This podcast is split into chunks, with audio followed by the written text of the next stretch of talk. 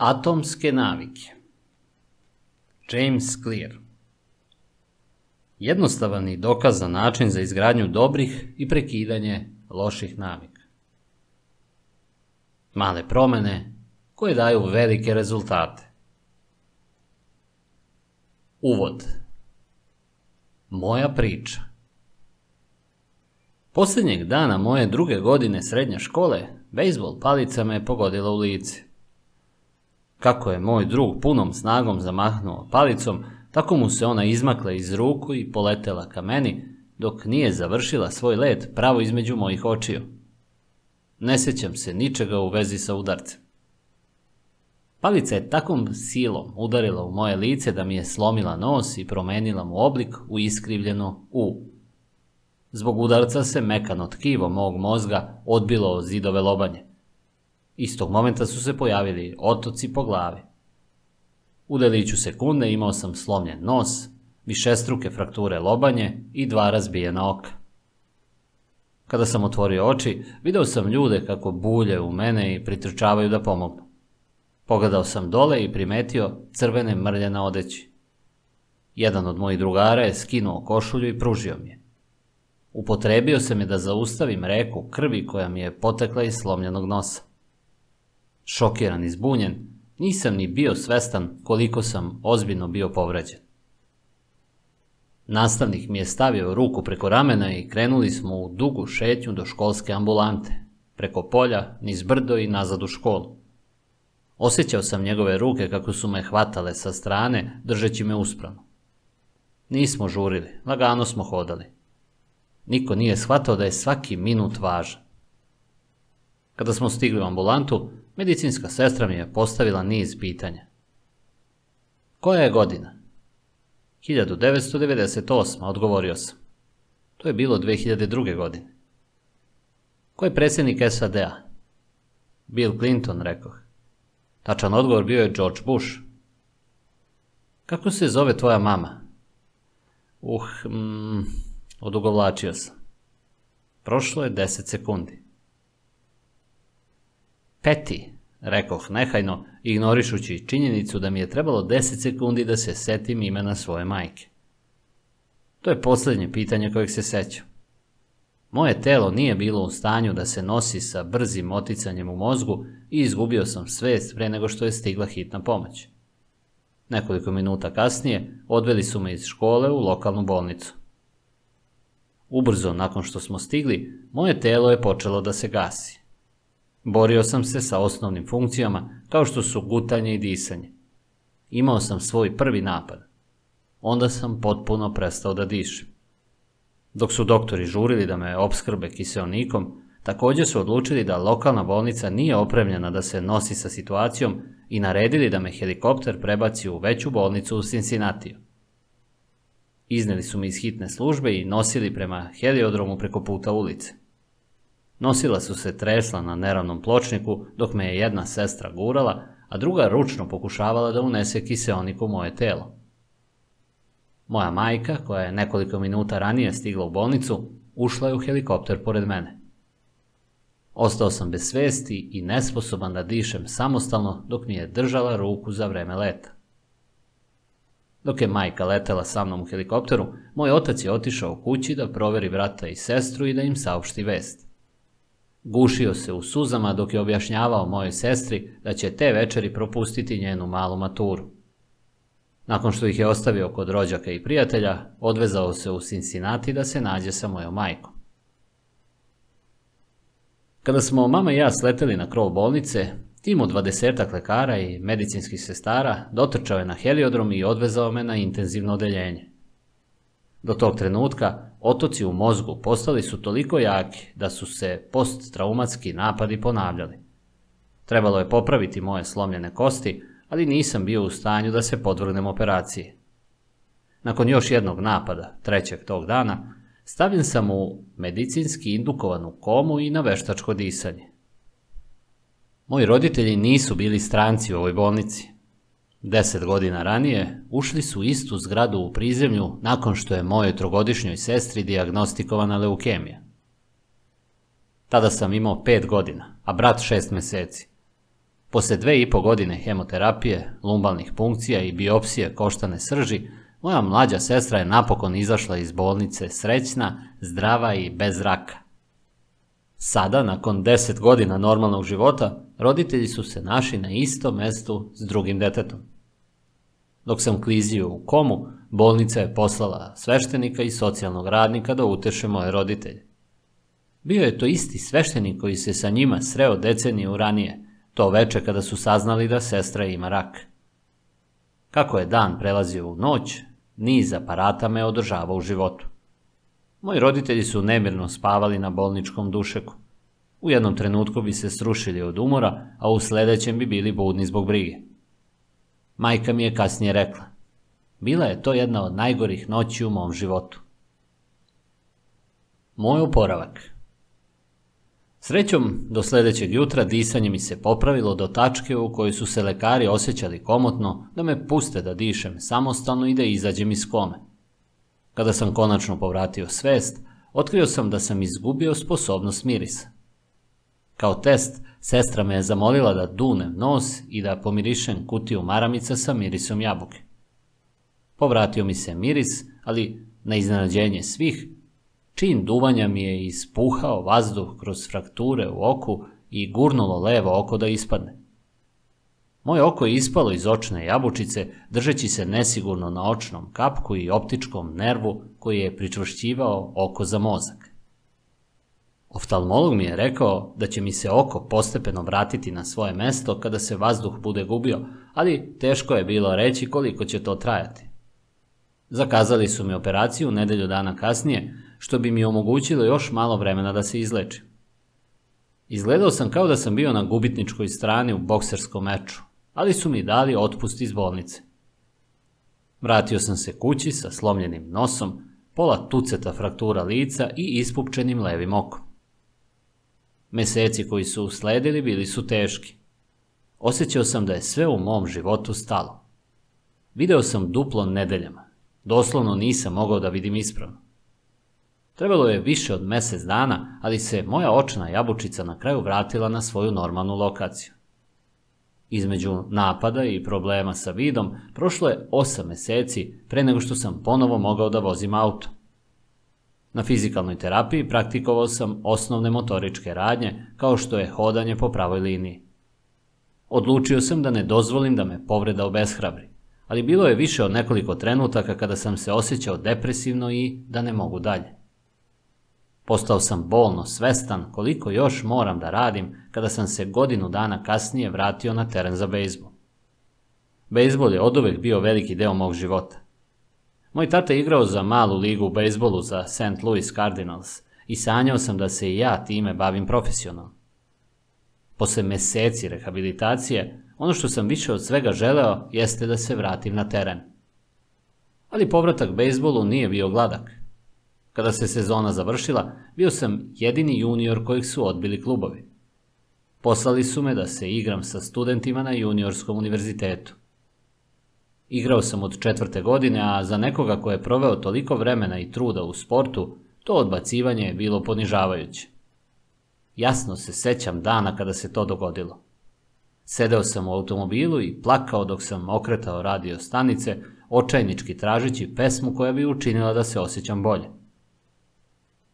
Posle godinu dana sumnje u sebe, uspeo sam da uđem u univerzitetski tim kao senior, ali redko sam igrao na terenu. Ukupno igrao sam 11 promena u srednjoškolskom timu, jedva nešto više od jedne utakmice. Uprkos mojoj ne tako sjajnoj karijeri u srednjoj školi, i dalje sam verovao da mogu da postanem veliki igrač. I znao sam da će biti moja odgovornost ako se stvari poboljšaju.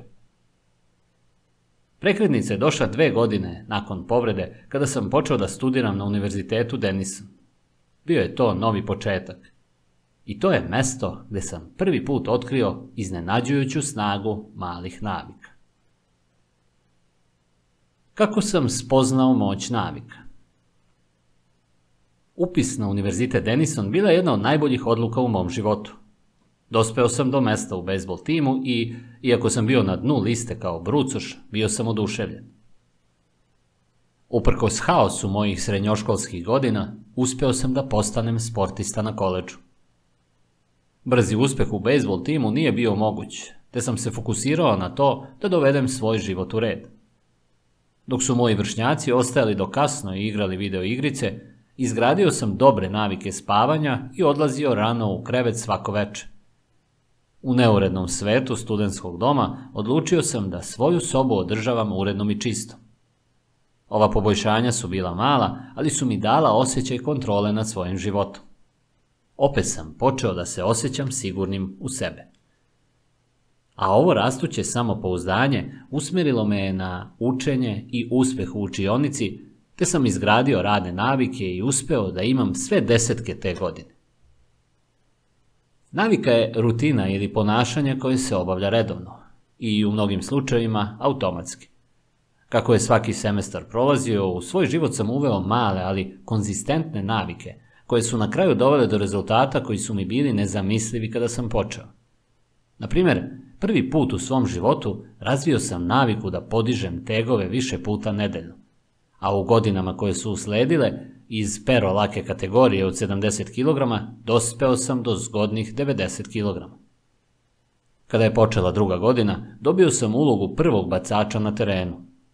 Do kraja godine izabran sam za kapitena ekipe, a na kraju sezone bio sam izabran za All Conference Team. Međutim, moje navike u spavanju, navike u učenju i navike jačanja snage počele su da se isplaćuju tek nakon moje seniorske sezone.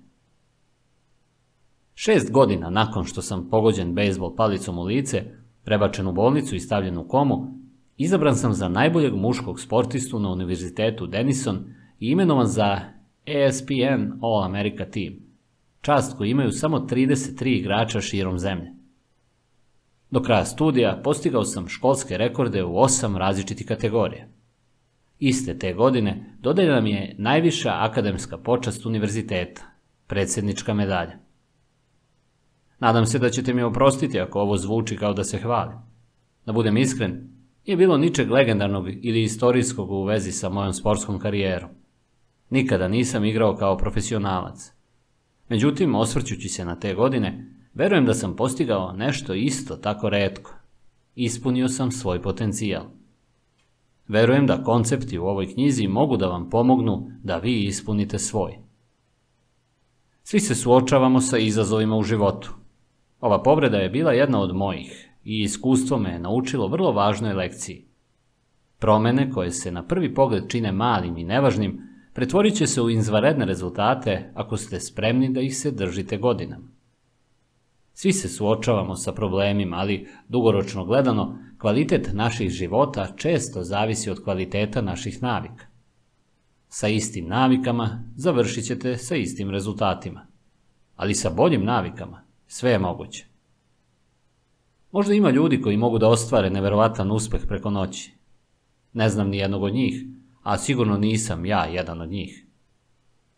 Na mom putovanju od medicinski indukovane kome do All American akademika nije postojao ni jedan određeni trenutak. Bilo ih je mnogo. To je bila postepena evolucija, duga serija malih pobeda i sitnih otkrića. Jedini način na koji sam ostvario napredak, jedini izbor koji sam imao, bio je da počnem postepeno. I tu strategiju sam koristio nekoliko godina kasnije, kada sam pokrenuo svoj posao i počeo da radim na ovoj knjizi. Kako i zašto sam napisao ovu knjigu? U novembru 2012. godine počeo sam da objavljujem članke na jamesclear.com. Godinama sam vodio beleške o svojim ličnim eksperimentima sa navikama i konačno sam bio spreman da neke od njih podelim javno. Počeo sam sa objavljivanjem novog članka svakog ponedeljka i četvrtka. U roku od nekoliko meseci, ova jednostavna navika pisanja dovela je do mojih prvih hiljadu pretplatnika preko maila, a do kraja 2013. godine taj broj se povećao na više od 30.000 ljudi. U 2014. godini moja mailing lista se proširila na preko 100.000 adresa, što je učinilo jednom od najbrže rastućih biltena na internetu. Osjećao sam se kao prevarant kada sam dve godine ranije počeo da pišem, ali sada sam postao poznat kao stručnjak za navike.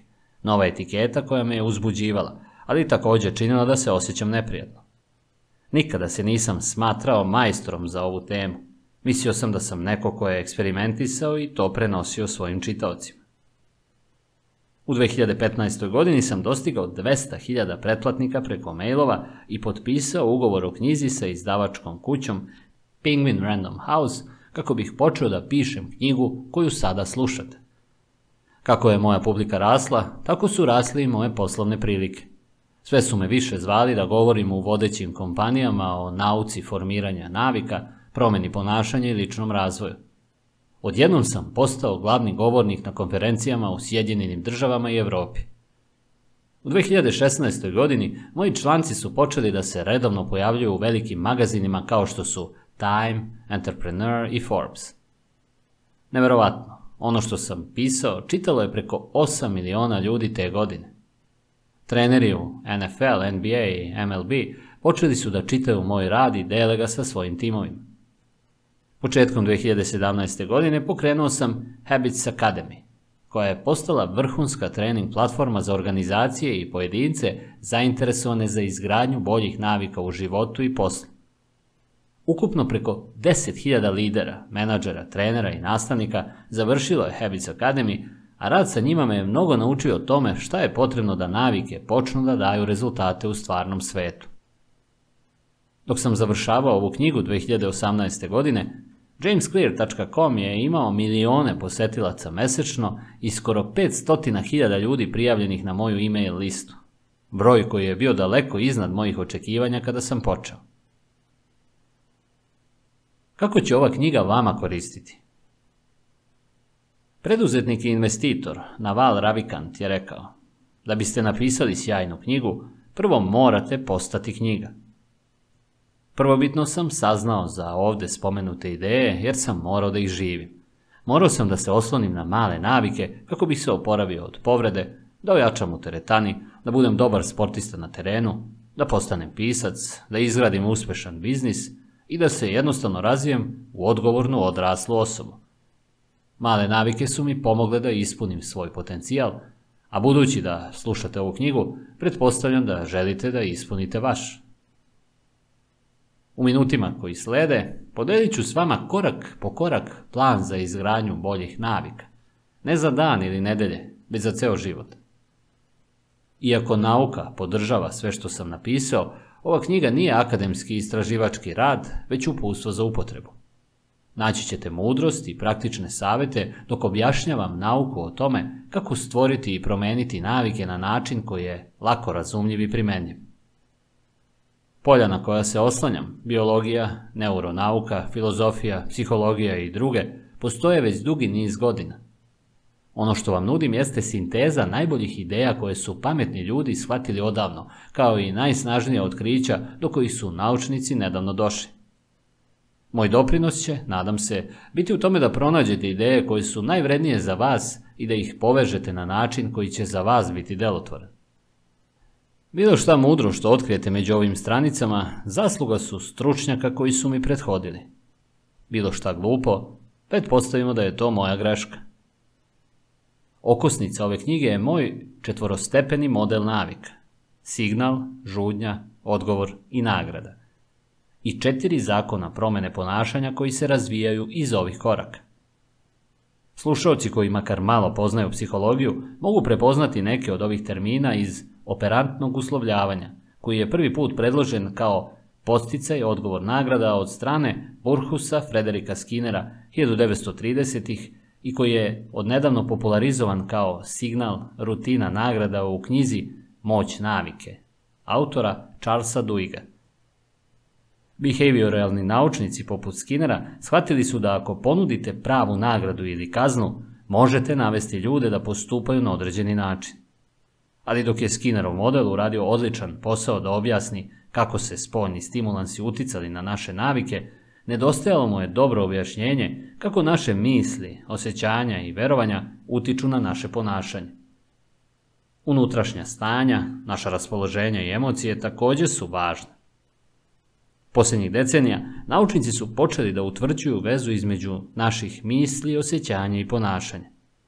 Ovo istraživanje će takođe biti obrađeno u minutima i satima koji slede. Sve u svemu, program koji nudim je integralni model kognitivnih i behavioralnih nauka, Verujem da je to jedan od prvih modela ljudskog ponašanja koji tačno objašnjava i uticaj spoljnih podražaja i unutrašnjih emocija na naše navike. Iako vam neki od termina mogu biti poznati, siguran sam da će detalji i primjena četiri zakona promene ponašanja ponuditi nov način razmišljanja o vašim navikama. Ljudsko ponašanje se uvek menja, iz situacije u situaciju, iz trenutka u trenutak, iz sekunde u sekunde. Ali ova knjiga govori o tome šta se ne menja. Radi se o osnovama ljudskog ponašanja. Trajni principi na koje se možete osloniti iz godine u godinu.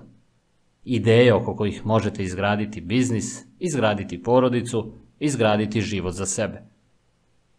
Ne postoji jedan pravi način da se stvore bolje navike, ali ova knjiga opisuje najbolji način koji ja znam. Pristup koji će biti efikasan bez obzira na to odakle počinjete ili šta pokušavate da promenite. Strategije koje pokrivam bit će relevantne za svakoga ko traži sistem za postepeno poboljšanje, bez obzira na to da li su vaši ciljevi usmereni na zdravlje, novac, produktivnost, odnose ili sve gore navedeno. Sve dok je ljudsko ponašanje uključeno, ova knjiga će biti vaš vodič. Osnove Zašto male promene prave veliku razliku? 1. Iznenađujuća snaga atomskih navika Sudbina britanskog biciklizma se promenila jednog dana 2003. godine. Organizacija koja je bila upravno telo za profesionalni biciklizam u Velikoj Britaniji angažovala je malo pre toga Davea Brailsforda kao novog direktora tima. U to vreme, profesionalni biciklisti u Velikoj Britaniji prošli su kroz gotovo stotinu godina prosečnosti. Od 1908. godine britanski biciklisti su osvojili samo jednu zlatnu medalju na olimpijskim igrama, a pogoršali su se i u najvećoj trci biciklizma Tour de France. Za 110 godina ni jedan britanski biciklista nije pobedio na tom događaju. U stvari, rezultati britanskih vozača bili su toliko loši da je jedan od najboljih proizvođača bicikala u Europi odbio da ih proda timu jer su se plašili da će ugroziti prodaju ako drugi profesionalci vide da Britanci koriste njihovu opremu.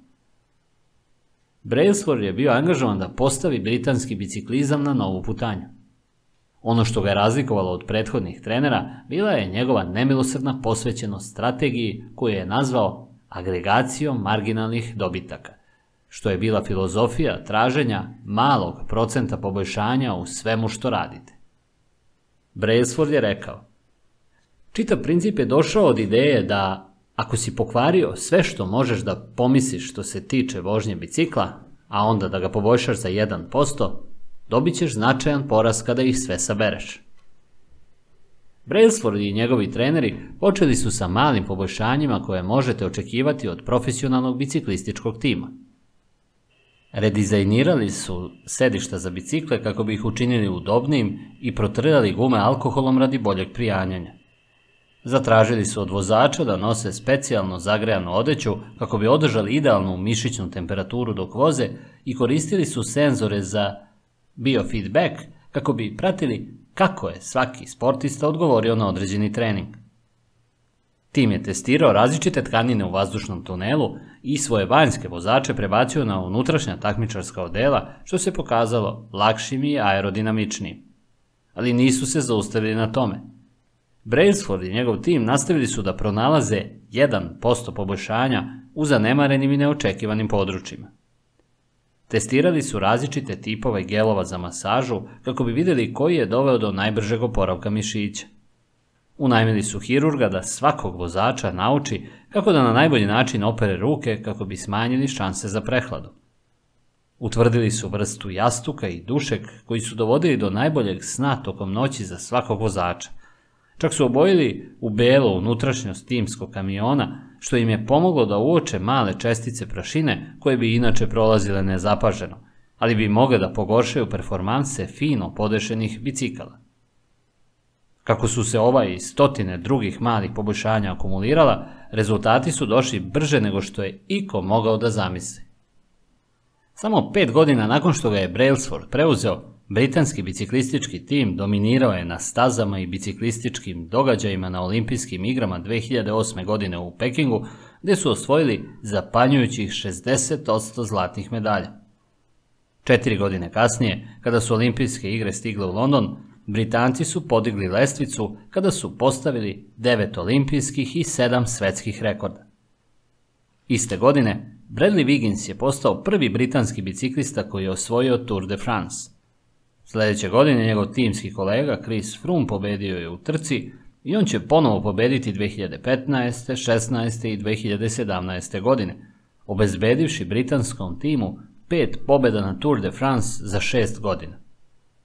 Tokom perioda od 10 godina, od 2007. do 2017. godine, britanski biciklisti osvojili su 178 svetskih prvenstava i 66 olimpijskih ili paraolimpijskih zlatnih medalja i osvojili pet trka Tour de France, što se smatra najuspješnijim nizom pobjeda u biciklističkoj istoriji. Kako se ovo desilo? Kako se tim, prethodno običnih sportista, pretvara u svetske prvake sa sitnim promjenama koje na prvi pogled deluju da će napraviti osrednji napredak u najboljem slučaju? Zašto se mala poboljšanja akumuliraju u tako značajne rezultate i kako možete ponoviti ovaj pristup u svom životu? Zašto male navike čine velike razlike? Tako je lako preceniti važnost jednog definišućeg momenta i podceniti vrednost činjenja malih poboljšanja na dnevnoj bazi. Suviše često sami sebe uveravamo da masovni uspeh zahteva masovnu akciju. Bez obzira na to da li se radi o gubljenju kilograma, pokretanju posla, pisanju knjige, pobedi na šampionatu ili postizanju bilo kog cilja, mi vršimo pritisak na sebe da napravimo neko poboljšanje koje će zatresti zemlju i o kome će svi pričati. U međuvremenu, poboljšanje od 1% nije posebno primetno. Nekada nije uopšte primetno, ali može biti mnogo značajnije, posebno na duge staze. Razlika koju može napraviti malo poboljšanja tokom vremena je zapanjujuća. Evo malo matematike. Ako možete dobiti 1% bolje svakog dana u toku jedne godine, na kraju ćete biti 37 puta bolji u odnosu na početak. Nasuprot tome, ako budete 1% lošiji svakog dana tokom jedne godine, opadat ćete skoro do nule. Ono što počinje kao mala pobjeda ili manji neuspeh, akumulira se u nešto mnogo više. 1% svakog dana. Navike su kamata na kamatu u procesu samopoboljšanja. Na isti način na koji se novac množi kroz složenu kamatu, efekti vaših navika se množe dok ih ponavljate. Čini se da oni ne daju veliku razliku u bilo kom datom danu, ali ipak uticaj koji oni imaju tokom meseci i godina može biti ogroman. Tek kada pogledamo unazad nakon dve, pet ili možda deset godina, vrednost dobrih navika i cena loših postaju očigledne. Ovo može biti težak koncept koji treba ceniti u svakodnevnom životu. Često odbacujemo male izmene jer ne izgledaju da su važne u ovom momentu. Ako sada uštedite malo novca, još uvijek niste milioner. Ako tri dana za redom odete u teretanu, još uvijek ste van forme. Ako večeras sat vremena učite mandarinski i kineski, još uvijek niste naučili jezik.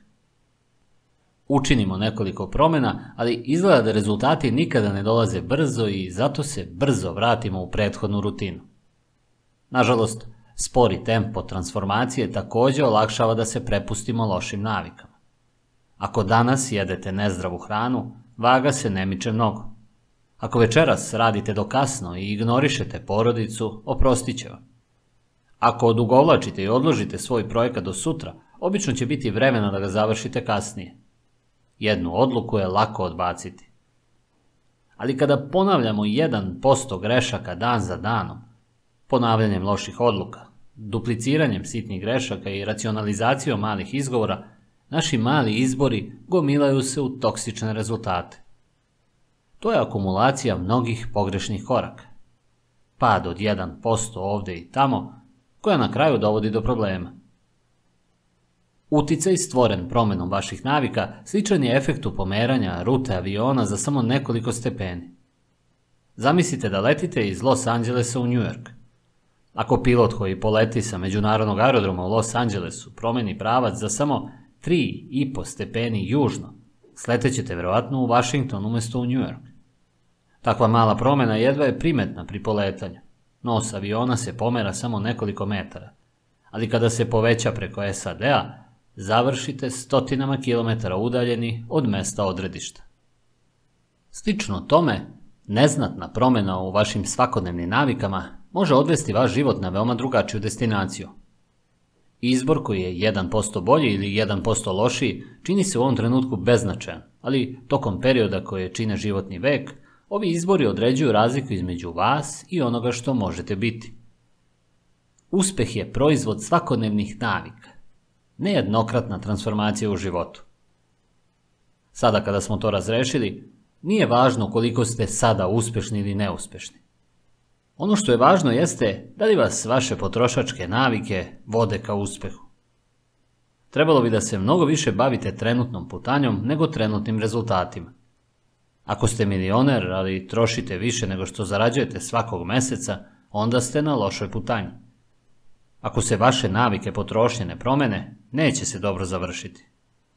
Nasuprot tome, ako ste švorc, ali uštedite malo svaki mesec, onda ste na putu ka financijskoj slobodi, čak i ako se krećete sporije nego što biste želeli. Vaši rezultati su indikator vaših navika. Vaša neto vrednost je indikator vaših financijskih navika. Vaša težina je indikator vaših navika u ishrani. Vaše znanje je indikator vaših navika u učenju. Vaš nered je indikator vaših navika u čišćenju. Dobijate ono što ponavljate. Ako želite da predvidite gde ćete završiti u životu, sve što treba da uradite jeste da pratite krivulju sitnih dobitaka ili sitnih gubitaka i vidite kako će vaši dnevni izbori biti oročeni 10 ili 20 godina kasnije. Da li trošite manje nego što zarađujete svakog meseca? Idete li u teretanu svake nedelje? Da li čitate knjige i učite nešto novo svaki dan? Ovakve male bitke će definisati vaše buduće ja. Vreme uvećava granicu između uspeha i neuspeha. Umnožit će sve što hranite. Dobre navike čine vreme vašim saveznikom. Loše navike čine vreme neprijateljem. Navike su mač sa dve oštrice.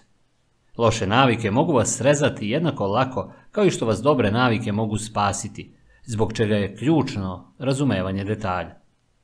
Morate znati kako rade navike i kako da ih dizajnirate prema vašim željama, tako da možete izbeći opasnu polovinu oštrice.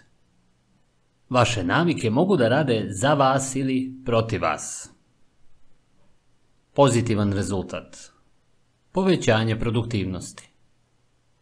Ostvarivanje jednog dodatnog zadatka mali je podvig u bilo kom danu, ali to je mnogo za celu karijeru.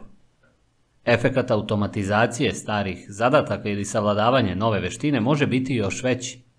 Što više zadataka možete da obavite bez razmišljanja, to je vaš mozak slobodniji da se fokusira na druge oblasti. Negativan rezultat. Povećanje stresa. Frustracija zbog saobraćajne gužve. Težina zbog roditeljskih obaveza. Zabrinutost da se spoji kraj sa krajem naprezanje zbog povišenog krvnog pritiska.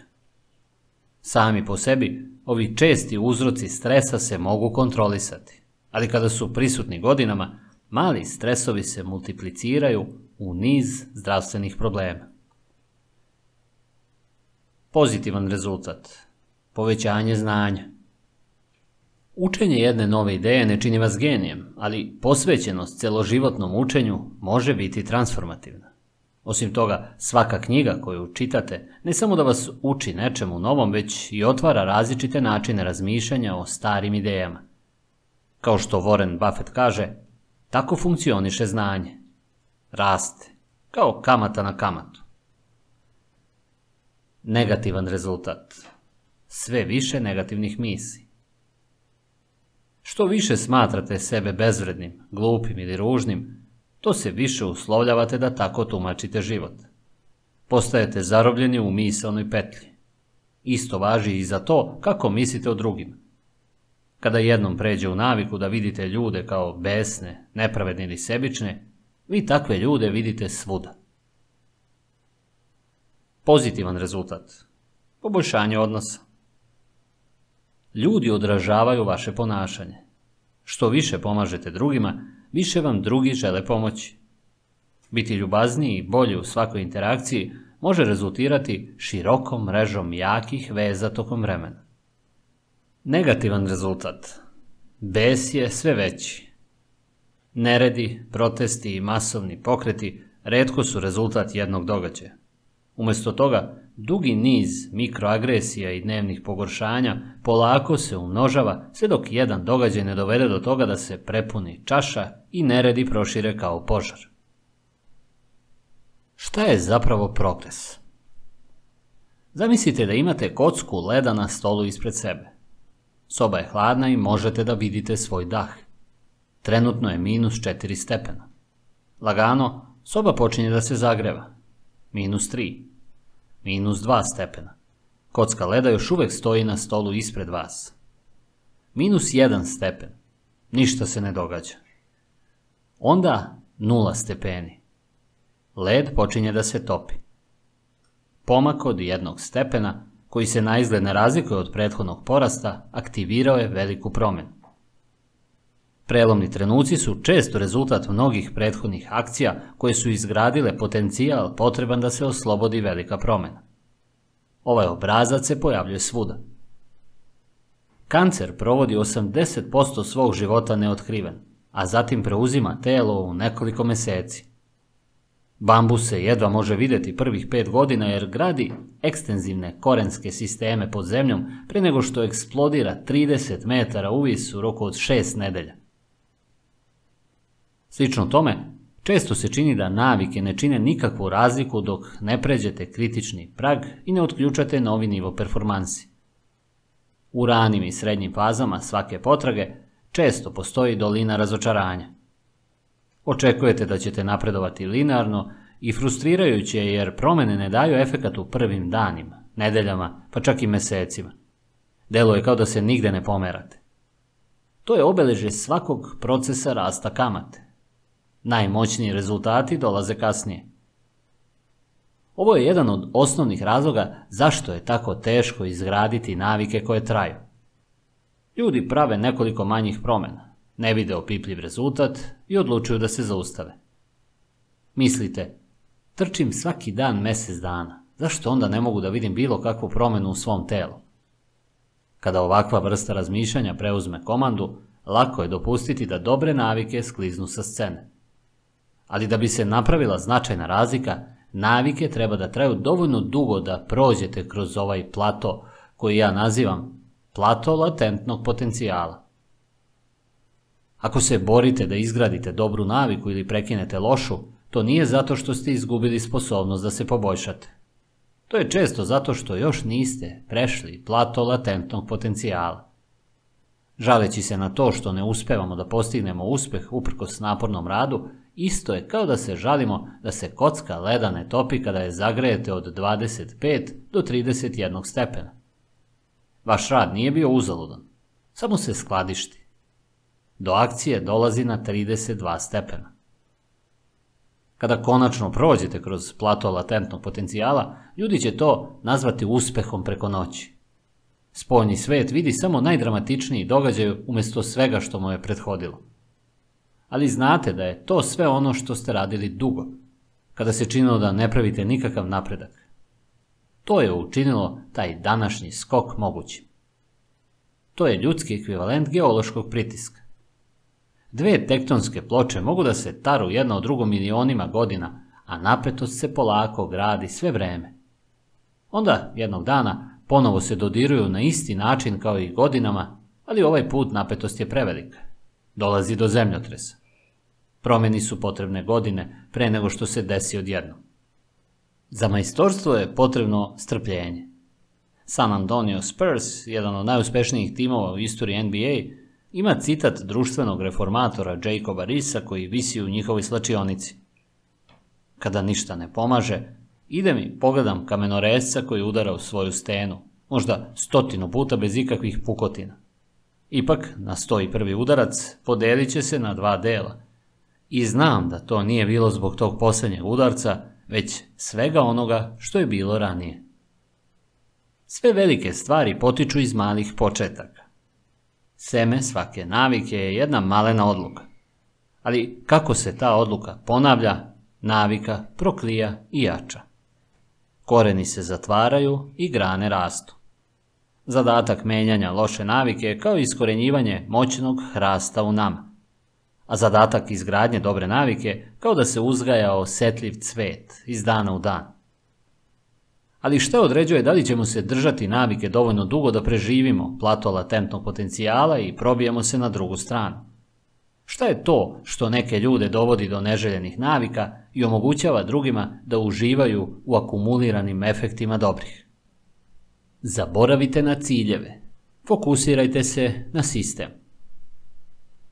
Prema preovlađujućim mudrostima, tvrdi se da je najbolji način da se postigne ono što želimo u životu da smršamo, da izgradimo uspešan biznis, da se više opuštamo i da se manje brinemo, da provodimo više vremena s prijateljima i porodicom, taj da postavimo konkretne ciljeve.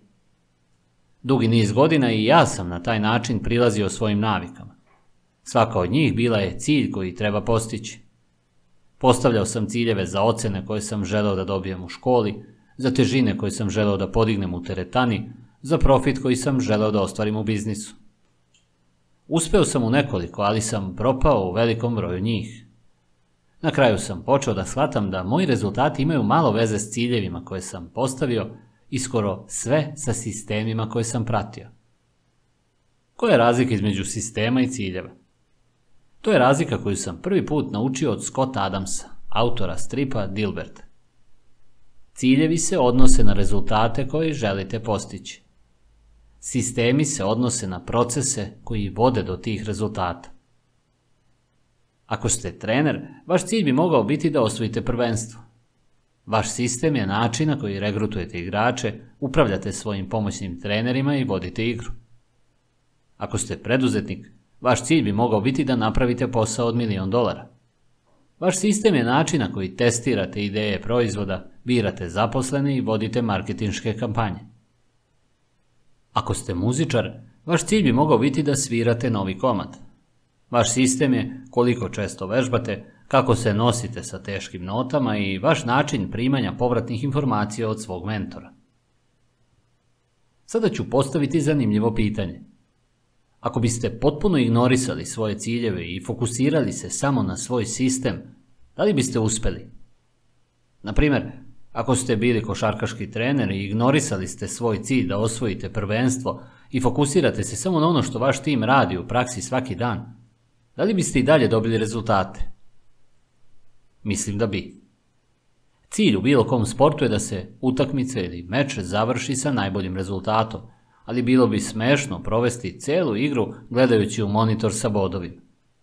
Jedini način da zaista pobedimo jeste da svaki dan budemo sve bolji.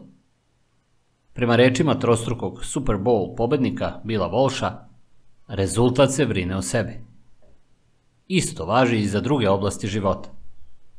Ako želite bolje rezultate, zaboravite na postavljanje ciljeva. Umesto toga, fokusirajte se na sistem. Šta mislim po tim? Da li su ciljevi potpuno beskorisni? Naravno da ne. Ciljevi su dobri za određivanje pravca, ali sistemi su najbolji za napredak. Nekoliko problema se javlja kada potrošite previše vremena na razmišljanje o svojim ciljevima i nedovoljno vremena za dizajniranje sistema. Problem prvi. Pobednici i gubitnici imaju iste ciljeve.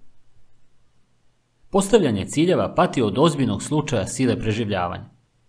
Usredsređujemo se na ljude koji na kraju pobeđuju, koji su preživeli i pogrešno pretpostavljamo da su ambiciozni ciljevi doveli do njihovog uspeha, dok zaboravljamo na sve ljude koji su imali isti cilj, ali nisu uspeli. Svaki olimpijac želi da osvoji zlatnu medalju. Svaki kandidat želi da dobije posao. Ako uspešni i neuspešni ljudi dele iste ciljeve, onda cilj ne može biti ono što razlikuje pobednike od gubitnika. Nije cilj osvajanja Tour de France taj koji je britanske bicikliste lansirao na sam vrh sporta. Verovatno su želeli da pobede u trci svake godine pre te, baš kao i svaki drugi profesionalni tim. Cilj je uvijek bio tu. Tek kada su implementirali sistem kontinuiranih malih poboljšanja, postigli su drugačiji ishod. Problem drugi. Postizanje cilja je samo trenutna promjena. Zamislite da imate neurednu sobu i postavili ste cilj da je očistite. Ako skupite energiju da je sredite, onda ćete imati čistu sobu, za sada. Ali ako zadržite iste neuredne navike koje su dovele do neuredne sobe na prvom mestu, uskoro ćete ponovo gledati novu gomilu nereda i nadati se novoj motivaciji. Dobili ste isti ishod jer nikada niste promenili sistem iza ponašanja. Vi ste tretirali simptom bez uvida u uzrok. Postizanje cilja samo menja vaš život u tom jednom trenutku. To je ono paradoksalno kada je reč o poboljšanju. Mislimo da treba da promenimo svoje rezultate, ali rezultati nisu problem. Ono što mi zaista treba da promenimo jesu sistemi koji uzrokuju te rezultate. Kada rešavate probleme na nivou rezultata, rešavate ih samo privremeno. Da biste se poboljšali zauvek, potrebno je da rešite probleme na nivou sistema. Popravite ulaze i izlazi će se sami popraviti. Problem treći. Ciljevi ograničavaju vašu sreću. Implicitna pretpostavka iza svakog cilja je ova. Kada dostignem svoj cilj, onda ću biti srećan. Problem sa mentalitetom postavljanja ciljeva pre svega je da stalno odlažete sreću do sljedećeg koraka. Upao sam u ovu zamku toliko puta da sam prestao da brojim. Godinama sreća je uvijek bila nešto za moje buduće ja. Obećavao sam sebi da ću se jednom, kada dobijem 20 kg mišića ili nakon što se priča o mom biznisu pojavi u New York Timesu, konačno opustiti. Šta više, ciljevi stvaraju ili ili konflikt. Ili ste postigli svoj cilj i bili uspješni, ili niste uspjeli i vi ste razočaranje. Vi mentalno ubacujete sebe u usku verziju sreće. Ovo je pogrešno. Malo je verovatno da će se vaš stvarni put kroz život poklapati sa tačnim putovanjem koje ste imali na umu kada ste krenuli. Nema smisla ograničavati svoje zadovoljstvo na jedan scenario kada postoji mnogo puteva ka uspjehu. Mentalitet postavljanja sistema pre svega nudi protiv otrov. Kada se zaljubite u proces, a ne u proizvod, ne morate čekati da sebi date dozvolu da budete srećni. Možete da budete zadovoljni kad god vaš sistem radi. I sistem može biti uspešan u mnogim različitim oblicima, a ne samo u onom koji prvo zamislite. Problem četvrti. Ciljevi su u suprotnosti sa dugoročnim napretkom. Konačno, um koji je orijentisan ka ciljevima može stvoriti jo-jo efekat. Mnogi trkači naporno rade mesecima, ali čim pređu finiš, prestaju da treniraju. Trka više nije tu da ih motiviše. Kada je sav vaš naporan rad fokusiran na određeni cilj, šta vam preostaje da vas gurne napred nakon što ga postignete? Zbog toga se mnogi ljudi vraćaju svojim starim navikama nakon što ostvare svoje ciljeve. Svrha postavljanja ciljeva je da pobedite. Svrha izgradnje sistema je da nastavite igru. Istinsko dugoročno razmišljanje jeste ono bez postavljanja ciljeva. Ne radi se ni o jednom posebnom ostvarenju.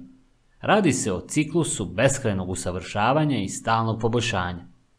Na kraju krajeva, vaša predanost procesu odredit će vaš napredak. Sistem atomskih navika Ako imate problema da promenite svoje navike, problem nije u vama. Problem je u vašem sistemu. Loše navike ponavljaju se iznova i iznova, ne zato što ne želite da se promenite, već zato što imate pogrešan sistem za promjenu. Ne podižete se na nivo svojih ciljeva. Padate do nivoa svojih sistema. Fokusiranje na celokupni sistem, a ne samo na jedan cilj, jedna je od ključnih tema ove knjige. To je također jedno od dubljih značenja iza reči atomska. Do sada ste verovatno shvatili da se atomske navike odnose na male promjene, marginalni dobitak, poboljšanje od 1%. Ali atomske navike nisu samo bilo koje stare navike, koliko god bile male. To su male navike koje su deo većeg sistema. Baš kao što su atomi gradivni blokovi molekula, atomske navike su gradivni blokovi izvanrednih rezultata. Navike su kao atomi naših života. Svaki od njih je osnovna jedinica koja doprinosi vašem ukupnom poboljšanju. U početku ove sitne rutine izgledaju beznačajno, ali ubrzo se nadovezuju jedna na drugu i povećavaju dobitke koji se umnožavaju do stepena koji daleko nadmašuje troškove njihovog početnog ulaganja. One su i male i moćne. To je značenje fraze atomske navike. Redovna praksa ili rutina koja nije samo mala i lako se radi, već i izvor neverovatne moći. Komponenta sistema rasta. Rezime poglavlja Navike su kamata na kamatu samopoboljšanja. Biti 1% bolji svakoga dana dugoročno daje dobre rezultate. Navike su mač sa dve oštrice. One mogu da rade za vas ili protiv vas. Zato je važno razumevanje detalja. Čini se da male promene ne čine nikakvu razliku sve dok ne pređete kritični prag. Najsnažniji ishod bilo kojeg procesa dolazi s vremenom. Morate biti strpljivi. Atomska navika je mala navika koja je deo većeg sistema. Baš kao što su atomi gradivni blokovi molekula, atomske navike su gradivni blokovi izvanrednih rezultata. Ako želite bolje rezultate, zaboravite na postavljanje ciljeva. Umesto toga, fokusirajte se na sistem. Ne podižite se na nivo svojih ciljeva. Spustite se na nivo svojih sistema. 2.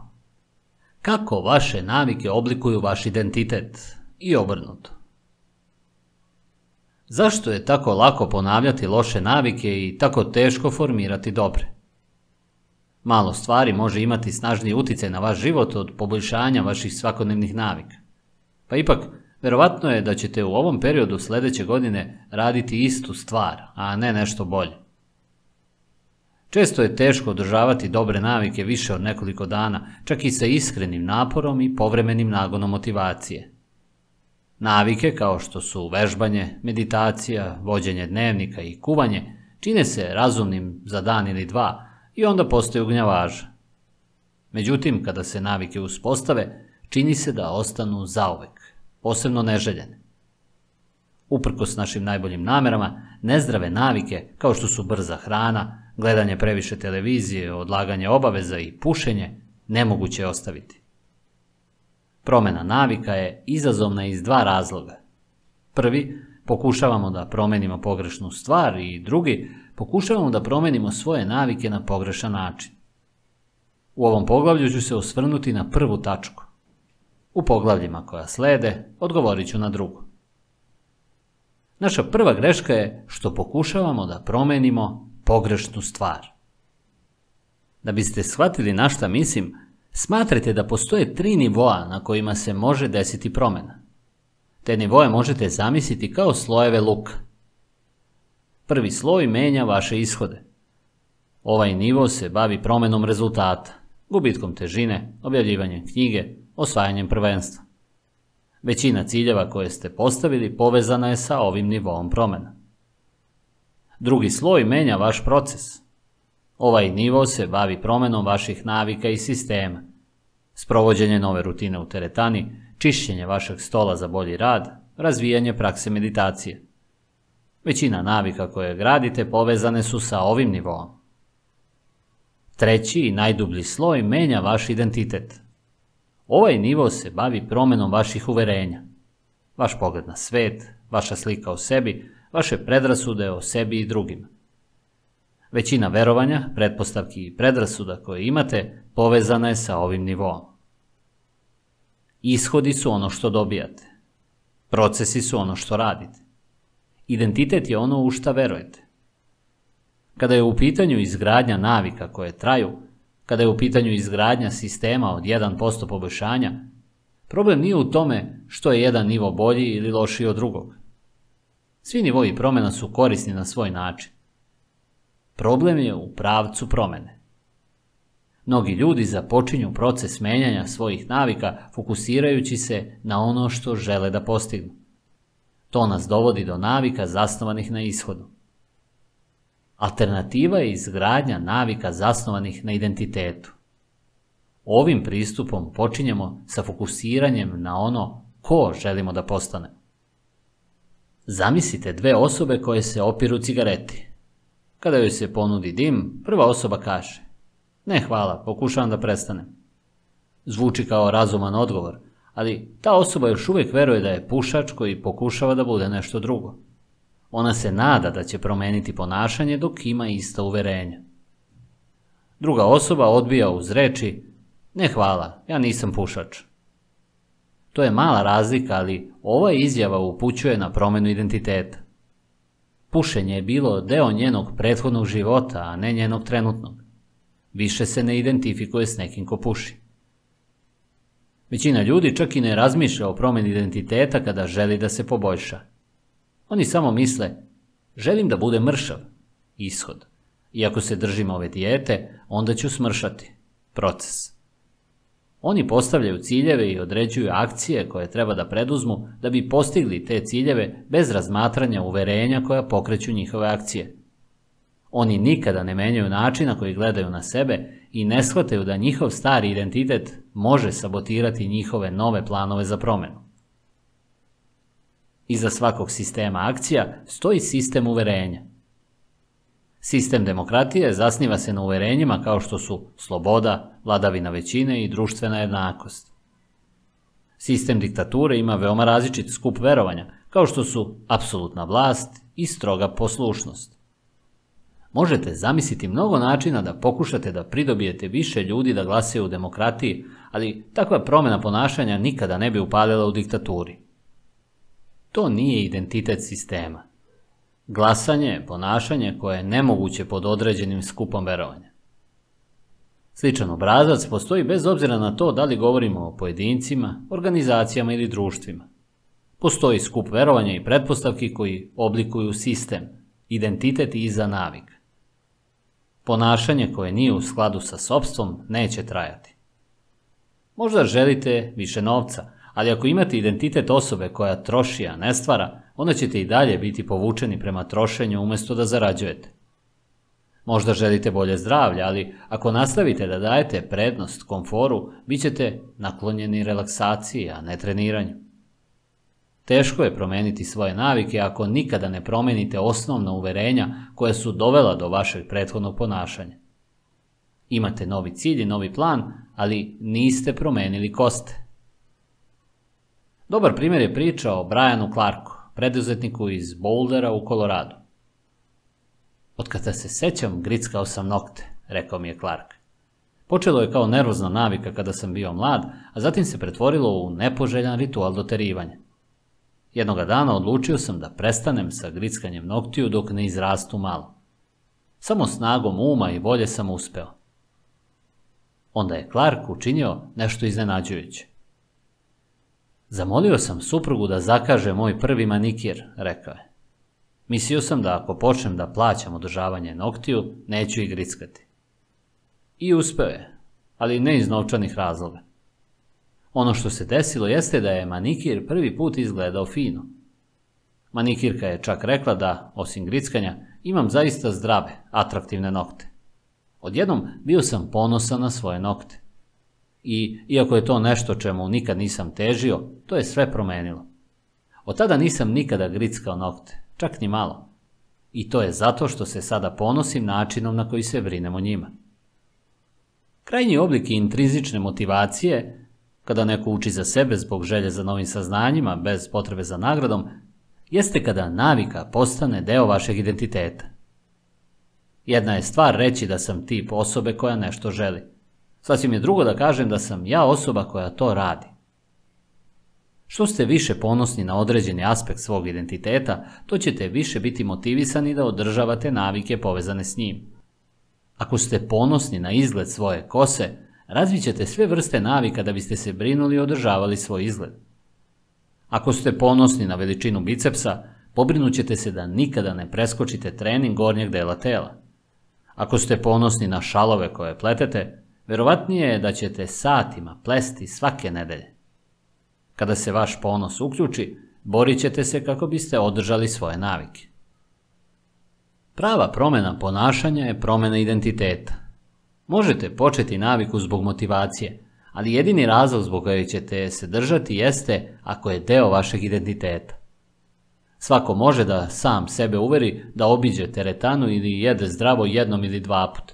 Ali ako ne promenite uverenje iza ponašanja, teško je ostati pri dugoročnim promjenama.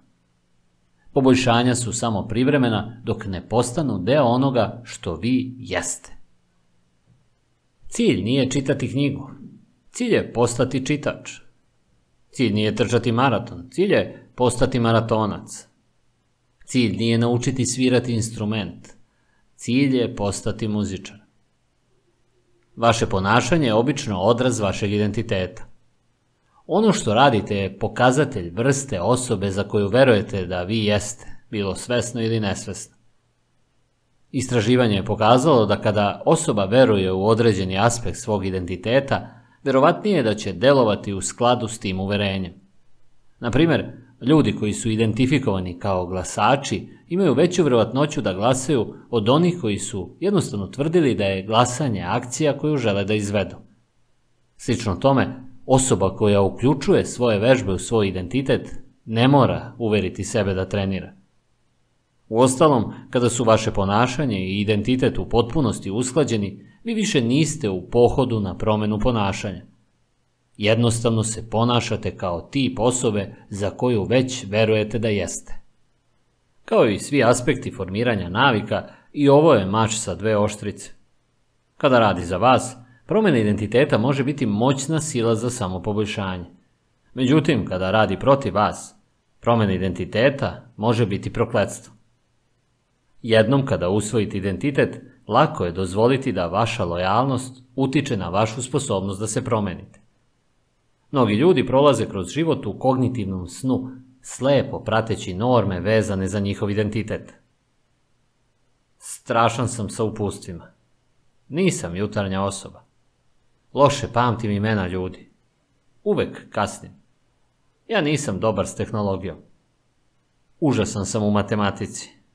I hiljadu drugih varijacija. Kada godinama sebi ponavljate istu priču, lako ulazite u te mentalne obrazce i prihvatate ih kao činjenicu. S vremenom vi počinjete da se odupirete određenim akcijama jer to nije ono što vi jeste. Pronalazite svaki mogući način da izbegnete mogućnost da sebi protivrečite. Što je dublje misao ili akcija vezana za vaš identitet, teže je promeniti je. Komforno je verovati u ono u što vaša kultura veruje, grupni identitet, ili raditi ono što podržava vašu sliku o sebi, lični identitet, čak i ako je to pogrešno. Najveća prepreka pozitivnim promjenama na bilo kom nivou, individualnom, timskom, društvenom, jeste konflikt identiteta. Dobre navike mogu imati racionalan smisao, ali ako su u sukobu sa vašim identitetom, nećete uspjeti da ih ostvarite. Nekada se možete boriti sa svojim navikama jer ste prezauzeti ili previše umorni ili preopterećeni ili iz stotinu drugih razloga. Međutim, dugoročno, pravi razlog zbog kojih se ne držite navika jeste što vam vaša slika o sebi stoji na putu. Zbog toga se ne možete previše vezati za jednu verziju svog identiteta. Napredak zahteva odučavanje. Postati najbolja verzija sebe zahteva da stalno menjate svoje uverenja i da nadograđujete i proširujete svoj identitet. To nas dovodi do važnog pitanja. Ako vaše uverenja i pogled na svet igraju tako važnu ulogu u vašem ponašanju, odakle uopšte dolaze? Kako se tačno formirao vaš identitet? I kako možete da istaknete nove aspekte svog identiteta koji vam služe i postepeno obrišete delove koji vas ometaju? Proces od dva koraka za promjenu vašeg identiteta. Vaš identitet dolazi iz vaših navika.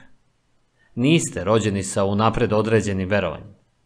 Svako uverenje, uključujući i ono o sebi, uči se i uslovljava kroz iskustvo. Tačnije, vaše navike su način na koji otelovljujete svoj identitet. Kada namestite krevet svakog jutra, otelovljujete identitet organizovane osobe. Kada pišete svaki dan, otelovljujete identitet kreativne osobe. Kada trenirate svaki dan, otelovljujete identitet osobe koja je sportski tip. Što više ponavljate neko ponašanje, više pojačavate identitet povezan s tim ponašanjem.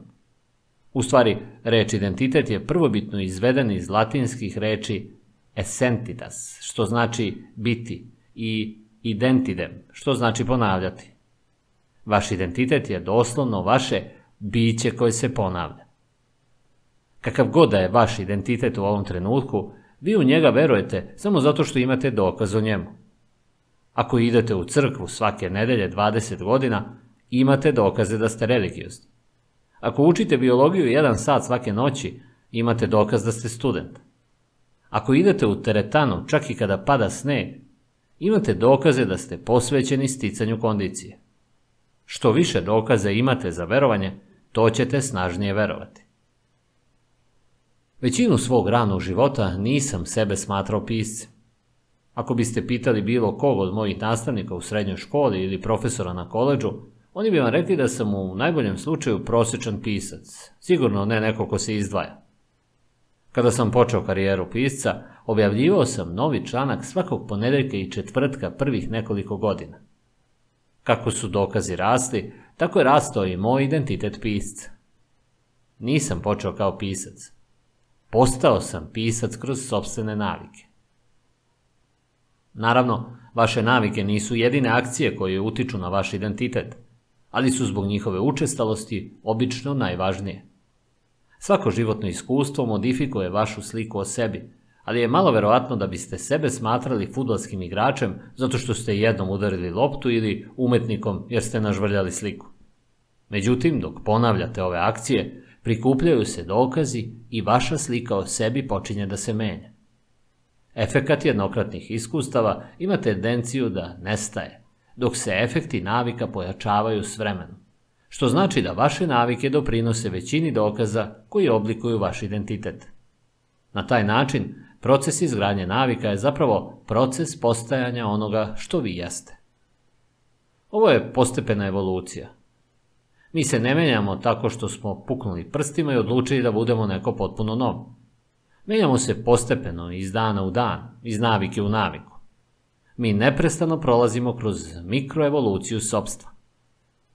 Svaka navika je kao sugestija. Hej, možda je ovo ono što jesam. Ako završite knjigu, možda ste vi tip osobe koja voli da čita.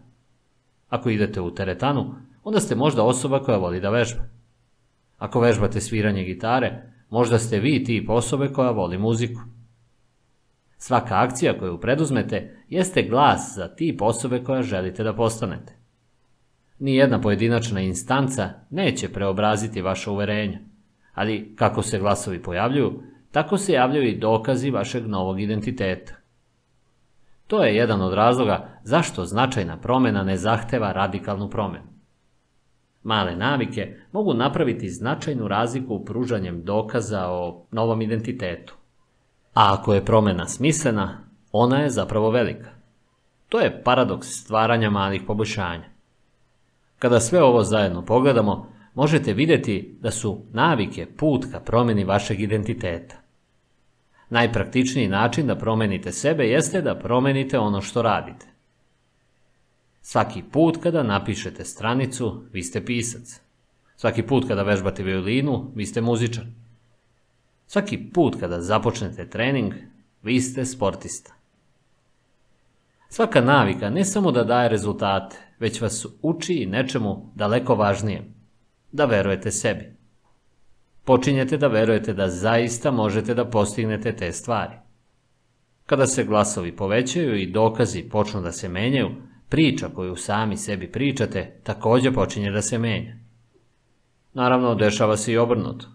Svaki put kada odaberete da upražnjavate lošu naviku, to je glas za taj identitet. Dobra vest je da ne morate biti savršeni. Na svim izborima bit će glasova za obe strane. Ne treba vam jednoglasan izbor da biste pobedili, samo vam treba većina. Nije bitno ako date nekoliko glasova lošem ponašanju ili neproduktivnoj navici. Vaš cilj je jednostavno osvojiti većinu vremena. Novi identiteti zahtevaju nove dokaze. Ako nastavite da dajete iste glasove koje ste uvek dodali, dobijat ćete iste rezultate koje ste uvek imali.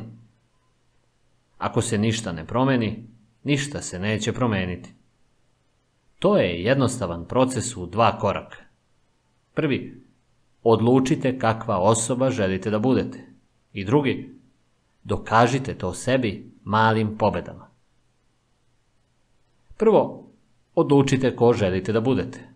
Ovo važi na bilo kom nivou, kao pojedinac, kao tim, kao zajednica, kao nacija. Zašta želite da se zauzmete? Koji su vaši principi i vrednosti? Ko želite da postanete? Ovo su velika pitanja i mnogi ljudi nisu sigurni odakle da počnu, ali znaju kakve rezultate žele. Da dobiju trbušnjaki ili da se osjećaju manje uznemireno ili da udvostruče svoju platu. To je u redu. Počnite odavde i radite unazad od rezultata koje želite do tipa osobe koja bi mogla da te rezultate ima. Zapitajte se koji je to tip osobe koja bi mogla da izgubi 20 kg? Ko je tip osobe koja može naučiti novi jezik? Ko je tip osobe koja može pokrenuti uspešan start-up? Naprimjer, ko je tip osobe koja bi mogla napisati knjigu? To je verovatno neko ko je dosledan i pouzdan. Sada se vaš fokus pomera sa pisanja knjige na osnovu ishoda na to da budete tip osobe koja je konzistentna i pouzdana, zasnovana na identitetu. Ovaj proces može dovesti do uverenja kao što su Ja sam tip učitelja koji se zauzima za svoje učenike. Ja sam tip doktora koji se posvećuje svakom pacijentu i saoseća sa njim. Ja sam tip menadžera koji se zalaže za svoje zaposlene.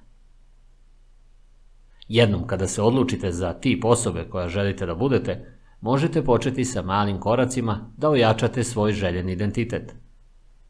Imam prijateljicu koja je izgubila više od 40 kg pitajući se šta bi zdrava osoba uradila. Ceo dan ona bi koristila ovo pitanje kao vodič. Da li zdrava osoba hoda ili uzima taksi? Da li bi zdrava osoba naručila burito ili salatu? Mislila je da ako se ponaša kao zdrava osoba dovoljno dugo, na kraju će postati ta osoba. Bila je u pravu.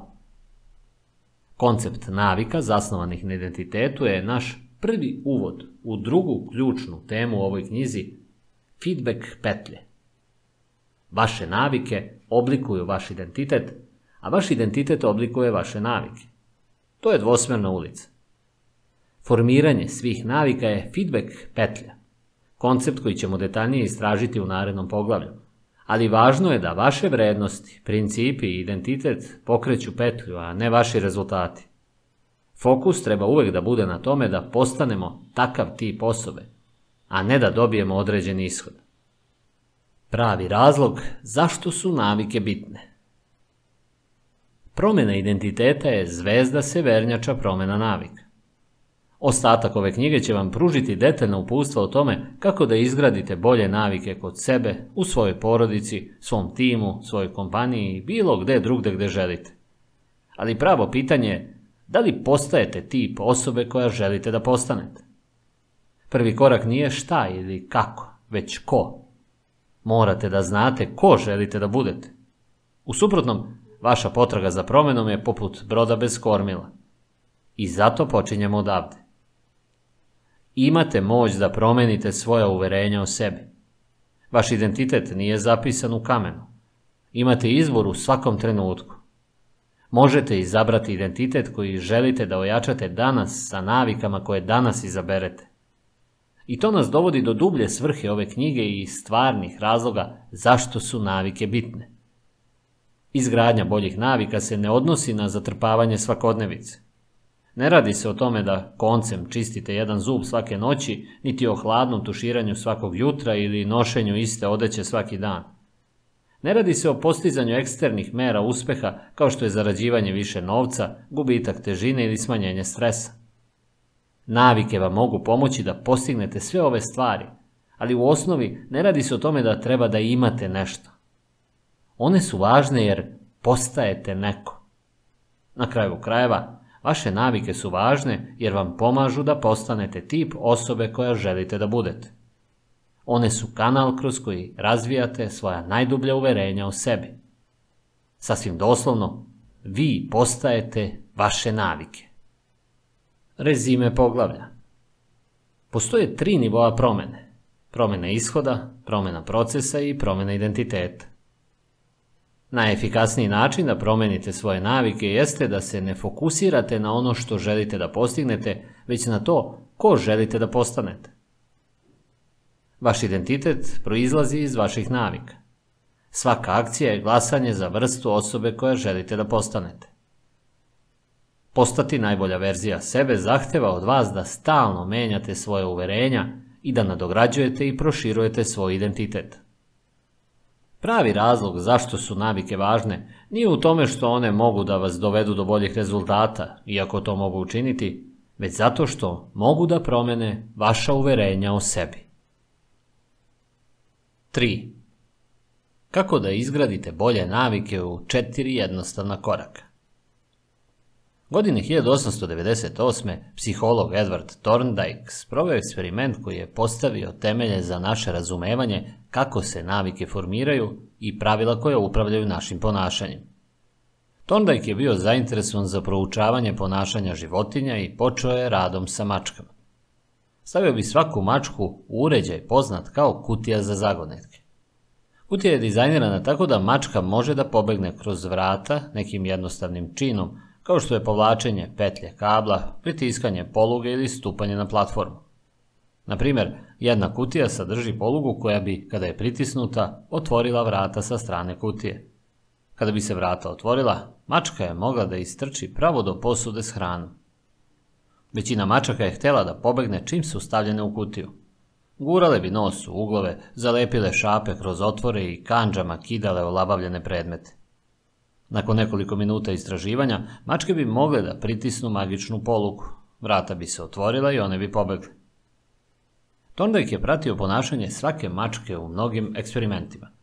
U početku životinje su se nasumice kretale po kutiji, ali čim je poluga pritisnuta i vrata otvorena, počeo je proces učenja. Postepeno, svaka mačka naučila bi da poveže akciju pritiskanja poluge sa nagradom da pobegne iz kutije i da dođe do hrane. Nakon 20 do 30 pokušaja, ovo ponašanje je postalo tako automatsko i običajeno da je mačka mogla da pobegne za nekoliko sekundi. Na primjer, Thorndike je primetio. Mački 12 je trebalo toliko i toliko vremena da izvede čin. 160 sekundi, 30, 90, 60 i tako dalje. Tokom prva tri ispitivanja, mačka bi pobegla u proseku za 1,5 minut.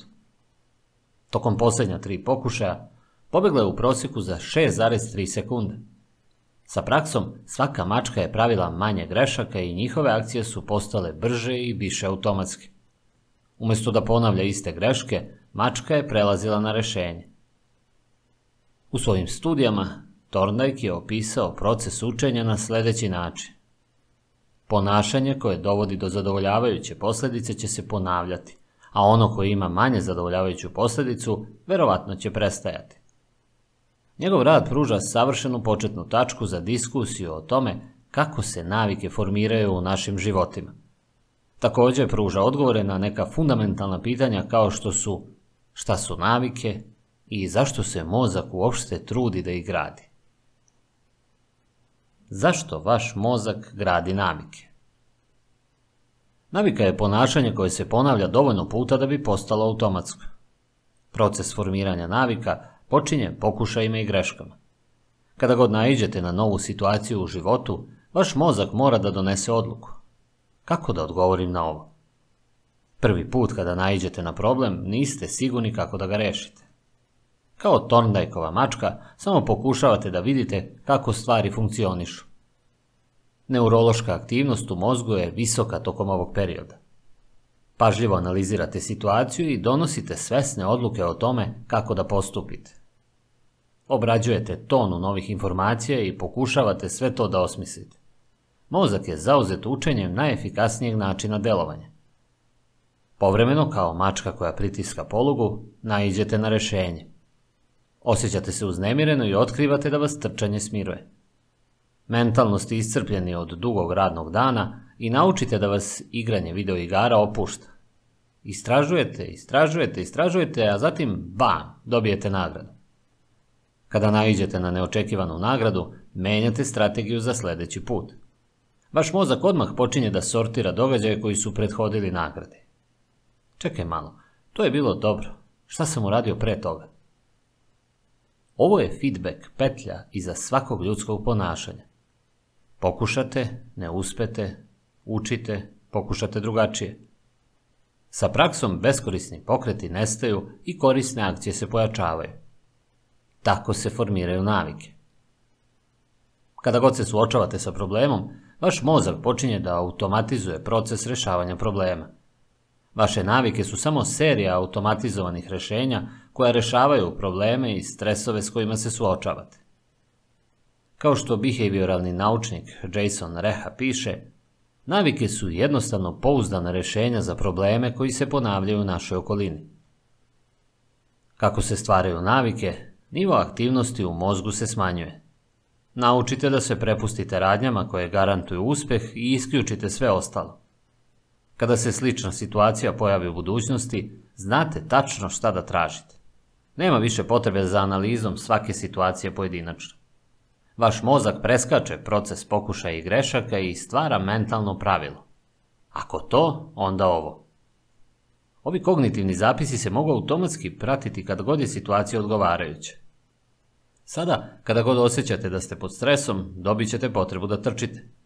Čim uđete na vrata s posla, zgrabit ćete konzolu za video igre. Izbor za koji je prvi put bio potreban napor, sada je automatski. Stvorena je navika. Navike su mentalne prečice naučene iz iskustva. U određenom smislu, navika je samo sećanje na korake koje ste prethodno sledili da biste rešili problem u prošlosti. Kad god su uslovi ispravni, možete iskoristiti ovo sećanje i automatski primeniti isto rešenje. Osnovni razlog zbog kog mozak pamti prošlost jeste da bolje predvidi šta će raditi u budućnosti. Formiranje navika je neverovatno korisno jer je svesni um usko grlo mozga. Može da obrati pažnju samo na jedan problem. Kao rezultat toga, vaš mozak uvek radi na očuvanju vaše svesne pažnje za bilo koji zadatak koji je najbitniji. Kad god je to moguće, svesni um voli da prebaci zadatke nesvesnom umu da ih uradi automatski. Upravo to se dešava kada se formira navik. Navike smanjuju kognitivno opterećenje i oslobađaju mentalne sposobnosti, tako da možete da posvetite pažnju drugim zadacima. Uprkos njihovoj efikasnosti, neki ljudi se i dalje pitaju o prednostima navika. Argument glasi ovako. Da li će navike učiniti moj život dosadnim? Ne želim da se uvlačim u životni stil u kome ne uživam. Zar toliko rutine ne oduzima živost i spontanost života? Teško. Takva pitanja postavljaju lažnu dihotomiju. Ona vas nateraju da mislite da morate birati između izgradnje navika i postizanja slobode. U stvarnosti ova dva se međusobno dopunjuju. Navike ne ograničavaju slobodu, one je stvaraju. U stvari, ljudi koji nemaju svoje navike, često su oni sa najmanje slobode. Bez dobrih financijskih navika uvek ćete se boriti za sljedeći dinar. Bez dobrih zdravstvenih navika uvek će vam se činiti da nemate dovoljno energije. Bez dobrih navika u učenju osjećat ćete se kao da ste uvek na ivici. Ako ste uvek primorani da donosite odluke o jednostavnim zadacima, kada treba da radim, gde da pišem, kada plaćam račune, onda imate manje vremena za slobodu. Jedino ako olakšate osnovne životne obaveze, možete stvoriti mentalni prostor potreban za slobodno razmišljanje i kreativnost. Nasuprot tome, kada su vaše navike birane i osnove života obrađene i izvršene, vaš um je slobodan da se fokusira na nove izazove i ovlada sljedećim nizom problema. Izgradnja navika u sadašnjosti omogućava vam da učinite više od onoga što želite u budućnosti. Nauka iza navika Proces izgradnje navike može se podeliti u četiri jednostavna koraka. Signal, žudnja, odgovor i nagrada. Ako ih podelimo na ove osnovne delove, moći ćemo da razumemo šta su navike, kako funkcionišu i kako da ih poboljšamo. Ovaj obrazac od četiri koraka je kičma svake navike, a vaš mozak svaki put prolazi kroz ove korake u istom redosledu. Prvo, postoji signal. Signal izaziva vaš mozak da pokrene ponašanje. To su male informacije koje predviđaju nagradu. Naši preistorijski preci obraćali su pažnju na signale koji su signalizirali lokaciju primarnih nagrada kao što su hrana, voda i seks. Danas provodimo većinu vremena učeći signale koji predviđaju sekundarne nagrade poput novca i slave, moći i statusa, pohvali i odobravanja, ljubavi i prijateljstva ili osjećaja ličnog zadovoljstva. Naravno, ove aktivnosti također posredno poboljšavaju naše izglede za opstanak i reprodukciju, što je dublji motiv iza svega što radim. Vaš um kontinuirano analizira vaše unutrašnje i spoljašnje okruženje za naznake gde se nalaze nagrade. Pošto je signal prvi indikator da smo blizu nagrade, to naravno vodi ka žudnji. Žudnje su drugi korak i one su motivaciona sila iza svake navike. Bez nekog nivoa motivacije ili želje, bez žudnje za promenom, nemamo razloga za delovanje. Ono za čim žudite nije sama navika, već promjena stanja koju ona pruža. Ne žudite za pušenjem cigarete, već žudite za osjećajem olakšanja koje ona pruža. Vi niste motivisani pranjem zuba, već osjećajem čistih usta. Ne želite da uključite televizor, želite da se zabavite. Svaka žudnja je povezana sa željom da se promeni vaše unutrašnje stanje. Ovo je važna stvar koju ćemo kasnije detaljno analizirati. Žudnja se razlikuje od osobe do osobe. U teoriji svaki podatak može pokrenuti žudnju, ali u praksi ljudi nisu motivisani istim signalima. Za kockara zvuk slot mašina može biti snažan okidač koji izaziva intenzivan talas želje. Za nekoga ko se redko kocka, zveckanje i zvona kazina su samo pozadinska buka. Signali su besmisleni dok se ne interpretiraju. Misli, osjećanja i emocije posmatrača ono su što pretvara signal u žudnju. Treći korak je odgovor. Odgovor je stvarna navika koju izvodite, koja može poprimiti oblik misli ili akcije. Da li se odgovor javlja, zavisi od toga koliko ste motivisani i koliko je otpora povezano sa ponašanjem. Ako određena akcija zahteva više fizičkog ili mentalnog napora nego što ste spremni da uložite, onda to nećete uraditi. Vaš odgovor također zavisi od vaše sposobnosti. Zvuči jednostavno, ali navika se može pojaviti samo ako ste sposobni da to uradite. Ako želite da zakucate u košarci, ali ne možete da skočite dovoljno visoko da dođete do obruča, pa nemate sreće. Konačno, odgovor donosi nagradu. Nagrade su krajni cilj svake navike. Signal ukazuje da postoji nagrada. Žudnja je da se želi nagrada. Odgovor se odnosi na dobijanje nagrade. Mi urimo nagrade zato što služe u dve svrhe. Zadovoljavaju nas i uče nas. Prva svrha nagrada je da zadovolje svoju žudnju. Da, nagrade same po sebe donose korist. Hrana i voda daju energiju koja vam je potrebna da preživite. Unapređenje donosi više novca i poštovanja. Vitka linija poboljšava vaše zdravlje i povećava šanse za upoznavanje. Ali neposrednija korist je da nagrade zadovoljavaju vašu žudnju za jelom ili dobijanjem statusa ili odobravanja okoline. Barem na trenutak, nagrade daju zadovoljstvo i olakšanje od žudnje. Drugo, nagrade nas uče koje akcije treba da se pamte u budućnosti. Vaš mozak je detektor nagrađivanja. Dok se bavite svojim životom, vaš čulni nervni sistem stalno nadgleda koje aktivnosti zadovoljavaju vaše želje i pružaju zadovoljstvo.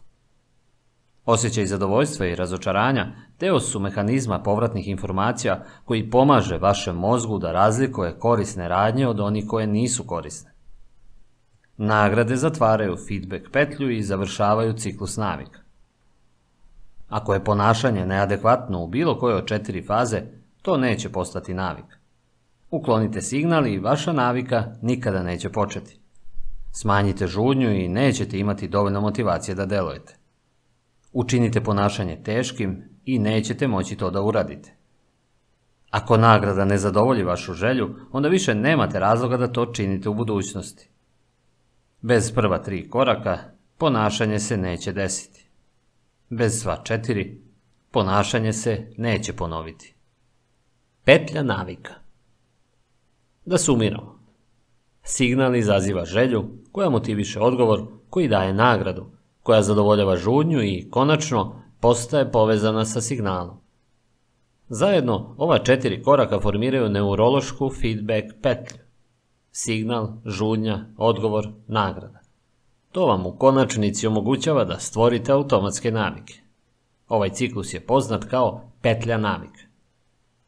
Proces u četiri koraka nije nešto što se dešava povremeno, već je to beskrajna petlja koja se pokreće i aktivna je u svakom trenutku kada ste živi, čak i sada. Mozak stalno skenira okolinu, predviđa šta će se dalje desiti, isprobava različite odgovore i uči iz rezultata. Čitav proces se završava u deliću sekunde, a mi ga koristimo iznova i iznova, ne shvatajući sve što je bilo spakovano u prethodni trenutak. Ova četiri koraka možemo podeliti u dve faze, faza problema i faza rešenja. Faza problema uključuje signal i žudnju, a to je kada shvatite da nešto treba da se promeni. Faza rešenja uključuje odgovor i nagradu, a to je kada preduzmete akciju i postignete promenu koju želite. Svako ponašanje je vođeno željom da se reši problem. Ponekad je problem to što primetite nešto dobro i želite da ga dobijete. Ponekad je problem u tome što doživljavate bol i želite da ga ublažite. U svakom slučaju, svrha svake navike je da reši probleme sa kojima se suočavate. Zamislite da uđete u mračnu sobu i uključite svetlo. Izveli ste ovu jednostavnu naviku toliko puta da se ona dešava bez razmišljanja. Prošli ste kroz sve četiri faze u deliću sekunde. Nagon za postupanjem vas pogađa bez razmišljanja. Kada odrastemo, redko primećujemo navike koje upravljaju našim životima. Većina od nas nikada ne razmišlja o tome da prvo vezujemo istu cipelu svako jutro, ili da isključimo toster nakon svake upotrebe, ili da se uvek presvučemo u udobnu odeću nakon što se vratimo kući s posla. Nakon decenija mentalnog programiranja, mi automatski ulazimo u te obrazce mišljenja i delovanja. Četiri zakona promene ponašanja. U narednim poglavljima uviđat ćemo kako četiri faze, signal, žudnja, odgovor i nagrada, utiču na skoro sve što radimo svaki dan. Ali pre nego što to uradimo, moramo da transformišemo ova četiri koraka u praktičan okvir koji možemo koristiti za dizajniranje dobrih navika i eliminisanje loših. Govorim o ovom okviru kao četiri zakona o promeni ponašanja. I on pruža jednostavan skup pravila za stvaranje dobrih navika i prekidanje loših. Svaki zakon možete smatrati polugom koja utiče na ljudsko ponašanje. Kada su poluge u uspravnom položaju, stvaranje dobrih navika je bez napora. Kada su na pogrešnim pozicijama, to je gotovo nemoguće. Možemo da preokrenemo ove zakone da bismo naučili kako da prekinemo loše navike. Bilo bi neodgovorno da tvrdim da su ova četiri zakona detaljni okvir za promenu bilo kog ljudskog ponašanja, ali mislim da su veoma blizu toga. Kao što ćete uskoro čuti, četiri zakona promene ponašanja odnose se na skoro svako polje, od sporta do politike, umetnosti do medicine, komedije do menadžmenta. Ovi zakoni se mogu koristiti bez obzira na izazov sa kojim se suočavate. Nema potrebe za potpuno različitim strategijama za svaku naviku.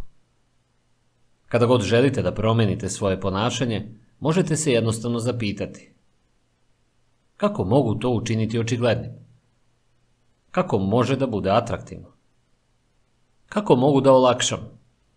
Kako mogu da budem zadovoljan?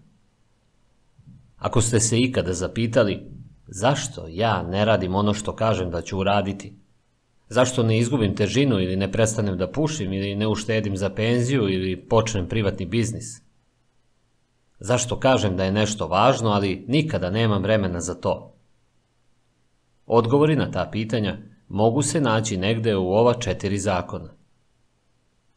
Ključ za stvaranje dobrih navika i razvijanje loših jeste razumevanje ovih osnovnih zakona i kako ih promeniti u skladu sa vašim odlukama. Svaki cilj je osuđen na propast ako se suprostavi ljudskoj prirodi. Vaše navike oblikuju sistemi u vašem životu.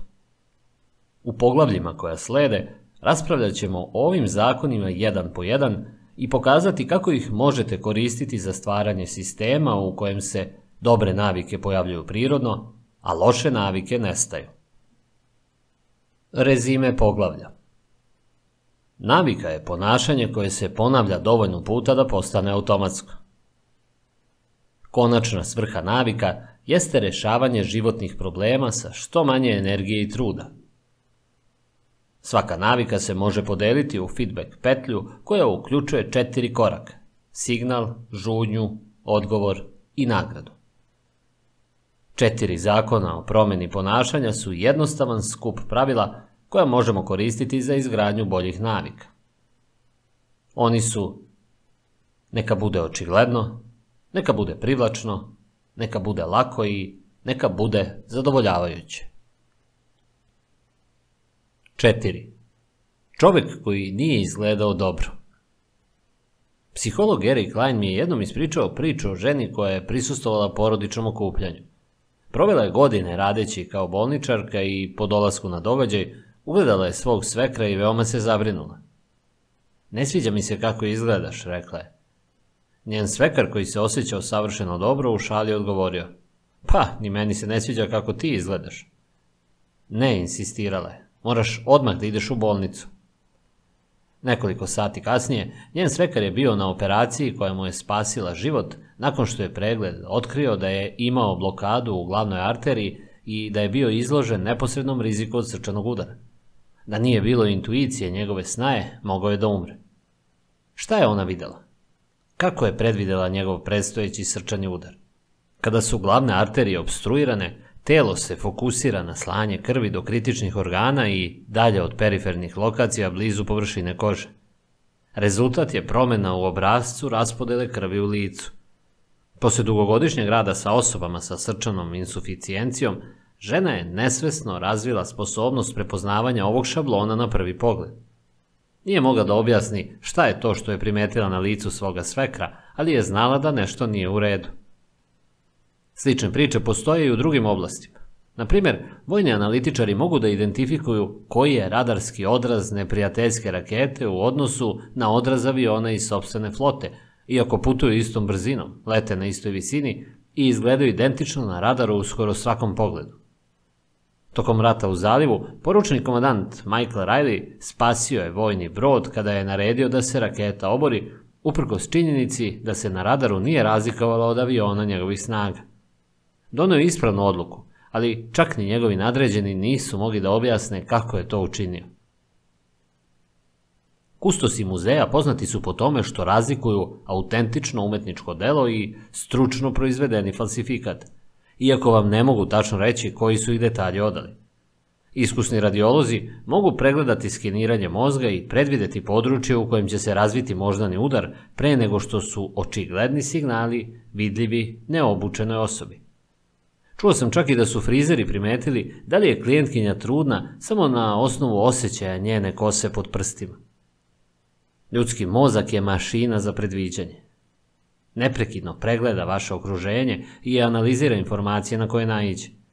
Uvek kada nešto iskusite, kao bolničar koji vidi lice pacijenta sa srčanim udarom ili vojni analitičar koji vidi raketu na radarskom ekranu, vaš mozak počinje da primećuje šta je važno, sortirajući detalje i naglašavajući relevantne signale i katalogizujući te informacije za buduću potrebu. Uz dovoljno prakse možete se upoznati sa signalima koji predviđaju određene ishode, a da ne razmišljate svesno o tome. Automatski, vaš mozak kodira lekcije naučene kroz iskustvo. Ne možemo uvek da objasnimo šta je to što učimo, ali učenje se odvija celim putem, a vaša sposobnost da primetite relevantne signale u datoj situaciji osnova je za svaku naviku koju imate. Podcenjujemo koliko naši mozgovi i tela mogu da funkcionišu bez razmišljanja. Ne govorite vašoj kosi da raste, da vam srce pumpa, da vam pluća dišu ili da vaš želudac vari. A ipak, vaše telo sve ovo i više od toga radi na autopilotu. Vi ste mnogo više od svog svesnog sebe. Razmislite o gladi. Kako znate kada ste gladni? Ne morate obavezno da vidite kolačić na stolu da biste shvatili da je vreme za jelo. Apetit i glad se upravljaju nesvesno. Vaše telo ima različite feedback pete koje vas postepeno upozoravaju kada je vreme da ponovo jedete i da pratite šta se dešava oko vas i unutar vas. Žudnje mogu nastati zahvaljujući hormonima i hemikalijama koje cirkulišu kroz vaše telo. Iznada gladni ste, iako niste sasvim sigurni šta vas je navelo na to. Ovo je jedan od najneverovatnijih uvida u naše navike.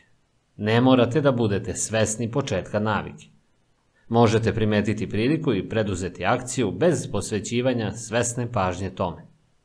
To je ono što navike čini korisnim.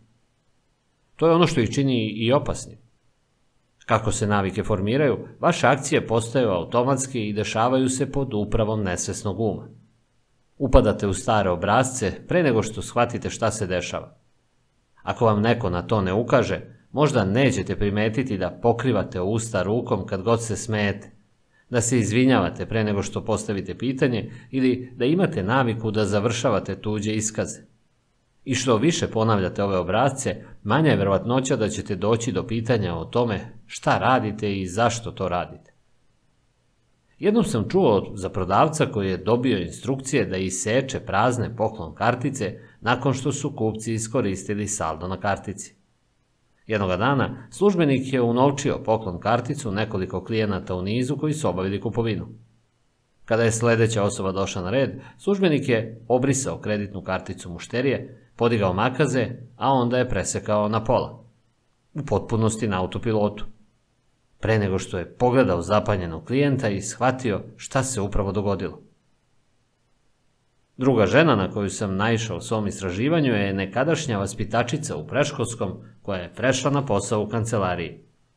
Iako je sada radila sa odraslima, njene stare navike bi se probijale i stalno je pitala saradnike da li su oprali ruke nakon odlaska u kupatilo. Pronašao sam i priču o čoveku koji je godinama radio kao spasilac i povremeno bi viknuo hodaj kad god bi video dete kako trči. S vremenom, signali koji izazivaju naše navike postaju tako česti da su u suštini nevidljivi. Poslastice na kuhinskom pultu, daljinski upravljač pored kauča, telefon u džepu. Naši odgovori na ove signale su tako duboko kodirani da se može osjećati kao da nagon za delovanjem dolazi niotkuda. Iz tog razloga moramo početi svestan proces promene ponašanja. Pre nego što možemo efikasno da izgradimo nove navike, moramo se uhvatiti u koštac s našim trenutnim. Ovo može biti izazovnije nego što zvuči jer jednom kada je navika čvrsto ukorenjena u vašem životu, ona je uglavnom nesvesna i automatska. Ako navika ostane bez svesnog nadzora, ne možete očekivati da ćete je poboljšati. Kao što je psiholog Carl Jung rekao, dok ne osvestite podsvesno, ono će upravljati vašim životom, a vi ćete ga zvati sudbinom. Rezultati navika Japanski železnički sistem smatra se jednim od najboljih na svetu. Ako se ikada nađete u vožnji vozom u Tokiju, primetit ćete da kondukteri imaju neobičnu naviku. Kako svaki mašinovođa upravlja vozom, oni isprovode ritual ukazivanja na različite objekte i izvikujući komande. Kada voz prilazi semaforu, mašinovođa će pokazati na njega i reći svetlo je zeleno. Dok voz ulazi i izlazi iz svake stanice, mašinovođa će pokazati na brzinomer i izreći tačnu brzinu. Kada dođe vreme da krene, operator će pokazati na raspored i navesti vreme. Na platformi drugi zaposleni obavljaju slične akcije. Pre nego što svaki voz ode, članovi osoblja će pokazati duž ivice platforme i izjaviti sve je čisto. Svaki dedalj je identifikovan, istaknut i izrečen naglas. Ovaj proces, poznat kao pokazivanje i vikanje, jeste sigurnosni sistem osmišljen da umanji greške. Izgleda glupo, ali radi neverovatno dobro. Pokazivanje i vikanje smanjuje greške do 85% i smanjuje nesreće za 30%. Sistem metroa MTA u Njujorku usvojio je modifikovanu verziju koja obuhvata samo pokazivanje i u roku od dve godine implementacije incidenti pogrešno preusmereni koloseka u podzemnoj železnici opali su za 57%. Pokazivanje i vikanje je toliko delotvorno jer podiže nivo svesnosti od nesvesne navike do svesnijeg nivoa. Zato što vozači moraju da koriste svoje oči, ruke, usta i uši, verovatnije je da će primetiti probleme pre nego što nešto krene naopako. Moja žena radi nešto slično. Kada god se pripremamo da krenemo na put, ona naglas nabraja najvažnije stavke u svojoj listi pakovanja. Imam ključeve, imam novčanik, imam naočare, imam svog muža.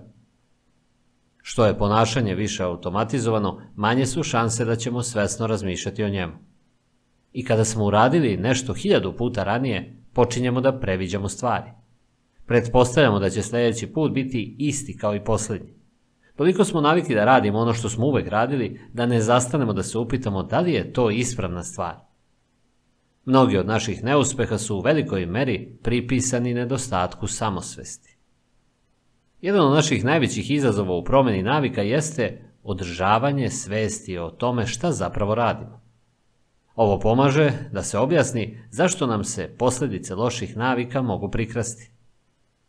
Potreba nam je sistem pokazivanja i vikanje za naše lične živote. To je poreklo liste za procenu navika, koja je jednostavna vežba koju možete koristiti da biste postali svesniji svog ponašanja. Da biste kreirali svoju listu za procenu navika, napravite spisak svojih svakodnevnih navika. Evo primjera kako bi vaš spisak mogao da počne. Probudim se, isključim alarm, proverim telefon, idem u kupatilo, izmerim se, tuširam se, operem zube, očistim zube koncem, stavim dezodorans, spustim peškir da se osuši, oblačim se, napravim čaj i tako dalje. Kada je lista za procenu navika spremna, pogledajte svako ponašanje i zapitajte se da li je ovo dobra navika, loša navika ili neutralna navika. Ako je to dobra navika, napišite plus pored nje. Ako je to loša navika, napišite minus. Ako je neutralna, stavite znak jednako. Na primjer, gore navedena lista može da izgleda ovako. Probudim se, jednako. Isključim alarm, jednako. Proverim telefon, minus. Idem u kupatilo, jednako. Izmerim se, plus. Tuširam se, plus. Operem zube, plus. Očistim zube koncem, plus. Stavim dezodorans, plus. Spustim peškir da se osuši, jednako. Oblačim se, jednako. Napravim čaj, plus. Oznake koje dajete određenoj navici zavisit će od vaše situacije i ciljeva. Za nekoga ko pokušava da smrša, jedenje peciva sa puterom od kikirikija svakog jutra može biti loša navika. Za nekoga ko pokušava da se ugoji i nabaci mišiće, isto ponašanje može biti dobra navika. Sve zavisi od toga na čemu radite. Ocenjivanje vaših navika može biti malo složenije i iz drugog razloga. Oznake dobra navika i loša navika nisu sasvim precizne. Sve navike vam služe na neki način, čak i one loše, zbog čega ih i ponavljate. Za ovu vežbu kategorizujte svoje navike kako će vam dugoročno koristiti. Generalno govoreći, dobre navike će imati neto pozitivne rezultate. Loše navike imaju neto negativne rezultate. Pušenje cigarete može smanjiti stres upravo sada, tako vam služi, ali to nije zdravo dugoročno ponašanje. Ako još uvek imate problema da odredite kako da ocenite određenu naviku, evo pitanja koje volim da koristim. Da li mi ovo ponašanje pomaže da postanem tip osobe koja želim da budem?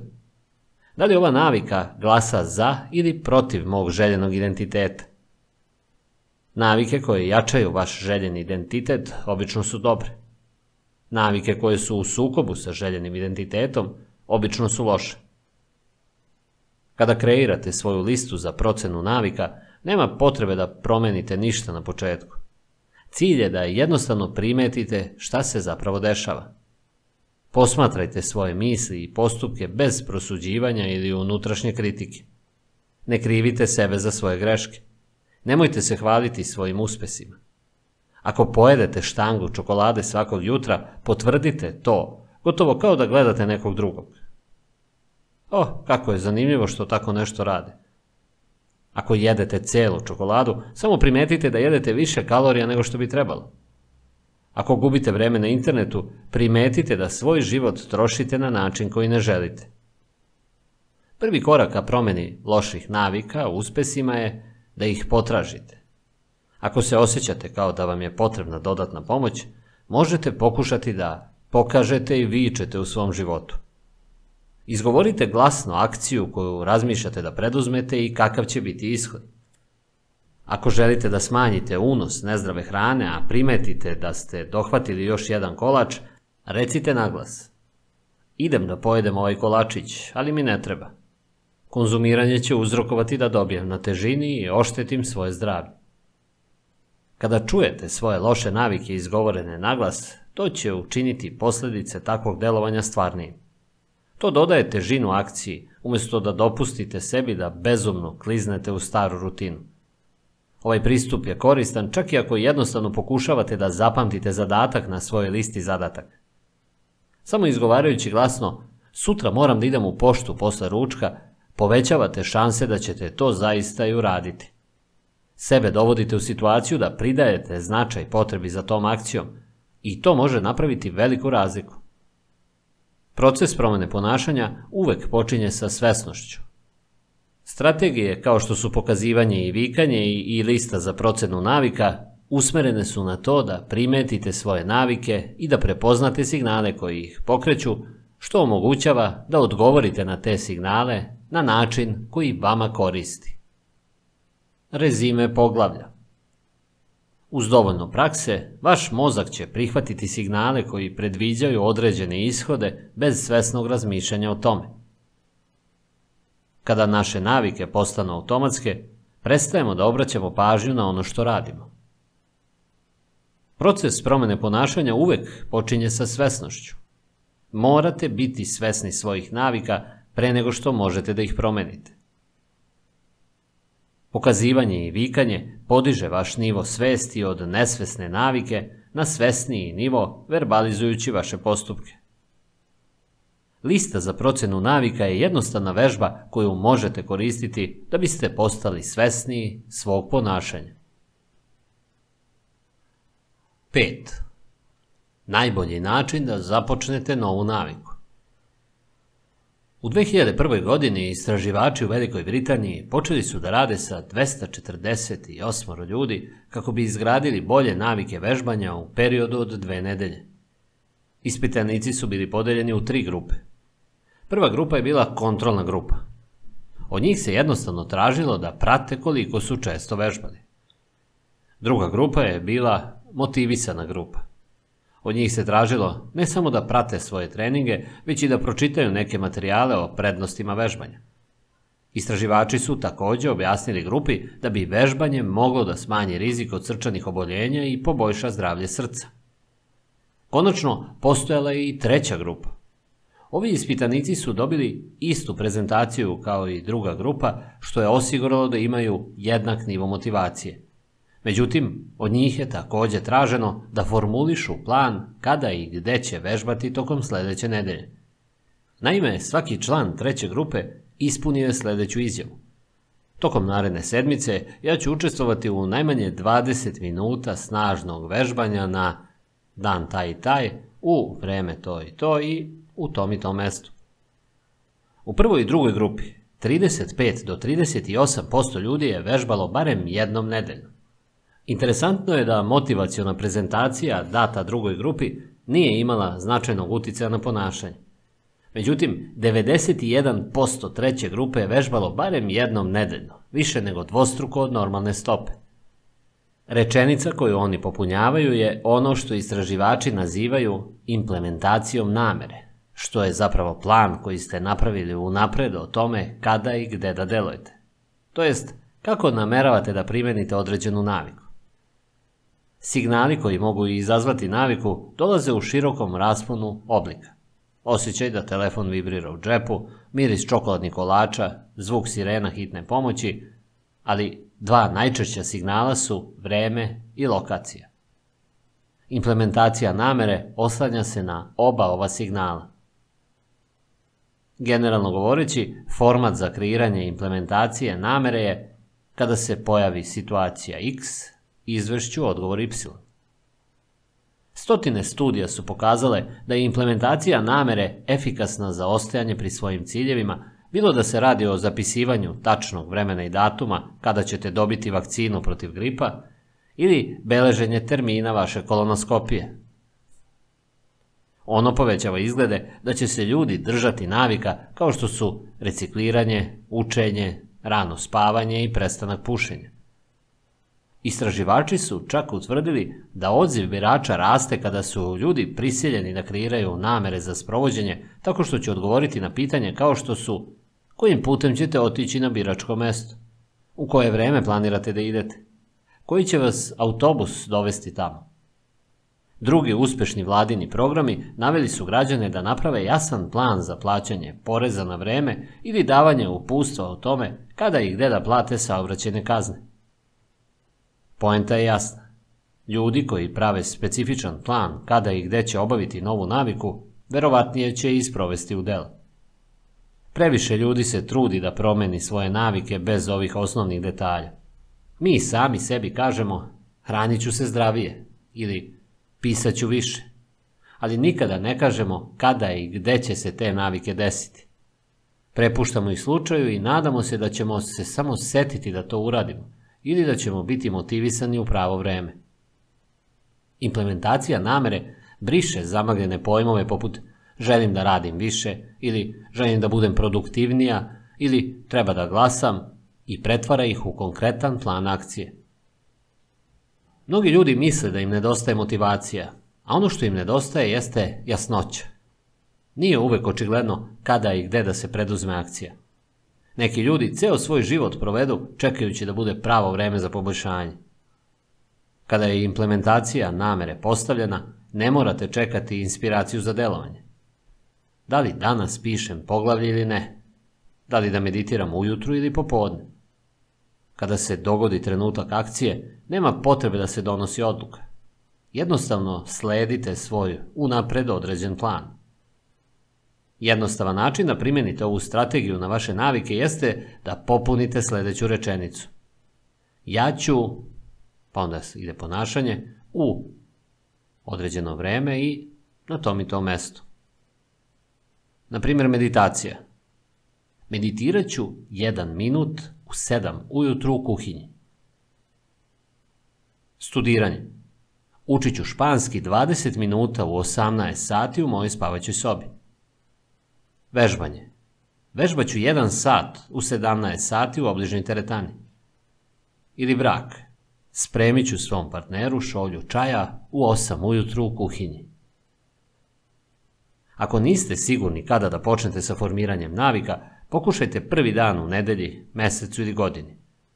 Ljudi imaju veću verovatnoću da preduzmu akciju u to vreme jer je nada obično veća. Ako imamo nadu, imamo razlog da preduzmemo akciju.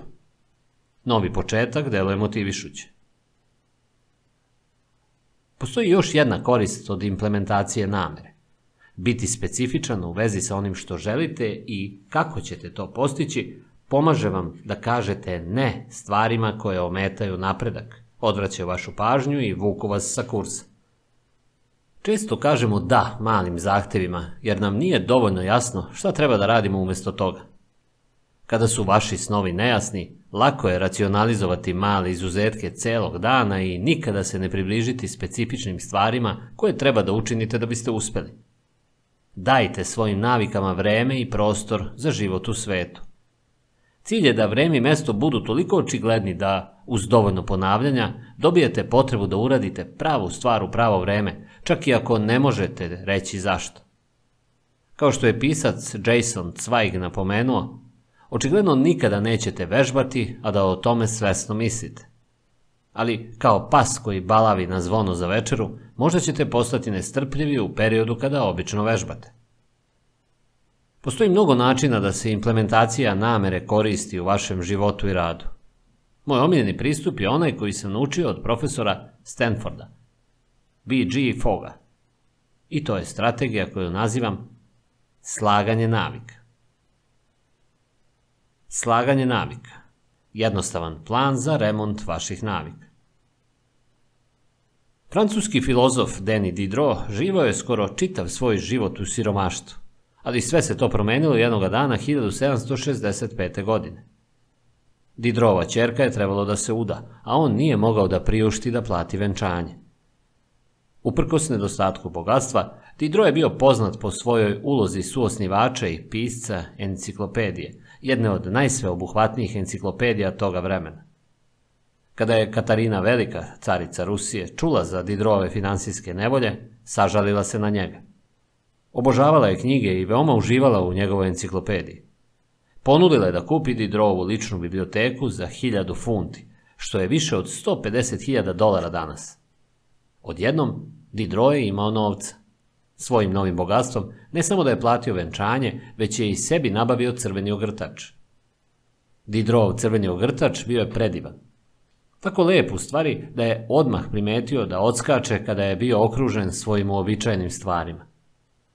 On je napisao da između njegove elegantne odore i ostatka stvari nema više koordinacije, nema jedinstva, nema lepote.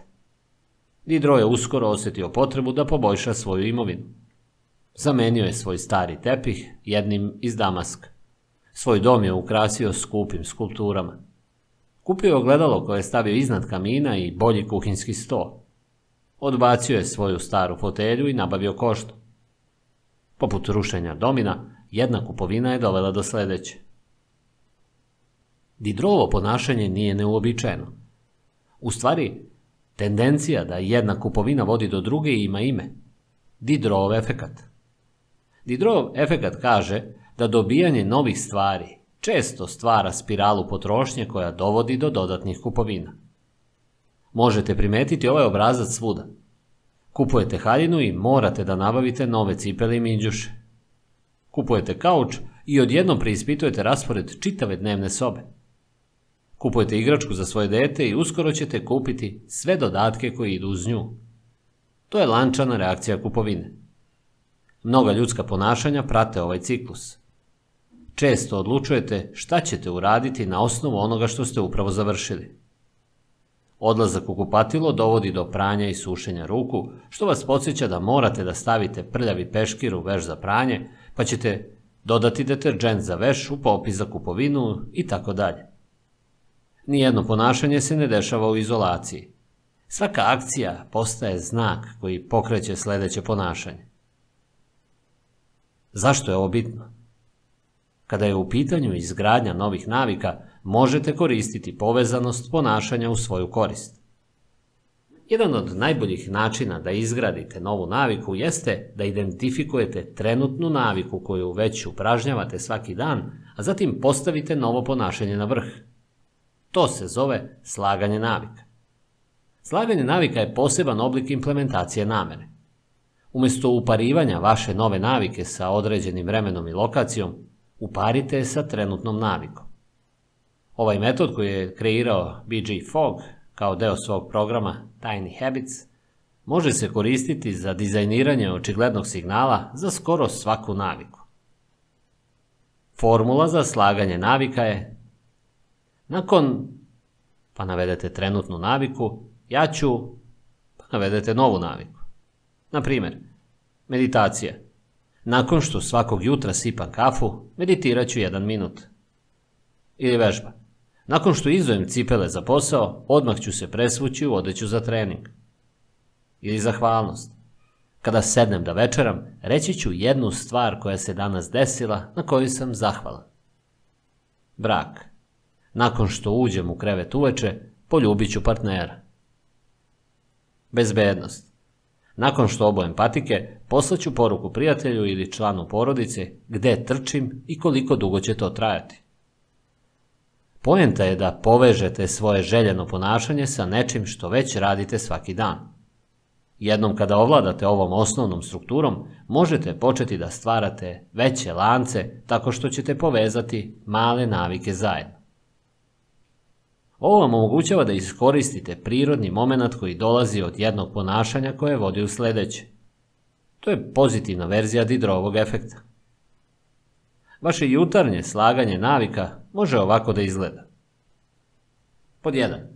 Nakon što sipam jutarnju kafu, meditirat ću 60 sekundi. Po 2. Nakon što meditiram 60 sekundi, napisat ću svoju listu zadataka za taj dan. Po 3. Nakon što napišem svoju listu zadataka za taj dan, odmah ću započeti svoj prvi zadatak. Ili možete slagati navike u večernjim satima. Nakon što završim sa večerom, stavit ću svoj tanjer direktno u mašinu za sudove. Nakon što odložim sudove, odmah ću obrisati kuhinski pult. Nakon što obrišem pult, postavit ću šolju za sutra ujutro. Također možete da dodate nova ponašanja u sredinu vaših trenutnih rutina. Na primjer, možda već imate jutarnju rutinu koja izgleda ovako. Probudim se, namestim krevet, tuširam se. Recimo da želite da razvijete naviku da čitate više svake noći. Možete proširiti svoj stil navike i pokušati nešto poput Probudim se, namestim krevet, stavim knjigu na jastuk, tuširam se. Sada, svako večer kada krenete na spavanje, čeka vas knjiga da u njoj uživate. Sve u svemu, slaganje navika vam omogućava da kreirate skup jednostavnih pravila koji vodi vaše buduće ponašanje. Kao da uvek imate plan igre za kojim treba da usledi akcija. Jednom kada vam ovaj pristup postane praksa, možete razviti opšte grupe pravila da vas vode kada god je situacija odgovarajuća. Vežbanje. Kada vidim stepenice, ići ću njima, umjesto da koristim lift. Društvene veštine. Kada dođem na zabavu, predstavit ću se nekome koga još ne poznajem. Financije.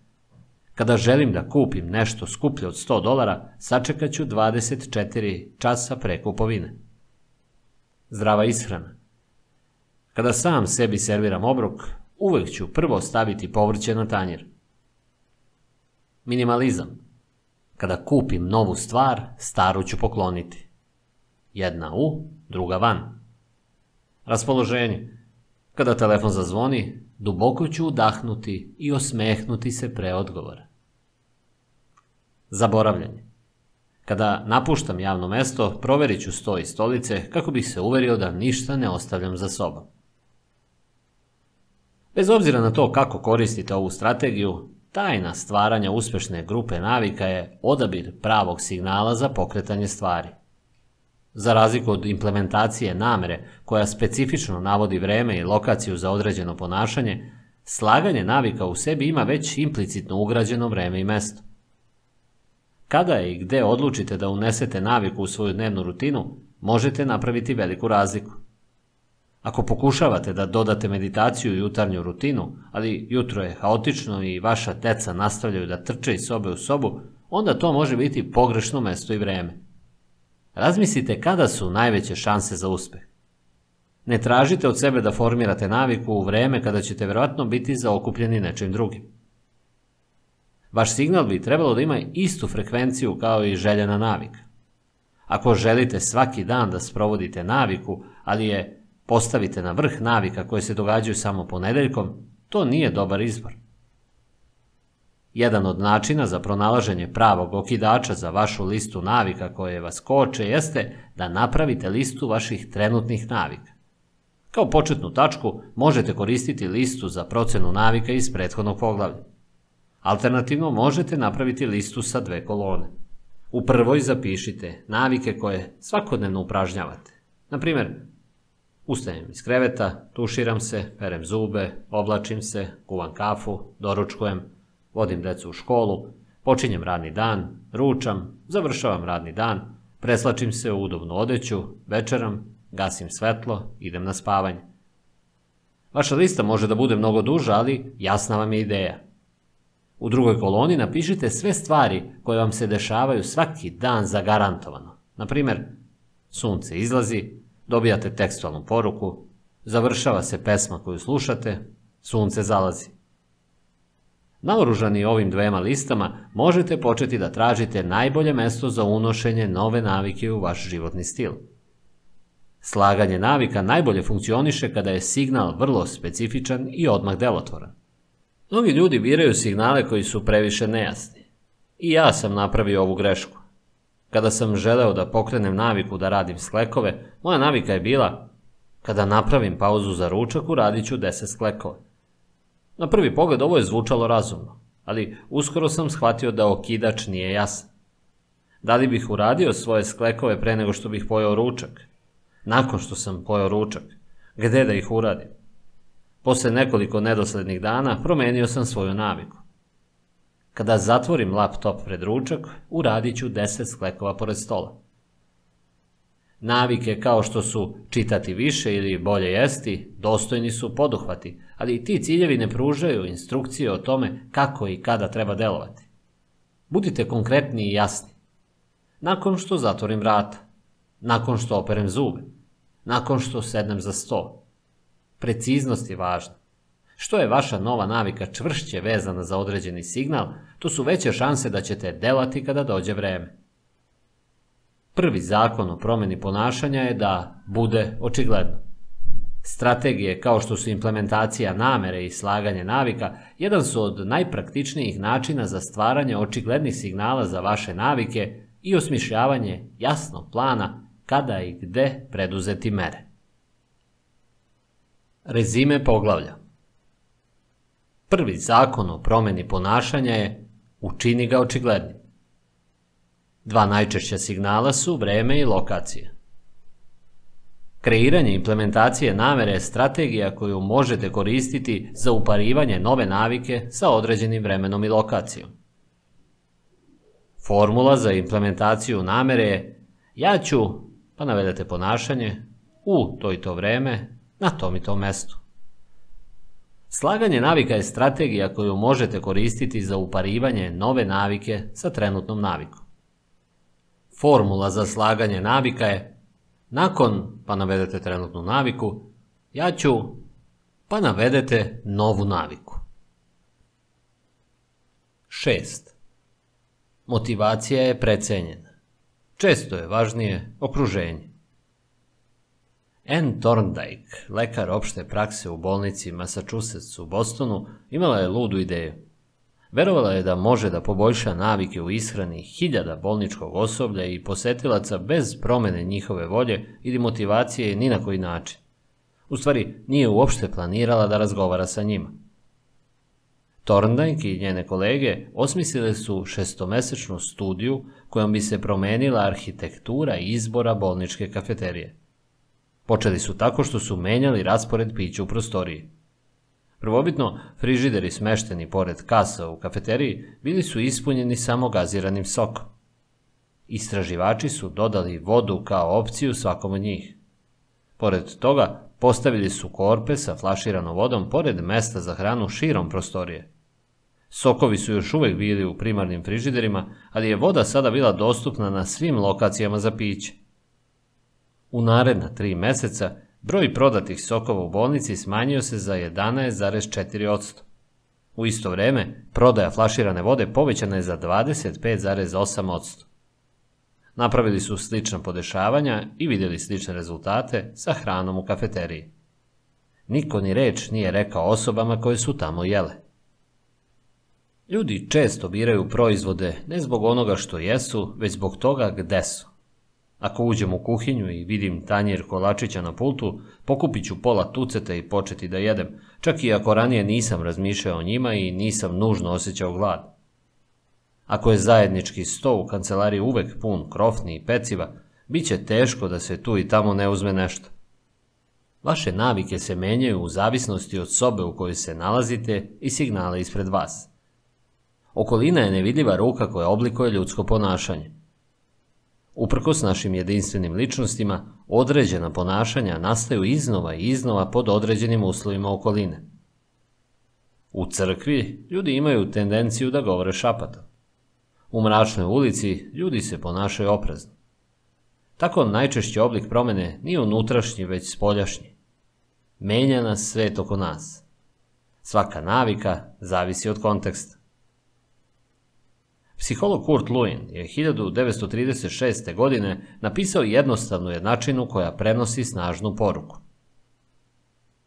Ponašanje je funkcija osobe u svom okruženju. Nije trebalo dugo da se Lewinova jednačina testira u poslu. Godine 1952. ekonomista Hawkins Stern opisao je fenomen koji je nazvao impulsivna kupovina pod sugestijom, koja se pokreće kada kupac prvi put vidi proizvod i vizualizuje potrebu za njim. Drugim rečima, kupci će povremeno kupovati proizvode ne zato što ih žele, već zbog toga kako su im predstavljeni. Na primjer, predmeti u nivou očiju imaju tendenciju da se kupuju više od onih koji se nalaze bliže podu. Iz tog razloga naći ćete skupe brendove na lako dostupnim lokacijama na policama prodavnica, jer oni donose najviše profita, dok su jeftinije alternative skrivene na teže dostupnim mestima. Isto važi za promotivne natpise na početku rafova. Oni su mašine za novac u prodavnicama jer su na očiglednim lokacijama gde prolazi najviše potrošača. Na primjer, 45% prodaje Coca-Cola proizvoda dolazi isključivo iz ovih rafova na početku prolaza. Što je očiglednije dostupan proizvod ili usluga, veća je verovatnoća da ćete ga probati. Ljudi piju Bud Light jer je u svakom baru i posećuju Starbucks jer je na svakom uglu. Mi volimo da mislimo da imamo kontrolu. Ako izaberemo vodu umjesto gaziranog soka, pretpostavljamo da je to zato što smo to želeli. Istina je, međutim, da se mnoge akcije koje svakodnevno preduzimamo ne oblikuju svrsishodnim porivom i izborom, već biranjem najočiglednije opcije. Svako živo biće ima svoje metode da oseti i razume svet. Orlovi imaju izvanredan vid na daljinu. Zmije mogu mirisati tako što okuse zrak svojim osjetljivim jezicima. Ajkule mogu detektovati male količine struje i vibracije u vodi uzrokovane blizinom riba. Čak i bakterije imaju hemoreceptore, sitne senzorne ćelije koje im omogućavaju da otkriju toksične hemikalije u svom okruženju. Kod ljudi percepcijom upravlja senzorni nervni sistem. Mi doživljavamo svet kroz vid, zvuk, miris, dodir i ukus. Ali imamo i druge načine da osjetimo nadražaj. Neki su svesni, ali mnogi su nesvesni. Na primjer, možete primetiti kada temperatura padne pre oluje ili kada se bol u crevima pojača tokom bolova u stomaku ili kada izgubite ravnotežu dok hodate po kamenitom tlu. Receptori u vašem telu uzimaju širok spektar internih stimulansa kao što je količina soli u krvi ili potreba da se pije kada se ožedni. Međutim, najmoćnije od svih ljudskih senzornih sposobnosti jeste vid. Ljudsko telo ima oko 11 miliona senzornih receptora. Oko 10 miliona njih je posvećeno vidu. Neki stručnjaci procenjuju da se polovina resursa mozga koristi za vid. S obzirom na to da smo više zavisni od vida nego od bilo kog drugog čula, ne treba da nas iznenađuje da su vizualni signali najveći katalizatori našeg ponašanja.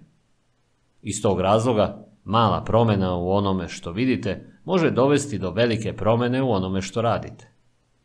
Kao rezultat toga, možete zamisliti koliko je važno živeti i raditi u okruženjima koja su puna produktivnih znakova i lišena neproduktivnih. Srećom, to su dobre vesti.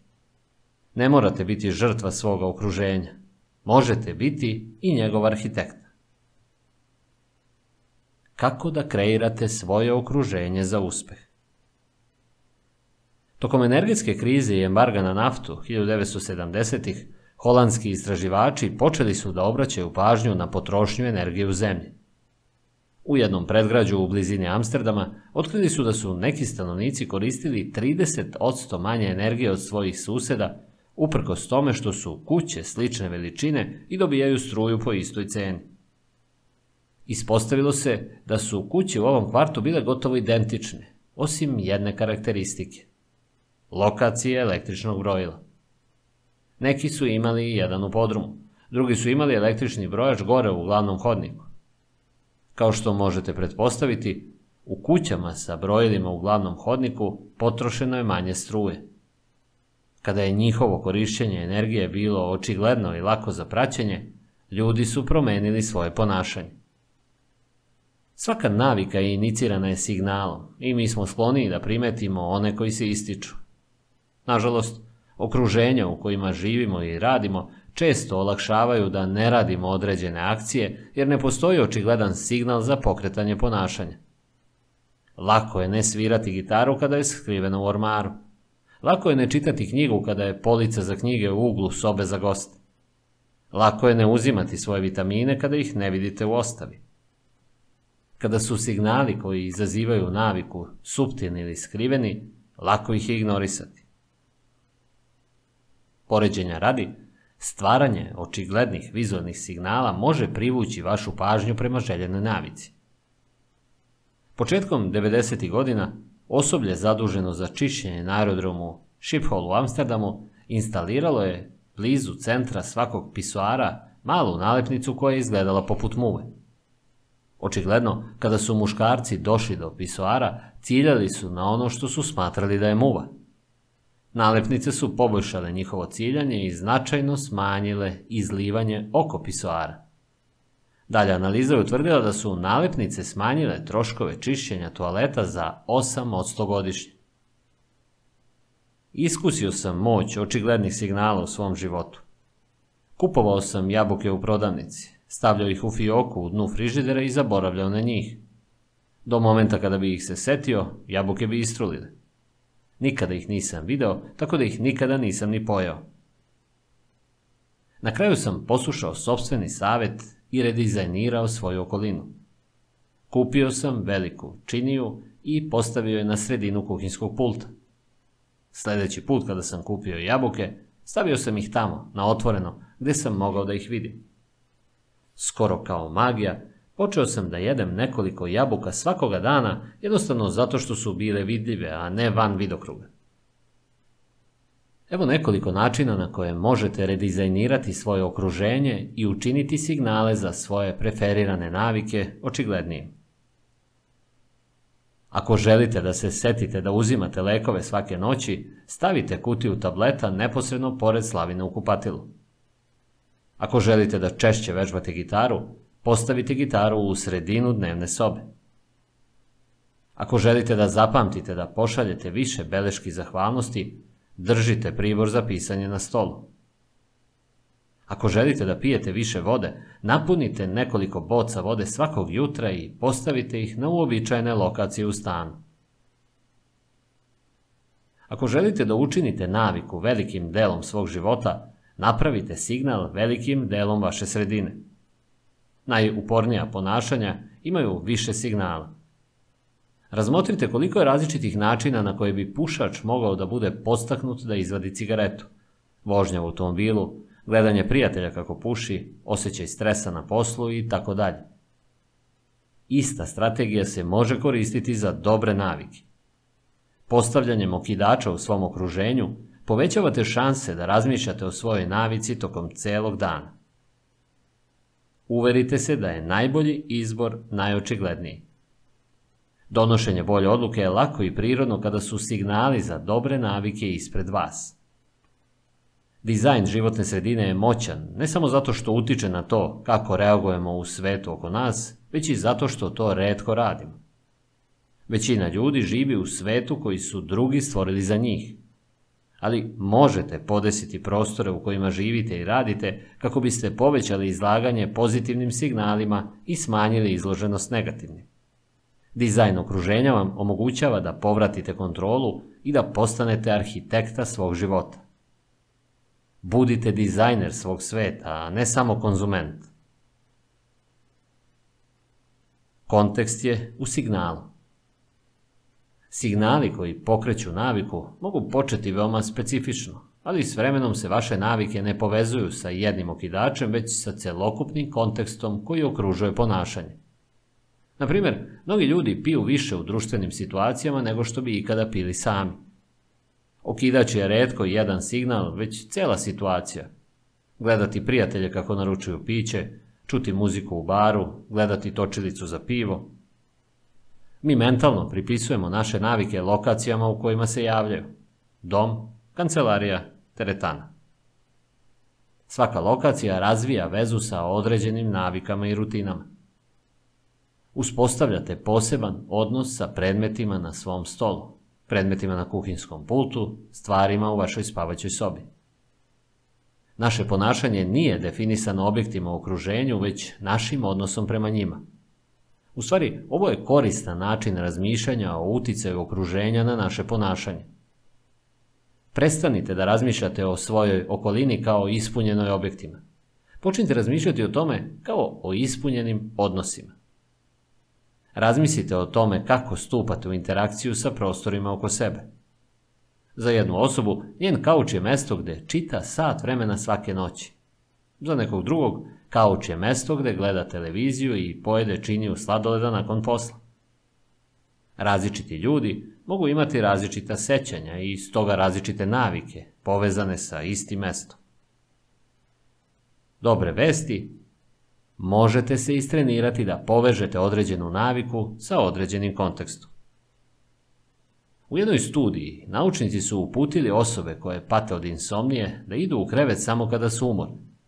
Ako nisu mogli da zaspe, rečeno im je da sede u drugoj sobi dok ne postanu pospani.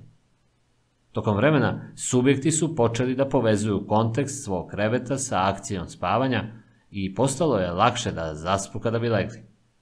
Njihovi mozgovi su shvatili da je spavanje, ne gledanje vesti na njihovim telefonima, ne gledanje televizije, ne gledanje u sat, bila jedina akcija koja treba da se dešava u toj sobi.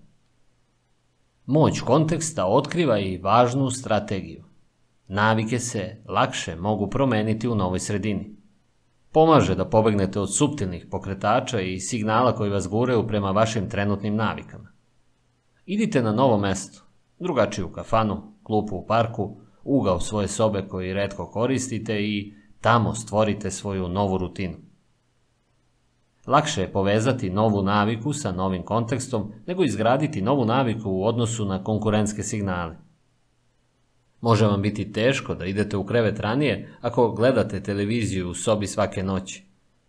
Može biti teško da učite u dnevnoj sobi bez ometanja ako je to mesto gde uvek igrate videoigre. Ali kada izađete iz svog normalnog okruženja, ostavite svoje behavioralne predrasude iza sebe. Ne borite se sa starim signalima iz okoline, čime dozvoljavate da se nove navike formiraju bez prekida. Želite da mislite kreativnije? Pređite u veću sobu, na krovnu terasu ili u zgradu sa ekspanzivnom arhitekturom. Odvojite se od prostora u kojem obavljate svoj svakodnevni posao, koji je takođe povezan sa vašim trenutnim misalnim obrazcima. Pokušavate da jedete zdravije?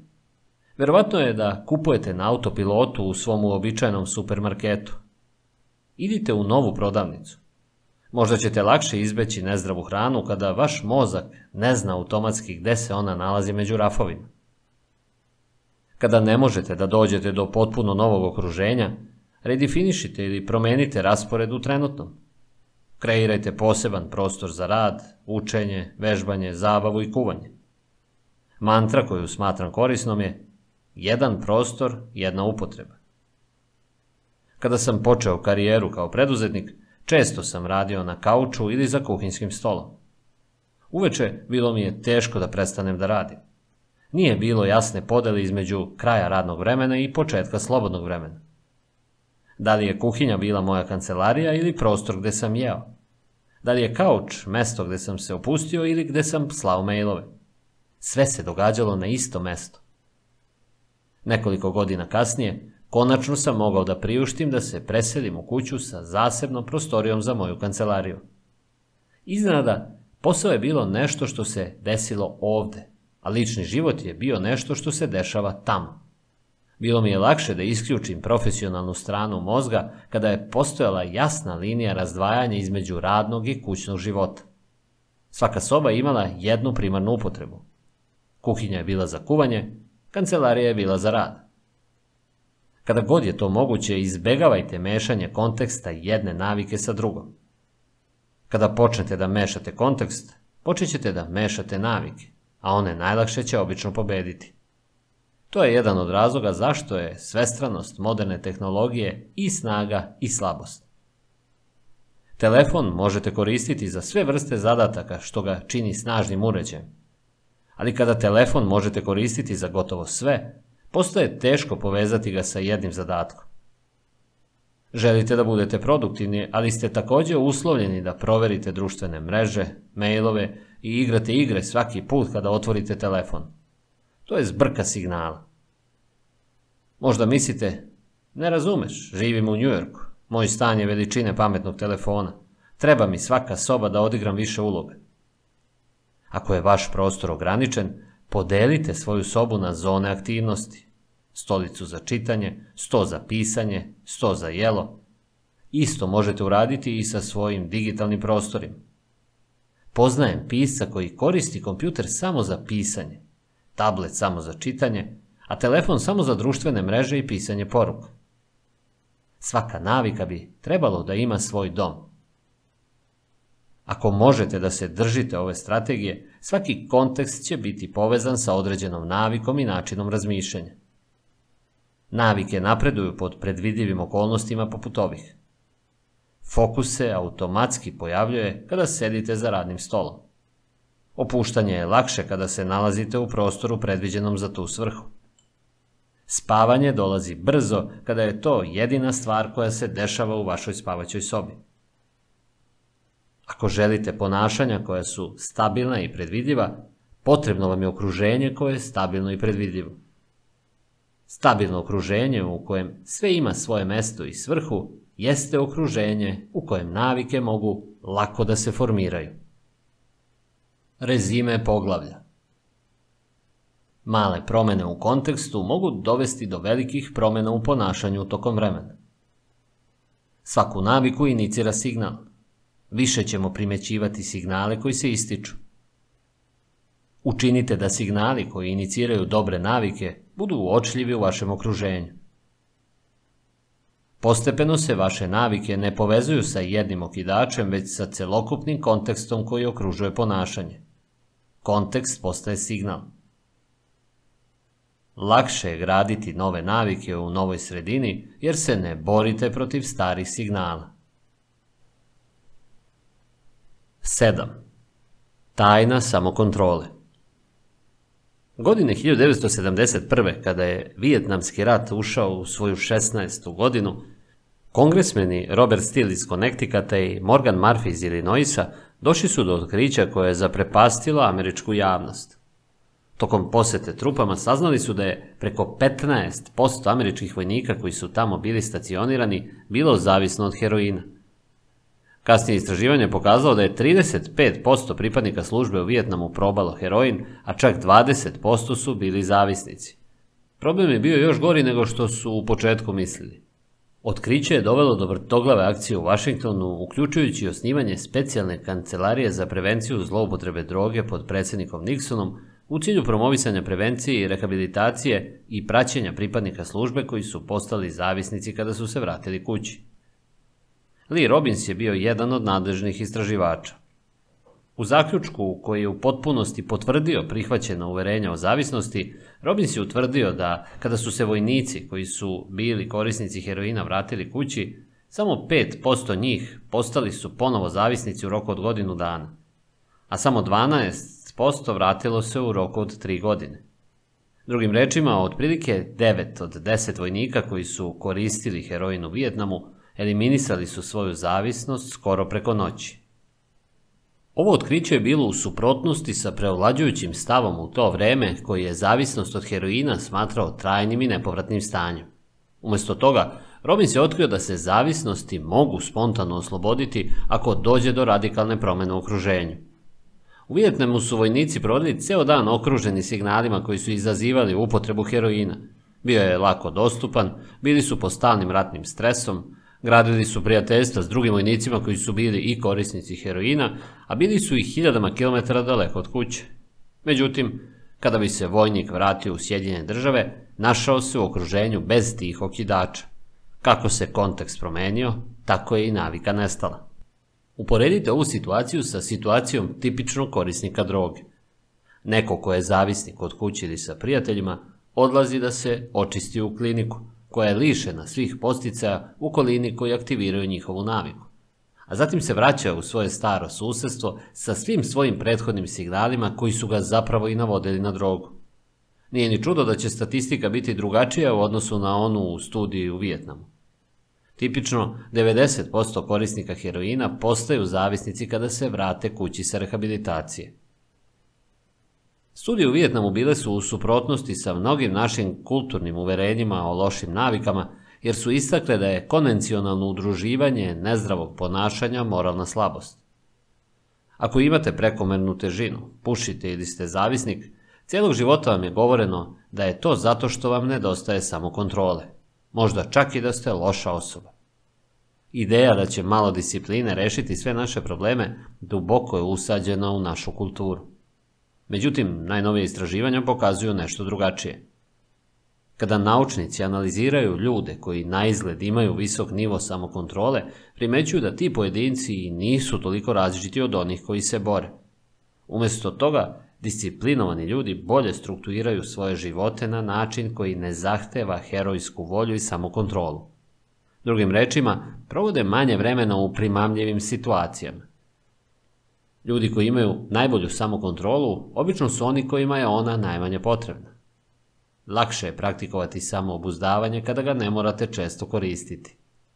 Dakle, da, istrajnost, rešenost i volja jesu neophodni za uspeh, ali način za poboljšanje tih kvaliteta nije želja da budete disciplinovanija osoba, već stvaranje disciplinovanijeg okruženja. Ova ideja suprotna razumu ima još više smisa kada shvatite šta se dešava kada se formira navika u mozgu. Navika koja je kodirana u umu spremna je da se koristi kad god se pojavi relevantna situacija. Kada je Petty Olwell, terapeutkinja iz Ostina u Teksasu, počela da puši, često bi zapalila cigaretu dok bi jahala konja sa prijateljem. Na kraju je prestala da puši i godinama izbjegavala cigarete. Također je prestala i da jaše. Decenijama kasnije, ponovo je skočila na konja i shvatila da žudi za cigaretu. Prvi put posle toliko godina.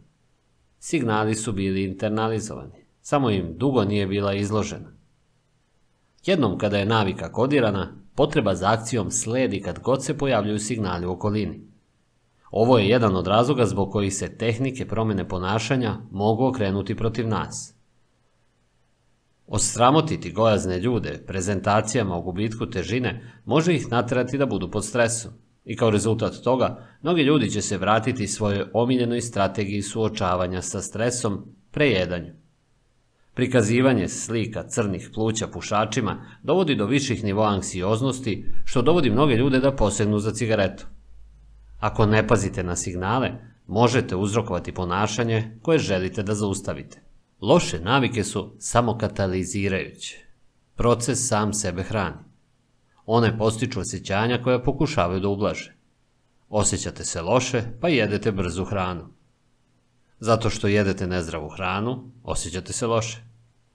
Gledanje televizije čini da se osjećate tromo, tako da više gledate televiziju jer nemate energije da uradite bilo šta drugo.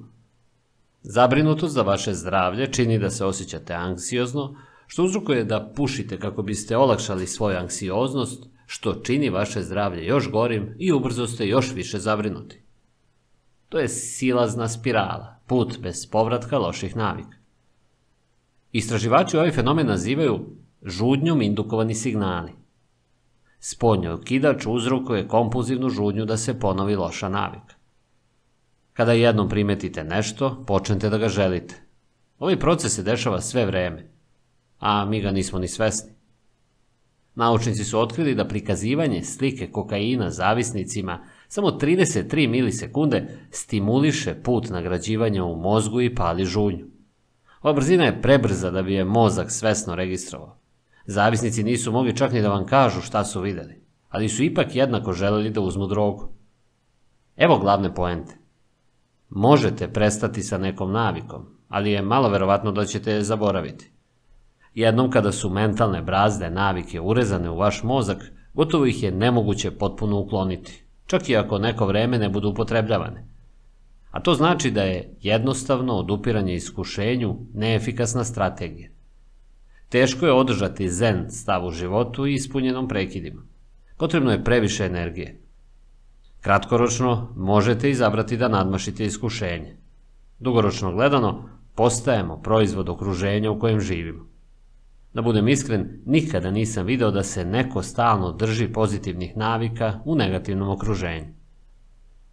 Pouzdaniji pristup je da loše navike sasečete u samom izvoru. Jedan od najpraktičnijih načina da se eliminiše loša navika jeste smanjiti izloženost signalu koji je uzrokuje. Ako vam se čini da ne obavljate nikakav posao, ostavite telefon u drugoj sobi nekoliko sati. Ako se neprekidno osjećate kao da niste dovoljno dobri, prestanite da pratite profile na društvenim mrežama koji vam izazivaju ljubomoru i zavist. Ako gubite previše vremena gledajući televiziju, iznesite televizor iz spavaće sobe. Ako trošite previše novca na uređaje, nemojte čitati recenzije najnovije tehnike. Ako igrate previše video igara, isključite konzolu i stavite je u ormar nakon svake upotrebe. Ova praksa je inverzija prvog zakona o promeni ponašanja. Umesto da učinite da signali budu očigledni, možete ih učiniti nevidljivim. Često sam iznenađen koliko jednostavne promene mogu da budu efikasne. Uklonite jedan signal i često čitava navika nestaje. Samokontrola je kratkoročna strategija, a ne dugoročna. Možda ćete moći da se oduprete iskušenju jednom ili dva puta, ali je malo verovatno da ćete moći svaki put da nadladate svoje želje. Umesto sazivanja nove doze volje kada god želite da uradite pravu stvar, bolje je da svoju energiju usmerite na optimizovanje vašeg okruženja. To je tajna samokontrole. Neka vam signali vaših dobrih navika budu očigledni, a signali koji okidaju vaše loše navike budu nevidljivi. Rezime poglavlja Inverzija prvog zakona o promjeni ponašanja jeste da signale loših navika učinite nevidljivim. Kada se jednom stvori navika, malo je verovatno da će biti zaboravljena. Ljudi sa snažnom samokontrolom imaju tendenciju da manje vremena provode u primamljivim situacijama. Lakše je izbeći iskušenje nego mu se odupreti. Jedan od najpraktičnijih načina da se eliminiše loša navika jeste da se smanji izloženost signalima koje uzrokuju. Samokontrola je kratkoročna strategija, a ne dugoročna. 8. Kako da navika bude neodoljiva? Godine 1940. holandski naučnik Niko Tinbergen izveo je niz eksperimenata koji su transformisali naše razumevanje onoga što nas motiviše. Tinbergen, koji je na kraju dobio Nobelovu nagradu za svoj rad, često istraživao srebrnaste galebove, sivo-bele ptice koje obično lete duž morskih obala Severne Amerike. Odrasli srebrnasti galebovi imaju malu crvenu tačku na kljunu, a Tinbergen je primetio da tek rođeni ptići kljucaju baš to mesto kad god žele hranu. Za početak jednog eksperimenta on je stvorio kolekciju lažnih kartonskih kljunova, samo glavu bez tela. Kada su roditelji odleteli, on je otišao do gnezda i ponudio ove lutke ptićima. Kljun je bio očigledan lažnjak, a on je pretpostavio da će ih ptići odbaciti.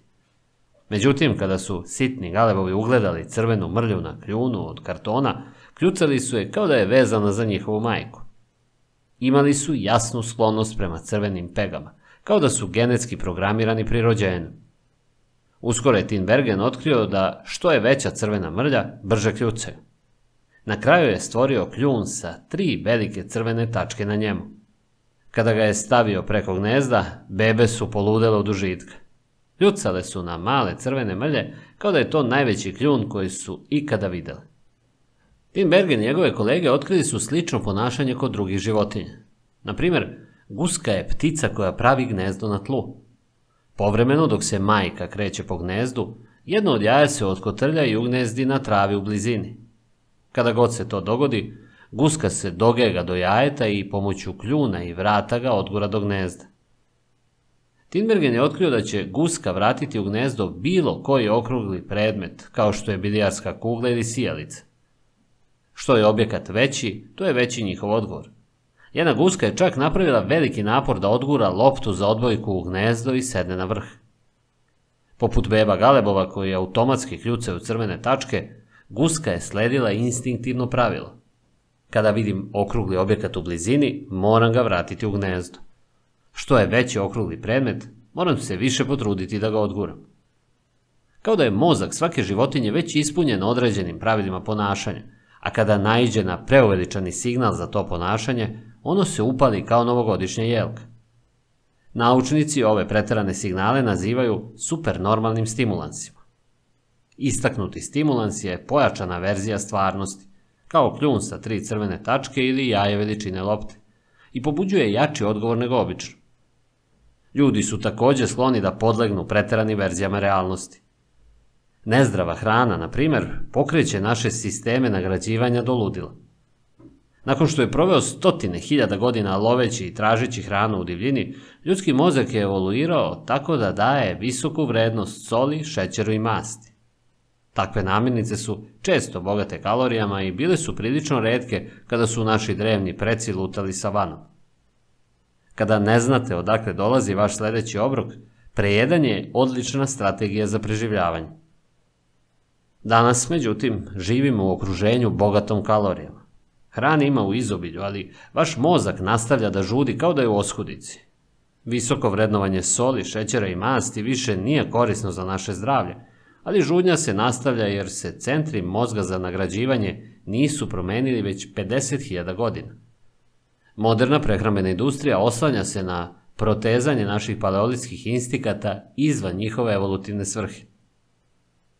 Primarni cilj nauke o hrani jeste stvaranje proizvoda koji su privlačni potrošačima. Skoro svaka hrana u vrećici, kuti ili tegli poboljšana je na neki način, pa makar i samo dodatnom aromom. Kompanije troše milione dolara da otkriju najkvalitetniji nivo krckanja čipsa od krompira ili savršenu količinu mehurića u soku. Čitavo odeljena posvećena su podešavanju kako se proizvod osjeća u ustima. Kvalitet poznat kao orosenzacija. Pomfrit je, na primjer, moćna kombinacija zlatno braun i hrskav s polja, svetao i gladak iznutra. Ostala obrađena hrana poboljšava dinamički kontrast koji se odnosi na proizvode sa kombinacijom senzacija kao što su hrskavo i kremasto. Zamislite mekoću topljenog sira na vrhu hrskave kore od pice ili krckanje oreo keksa u kombinaciji sa njegovim glatkim punjenjem. Kod prirodnih, neprerađenih namirnica vi često ponavljate iste senzacije. Kakvog je ukusa taj 17. zalogaj kelja? Nakon nekoliko minuta vaš mozak gubi interesovanje i vi počinjete da osjećate sitost. Ali hrana koja ima visok dinamičan kontrast zadržava doživljaj novim i zanimljivijim, postičući vas da jedete više. Konačno, takve strategije omogućavaju naučnicima koji se bave hranom da pronađu tačku blaženstva za svaki proizvod. Preciznu kombinaciju soli, šećera i masti koja uzbuđuje vaš mozak i tera vas da se vratite po još. Rezultat je naravno da se prejedate jer su namirnice koje su podložne hiperpalataciji privlačnije ljudskom mozgu. Kao što je Stefan Gajnet, neuronaučnik koji se specijalizovao za ponašanje u ishrani i gojaznost, rekao Postali smo previše dobri u samoposticaju. Moderna prehrambena industrija i navike prejedanja koje je proizvela samo je jedan od primjera drugog zakona o promjeni ponašanja. Učinite ih atraktivni. Što je prilika privlačnija, to je veća vjerovatnoća da će postati navika. Pogledajte oko sebe. Društvo je ispunjeno veoma razvijenim verzijama stvarnosti koje su privlačnije od sveta u kojem su evoluirali naši preci. U prodavnicama se nalaze lutke sa preuveličanim bokovima i grudima da bi prodale odeću. Društvene mreže donose više lajkova i pohvala za nekoliko minuta nego što bismo ikada dobili u kancelariji ili kod kuće. Online pornografski parovi zajedno stimulišu scene koje je nemoguće ponoviti u stvarnom životu. Reklame se produciraju uz kombinaciju idealne rasvete, profesionalnog šminkanja i uređivanja u Photoshopu, čak i model ne liči na sebe na konačnoj slici. To su naprirodni posticaji našeg savremenog sveta. Oni preuveličavaju osobine koje su prirodno atraktivne za nas, a naši instinkti divljaju, što nas tera da razvijamo preterane navike u kupovini, društvenim medijima, seksu, jedenju i svemu ostalom. Ako istorija služi kao vodič, mogućnost u budućnosti će biti privlačnija nego danas. Trend je da nagrade budu više koncentrisane i postica i da postanu primamljiviji. Brza hrana je koncentrisana forma kalorija u odnosu na prirodnu hranu. Žestoka pića su koncentrisaniji oblik alkohola od piva. Video igre su koncentrisaniji oblik igre od igara na tabli.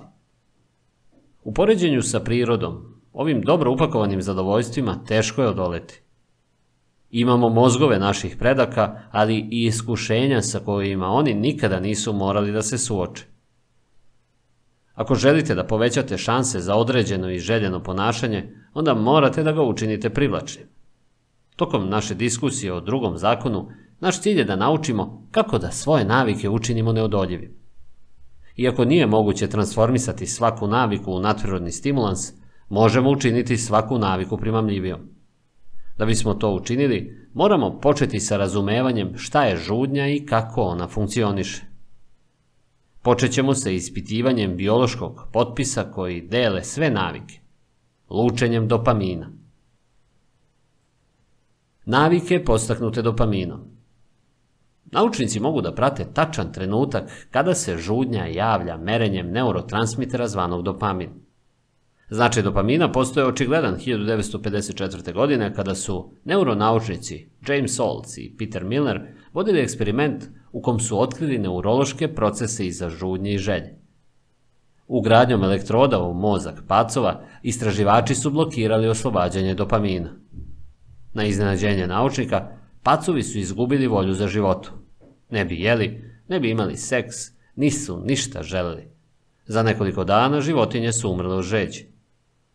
U daljim istraživanjima drugi naučnici su takođe blokirali delove mozga koji oslobađaju dopamin, ali ovaj put su u usta pacova koji su imali smanjeno lučenje dopamina stavljali male kapljice šećera.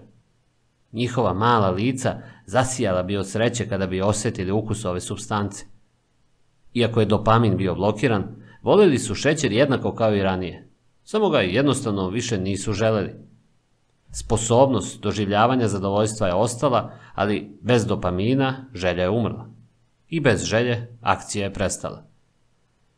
Kada su drugi istraživači preokrenuli ovaj proces i preplavili sistem nagrađivanja u mozgu dopaminom, životinje su obavljale navike velikom brzinom. U jednoj studiji miševi su dobijali snažan udar dopamina svaki put kada su gurali nos u kutiju. Za nekoliko minuta miševi su razvili tako jako žudnju da su počeli da guraju nos u kutiju 800 puta na sat. Ljudi nisu toliko različiti. Prosečan igrač na automatima će zavrteti točak 600 puta na sat. Navike su feedback, petlje indukovane dopaminom. Svako ponašanje koje u velikoj meri kreira navike, uzimanje droge, konzumiranje brze hrane, igranje videoigara, boravak na društvenim mrežama, povezano je sa većim nivoima dopamina. Isto se može reći i za naša najosnovnija ponašanja, kao što su ishrana, piće, seks i društvena interakcija. Godinama su naučnici pretpostavili da je dopamin jedino u vezi sa zadovoljstvom, ali sada znamo da on igra centralnu ulogu u mnogim neurološkim procesima, uključujući motivaciju, učenje i pamćenje, kažnjavanje i odbijanje i dobrovoljno kretanje. Kada je reč o navikama, ključno je sledeće. Dopamin se oslobađa ne samo kada doživljavate zadovoljstvo, već i kada ga očekujete. Zavisnici od kockanja imaju najveće lučenje dopamina neposredno pre nego što ulože opkladu, a ne nakon što je dobiju. Zavisnici od kokaina dobijaju lučenje dopamina kada vide prah, a ne nakon što ga uzmu. Kada god predvidite da će prilika biti nagrađena, vaši nivoji dopamina dostižu svoj vrhunac u samom iščekivanju. I kad god se dopamin poveća, raste i vaša motivacija da delujete. Iščekivanje nagrade, a ne ispunjenje, ono je što nas navodi na akciju. Interesantno je da sistem nagrađivanja koji se aktivira u mozgu kada primite nagradu jeste isti sistem koji se aktivira i kada očekujete nagradu. To je jedan od razloga zašto očekivanje iskustva često može biti bolje osjećaj od njegovog postizanja. Kao dete, razmišljanje o božićnom jutru može biti bolje od otvaranja poklona. Kao odrasla osoba, sanjarenje o nadolazećem odmoru može biti prijatnije nego biti na odmoru. Naučnici ovo nazivaju razlikama između želje i dopadanja. Vaš mozak ima mnogo više nervnih kola za željenje nagrade u odnosu na to da vam se ona dopadne. Centri u mozgu za želju su veliki. Kičmena moždina, nukleus accumbens, ventralna tegmentalna oblast, dorzalni striatum, amigdala i delovi prefrontalnog korteksa. Poređenja radi, centri mozga za dopadanje su mnogo manji. Često se nazivaju centrima za hedonizam i distribuiraju se kao sitna ostrva u mozgu. Na primjer, istraživači su otkrili da se 100% nukleusa akumensa aktivira tokom željenja. Umeđu vremenu, samo 10% strukture se aktivira tokom dopadanja. Činjenica da mozak dodeljuje toliko dragocenog prostora regionima koji su odgovorni za žudnju i želju dodatno dokazuje ključnu ulogu koju ovi procesi imaju. Želja je motor koji pokreće ponašanje. Svaka akcija se preduzima zbog iščekivanja koje joj prethodi. To je žudnja koja vodi do odgovora. Ovi uvidi otkrivaju značaj drugog zakona o promeni ponašanja. Moramo da učinimo svoje navike atraktivnim, jer je očekivanje nagrađivanja i iskustvo koje nas motiviše da delujemo na prvom mestu. Ovde na scenu nastupa strategija poznata kao povezivanje iskušenja. Kako koristiti povezivanje iskušenja da bi vaše navike bile privlačnije? Ronan Byrne, student elektrotehnike u Dublinu u Irskoj, uživao je gledajući Netflix, ali je takođe znao da bi trebalo da vežba češće nego što je to činio. Koristeći svoje inženjersko znanje, Bern je hakovao svoj sobni bicikl i povezao ga sa svojim laptopom i televizorom. Zatim je napisao kompjuterski program koji bi omogućio Netflixu da radi samo ako bi vozio određenu brzinu. Ako bi se predugo vozio sporo, bilo kakva emisija koju je gledao zaustavila bi se dok ne bi ponovo počeo da pokreće pedale. On je, prema rečima jednog njegovog obožavatelja, eliminisao gojaznost maratonskim gledanjem serija na Netflixu. Također je koristio povezivanje iskušenja kako bi njegov eksperiment vežbanja bio atraktivniji. Povezivanje iskušenja funkcioniše tako što povezujete radnju koju želite da uradite sa radnjom koju treba da uradite. U Bernovom slučaju, on je povezao gledanje Netflixa, ono što je želeo da radi, sa vožnjom svog sobnog bicikla, ono što je trebalo da radi. Velike kompanije su majstori u povezivanju iskušenja. Na primjer, kada je američka televizijska kompanija poznata kao ABC lansirala programsku šemu za četvrtak veče tokom sezone 2014-2015, promovisali su povezivanje iskušenja u velikom stilu. Svakog četvrtka ABC je emitovao tri serije koje je kreirala scenaristkinja Shonda Rhimes. Uvod u anatomiju, skandal i kako se izvući sa ubistvu. Brendirali su šemu kao TGIT na ABC, TGIT znači hvala Bogu četvrtak je. U oglašavanju ovih serija ABC je ohrabrivao gledalce da prave kokice, piju crno vino i uživaju večeri. Andrew Kubic, direktor programske šeme za ABC, opisuje ideju kampanje. Vidimo četvrtak veče kao priliku gledalaca, bilo da su u paru ili sami, da sednu i pobegnu od svakodnevice i zabave se i piju crveno vino i jedu kokice. Briljantnost ove strategije je da je ABC povezivao ono što je bilo potrebno gledaocima, da gledaju njihove emisije, sa aktivnostima koje su njihovi gledaoci već želeli, da se opuste, piju vino i jedu kokice. Vremenom su ljudi počeli da povezuju gledanje ABC-a sa osjećajem da su se opustili i zabavljali. Ako pijete crno vino i jedete kokice u 8 sati svakog četvrtka, onda na kraju u 8 sati četvrtkom znači opuštanje i zabava. Nagrada se povezuje sa signalom, a navika uključivanja televizije postaje privlačnija. Verovatnije je da ćete ponašanje smatrati privlačnim ako u isto vreme radite jednu od svojih omiljenih stvari. Možda želite da čujete o najnovijim tračevima o slavnim ličnostima, ali morate i da stešete liniju. Koristeći povezivanje iskušenja, možete čitati tabloide i gledati reality shows u teretani. Možda želite da idete na pedikir, ali morate očistiti svoje mailove. Rešenje. Idite na pedikir samo kada brišete višak mailova. Povezivanje iskušenja je jedan od načina da se primeni psihološka teorija poznata kao Premakov princip. Ime je dobio po radu profesora Davida Premaka, a tvrdi da će verovatnije ponašanje pojačati manje verovatna ponašanja. Drugim rečima, čak i ako zaista ne želite da se bavite viškom mailova, postaćete uslovljeni da to uradite ako to znači da možete uz to da radite ono što želite. Čak možete kombinovati povezivanje iskušenja sa strategijom za slaganje navika koju smo opisali u petom poglavlju, da biste kreirali skup pravila koji će voditi vaše ponašanje.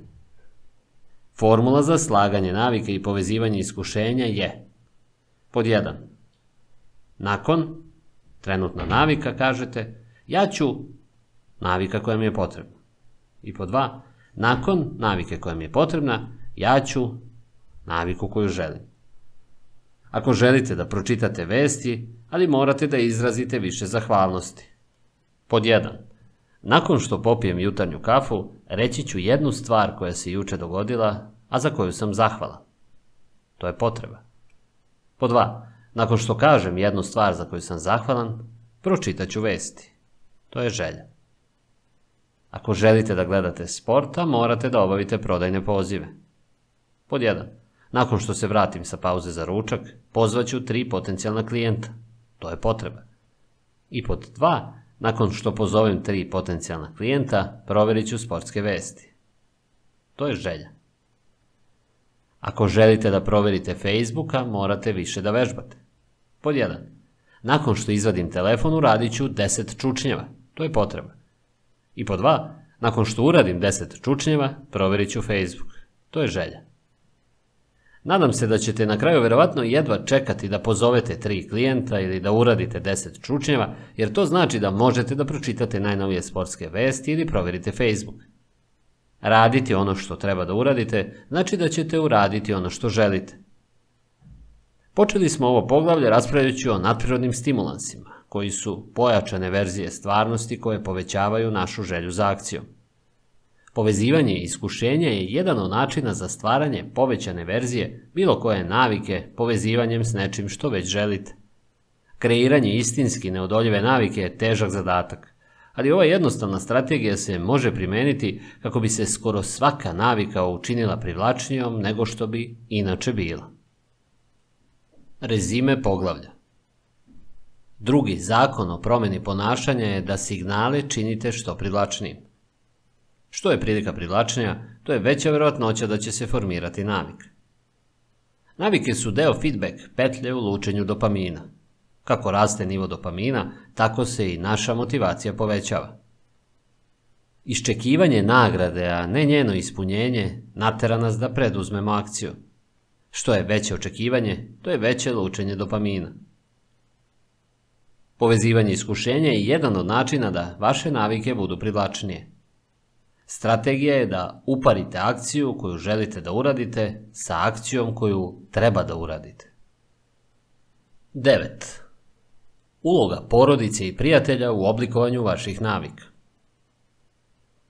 1965. godine Mađar Laslo Polgar napisao je niz čudnih pisama ženi pod imenom Klara. Laslo je čvrsto verovao u naporan rad. Zapravo, to je jedino u što je verovao. Potpuno je odbacio ideju urođenog talenta. Tvrdio je da bi namernom praksom i razvojem dobrih navika dete moglo da postane genije u bilo kojoj oblasti. Njegova mantra je bila genije se ne rađa, već se gradi, obučava i obrazuje. Laslo je verovao u ovu ideju tako snažno da je hteo da je testira sa svojom decom. I pisao je Klari zato što mu je bila potrebna žena spremna da bude deo njegovog plana. Klara je bila učiteljica i, iako možda nije bila nepopustljiva kao Laslo, ona je također verovala da bi pravilnim instrukcijama svako mogao da unapredi svoje veštine.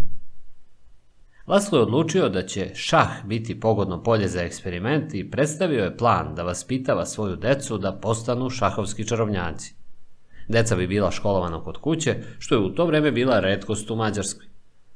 Kuća će biti ispunjena šahovskim knjigama i slikama poznatih šahista. Deca bi stalno igrala jedna protiv drugih i takmičila se u najboljim turnirima koji su postojali. Porodica bi pedantno vodila sistem dosijeja o istoriji turnira svakog takmičara sa kojim su se deca suočila. Njihovi životi bili bi posvećeni šahu. Laslo se uspešno udvarao Klari, a za nekoliko godina Polgarovi su bili roditelji tri mlade devojke, Žužane, Sofije i Judit. Žužana, najstarija, počela je da igra šah kada je imala četiri godine. Za šest meseci je pobeđivala odrasle. Sofija, srednje dete, bila još bolja. Sa 14 godina bila je svetska prvakinja, a nekoliko godina kasnije postala je velemajstor. Judit, najmlađa, bila je najbolja od svih. Sa pet godina mogla je da pobedi svog oca. Sa 12 godina je bila najmlađi igrač ikada uvršten među prvih 100 šahista na svetu. Sa 15 godina i 4 meseca postala je najmlađi velemajstor svih vremena, mlađi od prethodnog rekordera Bobija Fischera. 27 godina bila je svetska prvakinja u šahu u ženskoj konkurenciji. Detinstvo se stara Polgar bilo je atipično u najmanju ruku. Pa ipak, ako ih pitate o tome, one tvrde da je njihov stil života bio atraktivan, čak i prijatan. U intervjuima sestre govore o svom detinstvu kao o zabavnom, a ne napornom. Volele su da igraju šah, nisu mogle da ga se zasite. Jednom, Laslo je navodno našao Sofiju kako igra šah u kupatilu u sred noći. Ohrabrivši je da se vrati na spavanje, rekao je, Sofija, ostavi figure na miru. Na to je odgovorila, tata, one mene neće da ostave na miru. Sestre Polgar odrasle su u kulturi koja je stavljala šah iznad svega. Hvalila ih je zbog toga, nagrađivala ih je za to. U njihovom svetu obsesija šahom je bila normalna. I kao što ćemo vidjeti, one navike koje su u vašoj kulturi normalne spadaju u najatraktivnije ponašanje. Zavodljiva sila društvenih normi. Ljudi žive u grupama. Želimo da se uklopimo, da se vežemo za druge i da zaslužimo poštovanje i odobravanje svojih vršnjaka. Takve sklonosti su neophodne za naš opstanak. Veći deo naše evolutivne istorije naši preci su živjeli u plemenima. Biti odvojen od plemena ili još gore biti izbačen bila je smrtna kazna. Usamljeni vuk umire, ali čopor preživi. Umeđu vremenu, oni koji su sarađivali i povezivali se s drugima, uživali su povećanu sigurnost, mogućnost za parenje i pristup resursima. Kao što je Charles Darwin primetio, u dugoj istoriji čovečanstva, oni koji su naučili da sarađuju i najefikasnije improvizuju, pobedili su. Ova drevna prednost ima snažan uticaj na naše moderno ponašanje. Mi ne biramo naše najranije navike, mi ih imitiramo. Pratimo scenariju koju su nam predali naši prijatelji i porodica, naša crkva ili škola, naša lokalna zajednica i društvo u celini. Svaka od ovih kultura i grupa dolazi sa svojim sobstvenim skupom očekivanja i standarda. Kada i da li se venčavamo, koliko dece da imamo, koje praznike da slavimo, koliko novca da potrošimo na rođendansku zabavu deteta. Na mnoge načine, ove društvene norme su nevidljiva pravila koja svakodnevno upravljaju našim ponašanjem. Uvijek ih imate na umu, čak i ako ne možete da ih nabrojite. Često pratite navike svoje kulture bez razmišljanja, bez ispitivanja, a ponekada i bez ponovnog navođenja. Kao što je francuski filozof Michel de Montaigne napisao, običaj i praksa života nose nas kao struje. Većinu vremena druženje sa grupom se ne osjeća kao teret. Svi žele da negde pripadaju. Ako odrastete u porodici koja vas nagrađuje za vaše šahovske veštine, igranje šaha će izgledati kao veoma privlačna stvar. Ako radite na poslu gde svi nose skupa odela, onda ćete i vi biti skloni tome da nabavite jedno. Ako svi vaši prijatelji dele internu šalu ili koriste novu frazu, i vi ćete to želeti da učinite, tako da znaju da ste shvatili. Ponašanja su atraktivna kada nam pomognu da se uklopimo. Mi oponašamo navike, naročito ove tri grupe. Bliskih ljudi, većine i moćnih. Svaka grupa nudi priliku da se iskoristi drugi zakon o promjeni ponašanja i da naše navike postanu privlačnije. Pod 1. Imitiranje bliskih ljudi. Blizina ima snažan utjecaj na naše ponašanje. Ovo je tačno za fizičko okruženje, kao što smo opisali u šestom poglavlju, ali isto važi i za društveno okruženje. Preuzeli smo navike ljudi oko nas. Mi kopiramo način na koji se naši roditelji svađaju, način na koji naši vršnjaci flertuju jedni s drugima, način na koji naši saradnici dobijaju rezultate. Kada vaši prijatelji popuše joint, uzmete i vi. Kada vaša žena ima naviku da proverava da li su vrata zaključana pre nego što ode u krevet, počinjete i vi. Smatram da često oponašam ponašanje onih koji me okružuju, a da to ne shvatam. U razgovoru automatski preuzimam položaj tela druge osobe. Na koleđu sam počeo da govorim kao moji cimeri. Kada putujem u druge zemlje, nesvesno imitiram lokalni akcenat, uprkos tome što se podsjećam da prestanem. Kao opšte pravilo, što smo bliže nekome, to je verovatnije da ćemo imitirati neke od njegovih navika. Jedna revolucionarna studija pratila je 12.000 ljudi 32 godine i ustanovila da se šanse osobe da postane gojazna povećavaju za 57% ako on ili ona imaju prijatelja koji je postao gojazan. Druga studija je utvrdila da ako jedna osoba u vezi izgubi na težini, drugi partner također mršavi oko jedne trećine. Naši prijatelji i porodica pružaju neku vrstu nevidljivog pritiska vršnjaka koji nas vuče u njihovom pravcu. Naravno, pritisak vršnjaka je loš samo ako ste okruženi lošim uticajima. Kada je astronaut Mike Massimino bio student na MIT-u, išao je na čas robotike. Od deset ljudi u razredu, četvorica su postali astronauti. Ako je vaš cilj bio da putujete u svemir, onda je ta učionica bila najbolje mesto koje ste mogli da poželite. Slično tome, jedna studija je otkrila da što je IQ vašeg najboljeg prijatelja viši u 11. ili 12. godini, to je vaš IQ viši u 15. godini, čak i nakon kontrolisanja prirodnog nivoa inteligencije. Upijamo kvalitete i prakse onih oko nas. Jedna od najefikasnijih stvari koju možete da uradite da biste izgradili bolje navike jeste da se pridružite kulturi u kojoj je vaše željeno ponašanje normalno ponašanje. Nove navike izgledaju dostižne kada vidite da ih drugi upražnjavaju svaki dan. Ako ste okruženi fit ljudima, veća je verovatnoća da ćete smatrati da je uobičajeno vežbati. Ako ste okruženi ljubiteljima džeza, verovatno ćete smatrati da je razumno svirati džez svaki dan. Vaša kultura postavlja vaše očekivanja za ono što je normalno. Okružite se ljudima koji imaju navike koje vi želite da imate. Razvijat ćete se zajedno.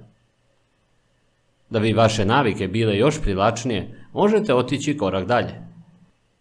Pridružite se kulturi u kojoj je pod jedan vaše željeno ponašanje normalno ponašanje i pod dva već imate nešto zajedničko sa grupom.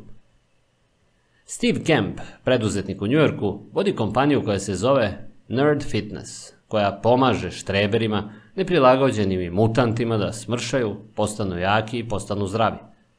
Njegovi klijenti obuhvataju ljubitelje videoigara, filmske fanatike i prosečne anonimuse koji žele da steknu bolju formu. Mnogi ljudi se osjećaju neprijatno kada prvi put odu u teretanu ili pokušaju da promene svoju ishranu.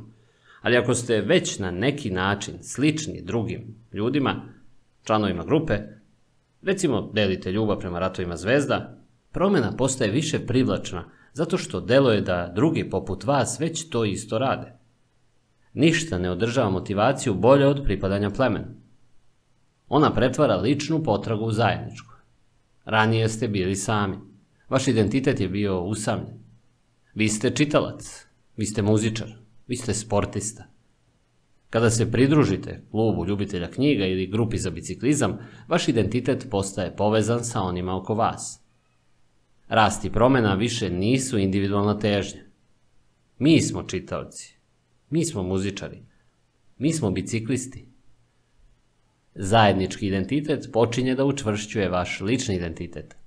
Zbog toga je preostali deo grupe nakon postizanja cilja ključan za održavanje vaših navika.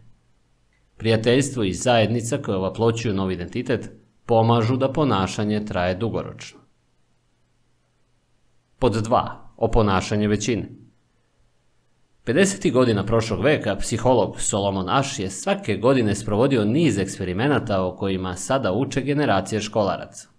Za početak svakog eksperimenta, subjekt bi ušao u sobu sa grupom stranaca.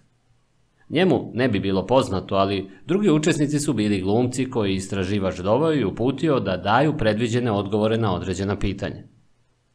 Grupi je prikazana jedna karta sa linijom na njoj, a zatim i druga karta sa nizom linija. Svaka osoba je bila zamoljena da izabere liniju na drugoj kartici koja je po dužini slična liniji na prvoj kartici. To je bio veoma jednostavan zadatak. Eksperiment je uvijek počinjao isto.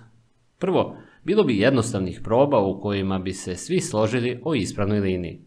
Nakon nekoliko rundi, učesnicima je pokazan test koji je bio očigledan kao i prethodni, osim što su glumci u sobi namjerno odabrali netočan odgovor. Na primjer, oni bi govorili da je tačno A pri poređenju sa prvom slikom. Svi bi se složili da su linije iste, iako su jasno bile različite. Subjekti koji nisu bili svesni podvale, odmah bi se zbunili. Širom bi otvorili oči. Nervozno bi se smejali sebi u bradu. Proveravali bi reakcije drugih učesnika. Uznemirenost bi se povećavala kako bi jedna osoba nakon druge davala isti pogrešan odgovor. Uskoro bi subjekti sumnjali u sobstveni sud. Na kraju, oni bi se složili sa većinom, iako su u srcu znali da daju netačan odgovor. Aš je sprovodio ovaj eksperiment mnogo puta i na mnogo različitih načina. Otkrio je da se, kako se broj glumaca povećavao, povećavala i usklađenost subjekata. Ako je reč samo o jednom subjektu i jednom glumcu, onda ne bi bilo uticaja na odgovor osobe. Jednostavno su pretpostavili da su u sobi sa glupakom. Kada su dva glumca bilo u prostoriji sa subjektom, i dalje nije bilo mnogo utice. Međutim, kako se broj ljudi povećavao na tri glumca i četiri, a sve do osam, postalo je verovatnije da će se subjekt dvoumiti. Do kraja eksperimenta, gotovo 75% ispitanika se složilo sa odgovorom grupe, iako je to bilo očigledno netačno. Kada god smo nesigurni kako da postupamo, tražimo od grupe da usmeri naše ponašanje. Mi stalno skeniramo svoju okolinu i pitamo se šta svi rade. Proveravamo recenzije na Amazonu ili TripAdvisoru jer želimo da imitiramo najbolje kupovine, prehrambene navike i putovanja. To je obično pametna strategija. Postoje dokazi u brojkama. Ali postoji i negativna strana. Normalno ponašanje plemena često nadjačava željeno ponašanje pojedinca. Na primjer, jedna studija utvrdila da kada šimpanza nauči efikasan način da razbije orahe kao član jedne grupe, a zatim pređe u novu grupu koja koristi manje efikasnu strategiju, izbeći će korišćenje superiorne metode samo zato da bi se uklopila sa ostalim šimpanzama. Ljudi su slični. Postoji ogroman unutrašnji pritisak da se poštuju norme grupe. Nagrada za prihvatanje je često veća od nagrade za pobedu u svađi, u tome da ste pametni ili otkrivate istinu. Najčešće ćemo radije grešiti sa masom nego biti u pravu sami. Ljudski um zna kako da se slaže sa drugim.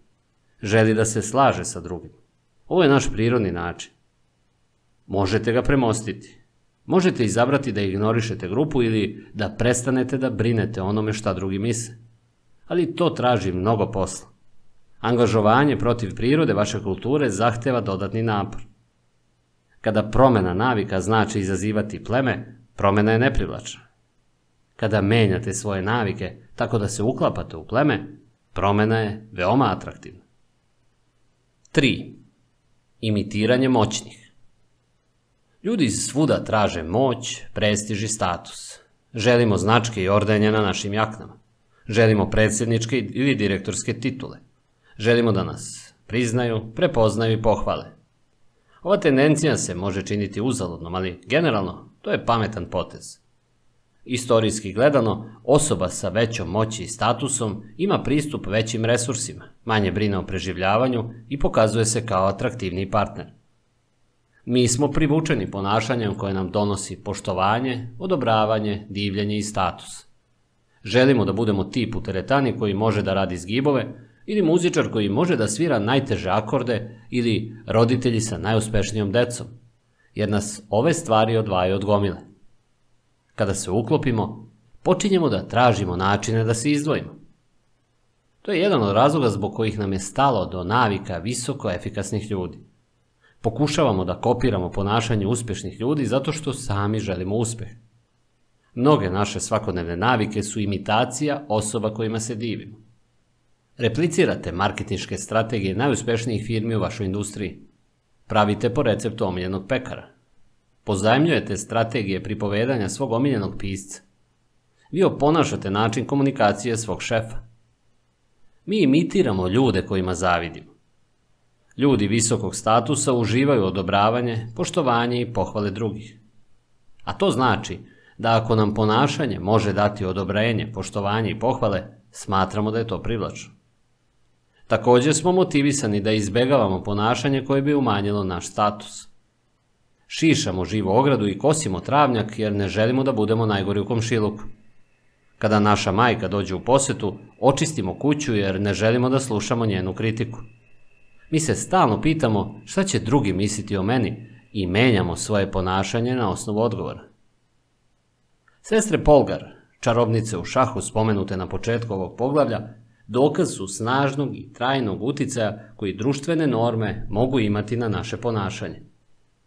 Sestre su praktikovale šah svakog dana i nastavile su ovaj značajan napor decenijama. Ali ove navike i ponašanja su zadržali svoju atraktivnost, delom zato što su bili cenjeni od strane njihovog okruženja. Od pohvala njihovih roditelja do postizanja različitih statusnih titula, kao što je postati velemajstor, imali su mnogo razloga da istraju u svojim naporima. Rezime poglavlja Kultura u kojoj živimo određuje koja su ponašanja privlačna za nas. Skloni smo usvajanju navika koje naša kultura hvali i odobrava, jer imamo snažnu želju da se uklopimo i pripadamo plemenu. Nastojimo da oponašamo navike tri društvene grupe. Bliske, porodice i prijatelji, većine, pleme i moćne, one sa statusom i prestižom.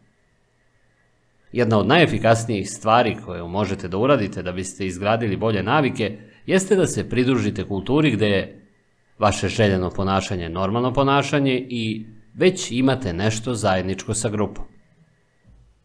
Normalno ponašanje plemena često nadjačava željeno ponašanje pojedinca. Najčešće ćemo radije grešiti sa masom nego biti u pravu sami.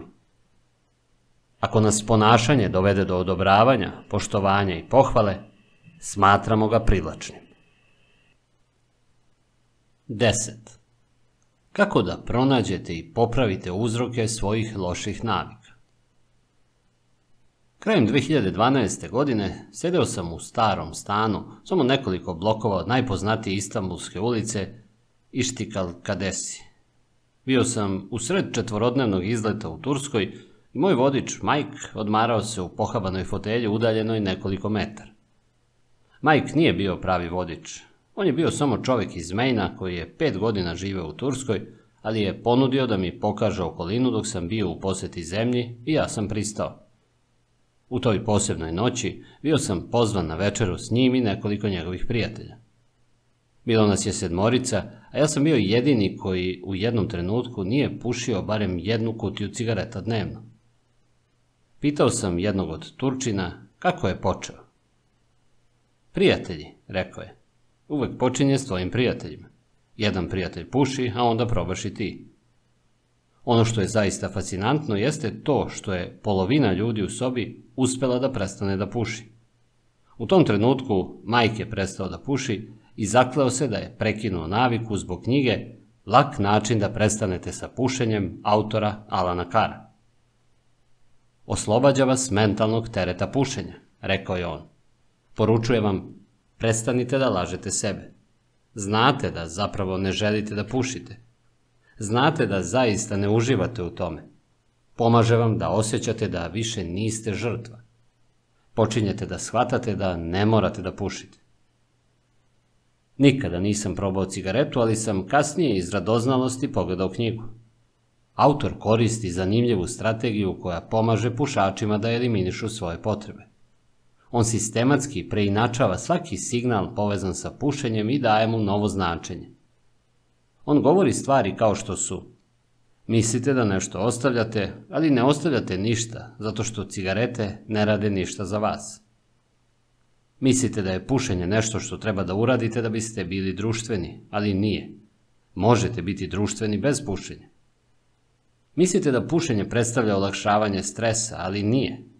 Pušenje ne ublažava vaše živce, uništava ih.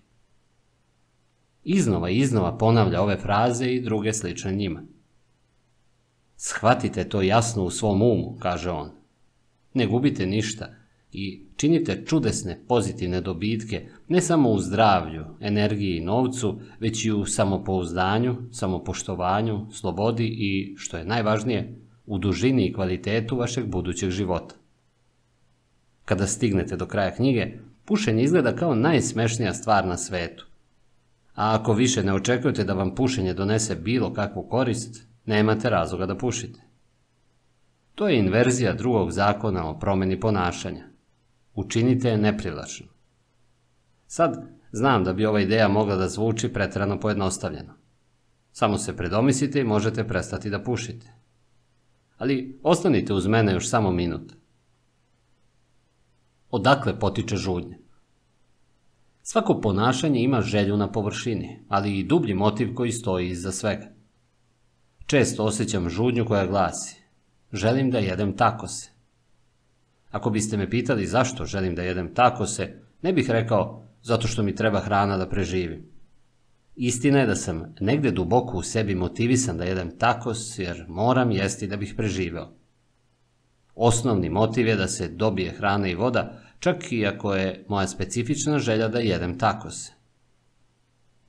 Neki od naših najdubljih motiva su štednja energije, nabavljanje hrane i pića, zaljubljivanje i reprodukcija, povezivanje sa drugima, osvajanje društvenog prihvatanja i odobravanja, smanjenje nesigurnosti, sticanje statusa i prestiža. Žudnja je samo specifična manifestacija dubljeg motiva. Vaš mozak nije evoluirao sa željom da puši cigarete ili da proveri Instagram ili da igra videoigre. Na dubokom nivou jednostavno želite da smanjite neizvesnost i oslobodite se anksioznosti, da dobijete društveno prihvatanje i odobrenje ili da steknete status. Pogledajte skoro svaki proizvod koji stvara naviku i vidjet ćete da on ne stvara novu motivaciju, već aktivira naše duboke motive u pozadini svakog ponašanja.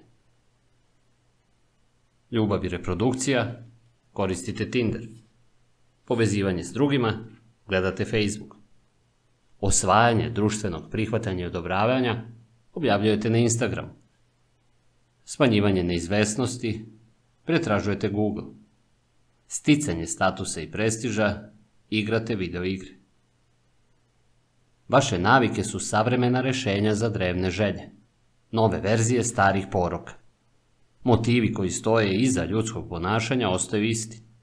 Specifične navike koje izvodimo razlikuju se u zavisnosti od istorijskog perioda. Evo jednog jako važnog dela. Postoji mnogo različitih načina za rešavanje istog osnovnog motiva. Jedna osoba može naučiti da smanji stres pušenjem cigarete. Druga osoba uči da ublaži svoju anksioznost tako što će otići na trčanje. Vaše trenutne navike nisu nužno najbolji način za rešavanje problema s kojima se suočavate. To su samo metode koje ste naučili da koristite. Jednom kada povežete rešenje sa problemom koji treba da rešite, stalno se vraćate na njega. Kod navika se sve svodi na asocijacije. One određuju da li predviđamo naviku da se ponavlja ili ne. Kao što smo opisali u delu o prvom zakonu, vaš mozak neprestano apsorbuje informacije i uočava signale u okruženju. Svaki put kada opazite neki, vaš mozak izvodi simulaciju i pravi predviđanja o tome šta da uradi u narednom trenutku. Signal? Primetili ste da je peć vruća. Predviđanje. Ako je dodirnem, opeći ću se, pa ne treba da je dodirujem. Signal? Vidite da je svetlo na semaforu zeleno. Predviđanje. Ako dodam gas, sigurno ću proći kroz raskrsnicu i približiti se svom odredištu, tako da bi trebalo da zgazim papučicu. Vidite signal, kategorišete ga na osnovu prošlog iskustva i odredite odgovarajući odgovor. To se sve događa u trenutku, ali igra ključnu ulogu u vašim navikama, jer svakoj akciji prethodi predviđanje. Život je reaktivan, ali je zapravo predviđanje. Ceo dan radite najbolje što možete da preduzmete, uzimajući u obzir ono što ste upravo videli i šta vam je u prošlosti pomoglo. Vi beskrajno predviđate šta će se desiti u narednom trenutku. Naše ponašanje u velikoj meri zavisi od ovih predviđanja. Na drugi način, naše ponašanje u velikoj meri zavisi od toga kako tumačimo događaje koji nam se dešavaju, a ne nužno i objektivnu stvarnost samih događaja. Dve osobe mogu da gledaju istu cigaretu, a jedna osjeća potrebu da puši, dok drugo odbija miris. Isti signal može da izazove dobru naviku ili lošu naviku u zavisnosti od vašeg predviđanja. Uzrok vaših navika je zapravo predviđanje koje im prethodi. Ova predviđanja dovode do osjećaja, a to je način na koji obično opisujemo žudnju, osjećaj, želju, nagon. Osjećanje i emocije transformišu signale koje vidimo i predviđanja koje imamo u signal koji pokreće akciju. Oni pomažu da se objasni ono što trenutno osjećamo. Na primjer, bez obzira na to da li razmišljate o tome ili ne, primetit ćete kako se trenutno osjećate, da li vam je toplo ili hladno. Ako temperatura padne za jedan stepen, verovatno nećete ništa uraditi. Međutim, ako temperatura padne za 10 stepeni, osjećat ćete hladnoću i obući još jedan sloj odeće. Osjećaj hladnoće bio je signal koji vas je naveo kako da se ponašate. Osjećate sve vreme nešto, ali tek kada predvidite da će vam biti bolje u drugačijoj situaciji, preduzimate neku akciju. Žudnja je osjećaj da nešto nedostaje. To je želja da promenite svoje unutrašnje stanje. Kada temperatura padne, postoji jaz između onoga što vaše telo trenutno osjeća i onoga što želi da osjeti. Ovaj jaz između vašeg trenutnog stanja i željenog stanja predstavlja razlog za delovanje. Želja je razlika između onoga gde se sada nalazite i gde želite da budete u budućnosti. Čak i najsitnija akcija je obojena motivacijom da se osjećate drugačije nego u ovom trenutku. Kada se prejedete ili zapalite cigaru ili pregledate društvene mreže, ono što zaista želite nije čips ili cigareta ili hrpa lajkova. Ono što zaista želite jeste da se osjećate drugačije.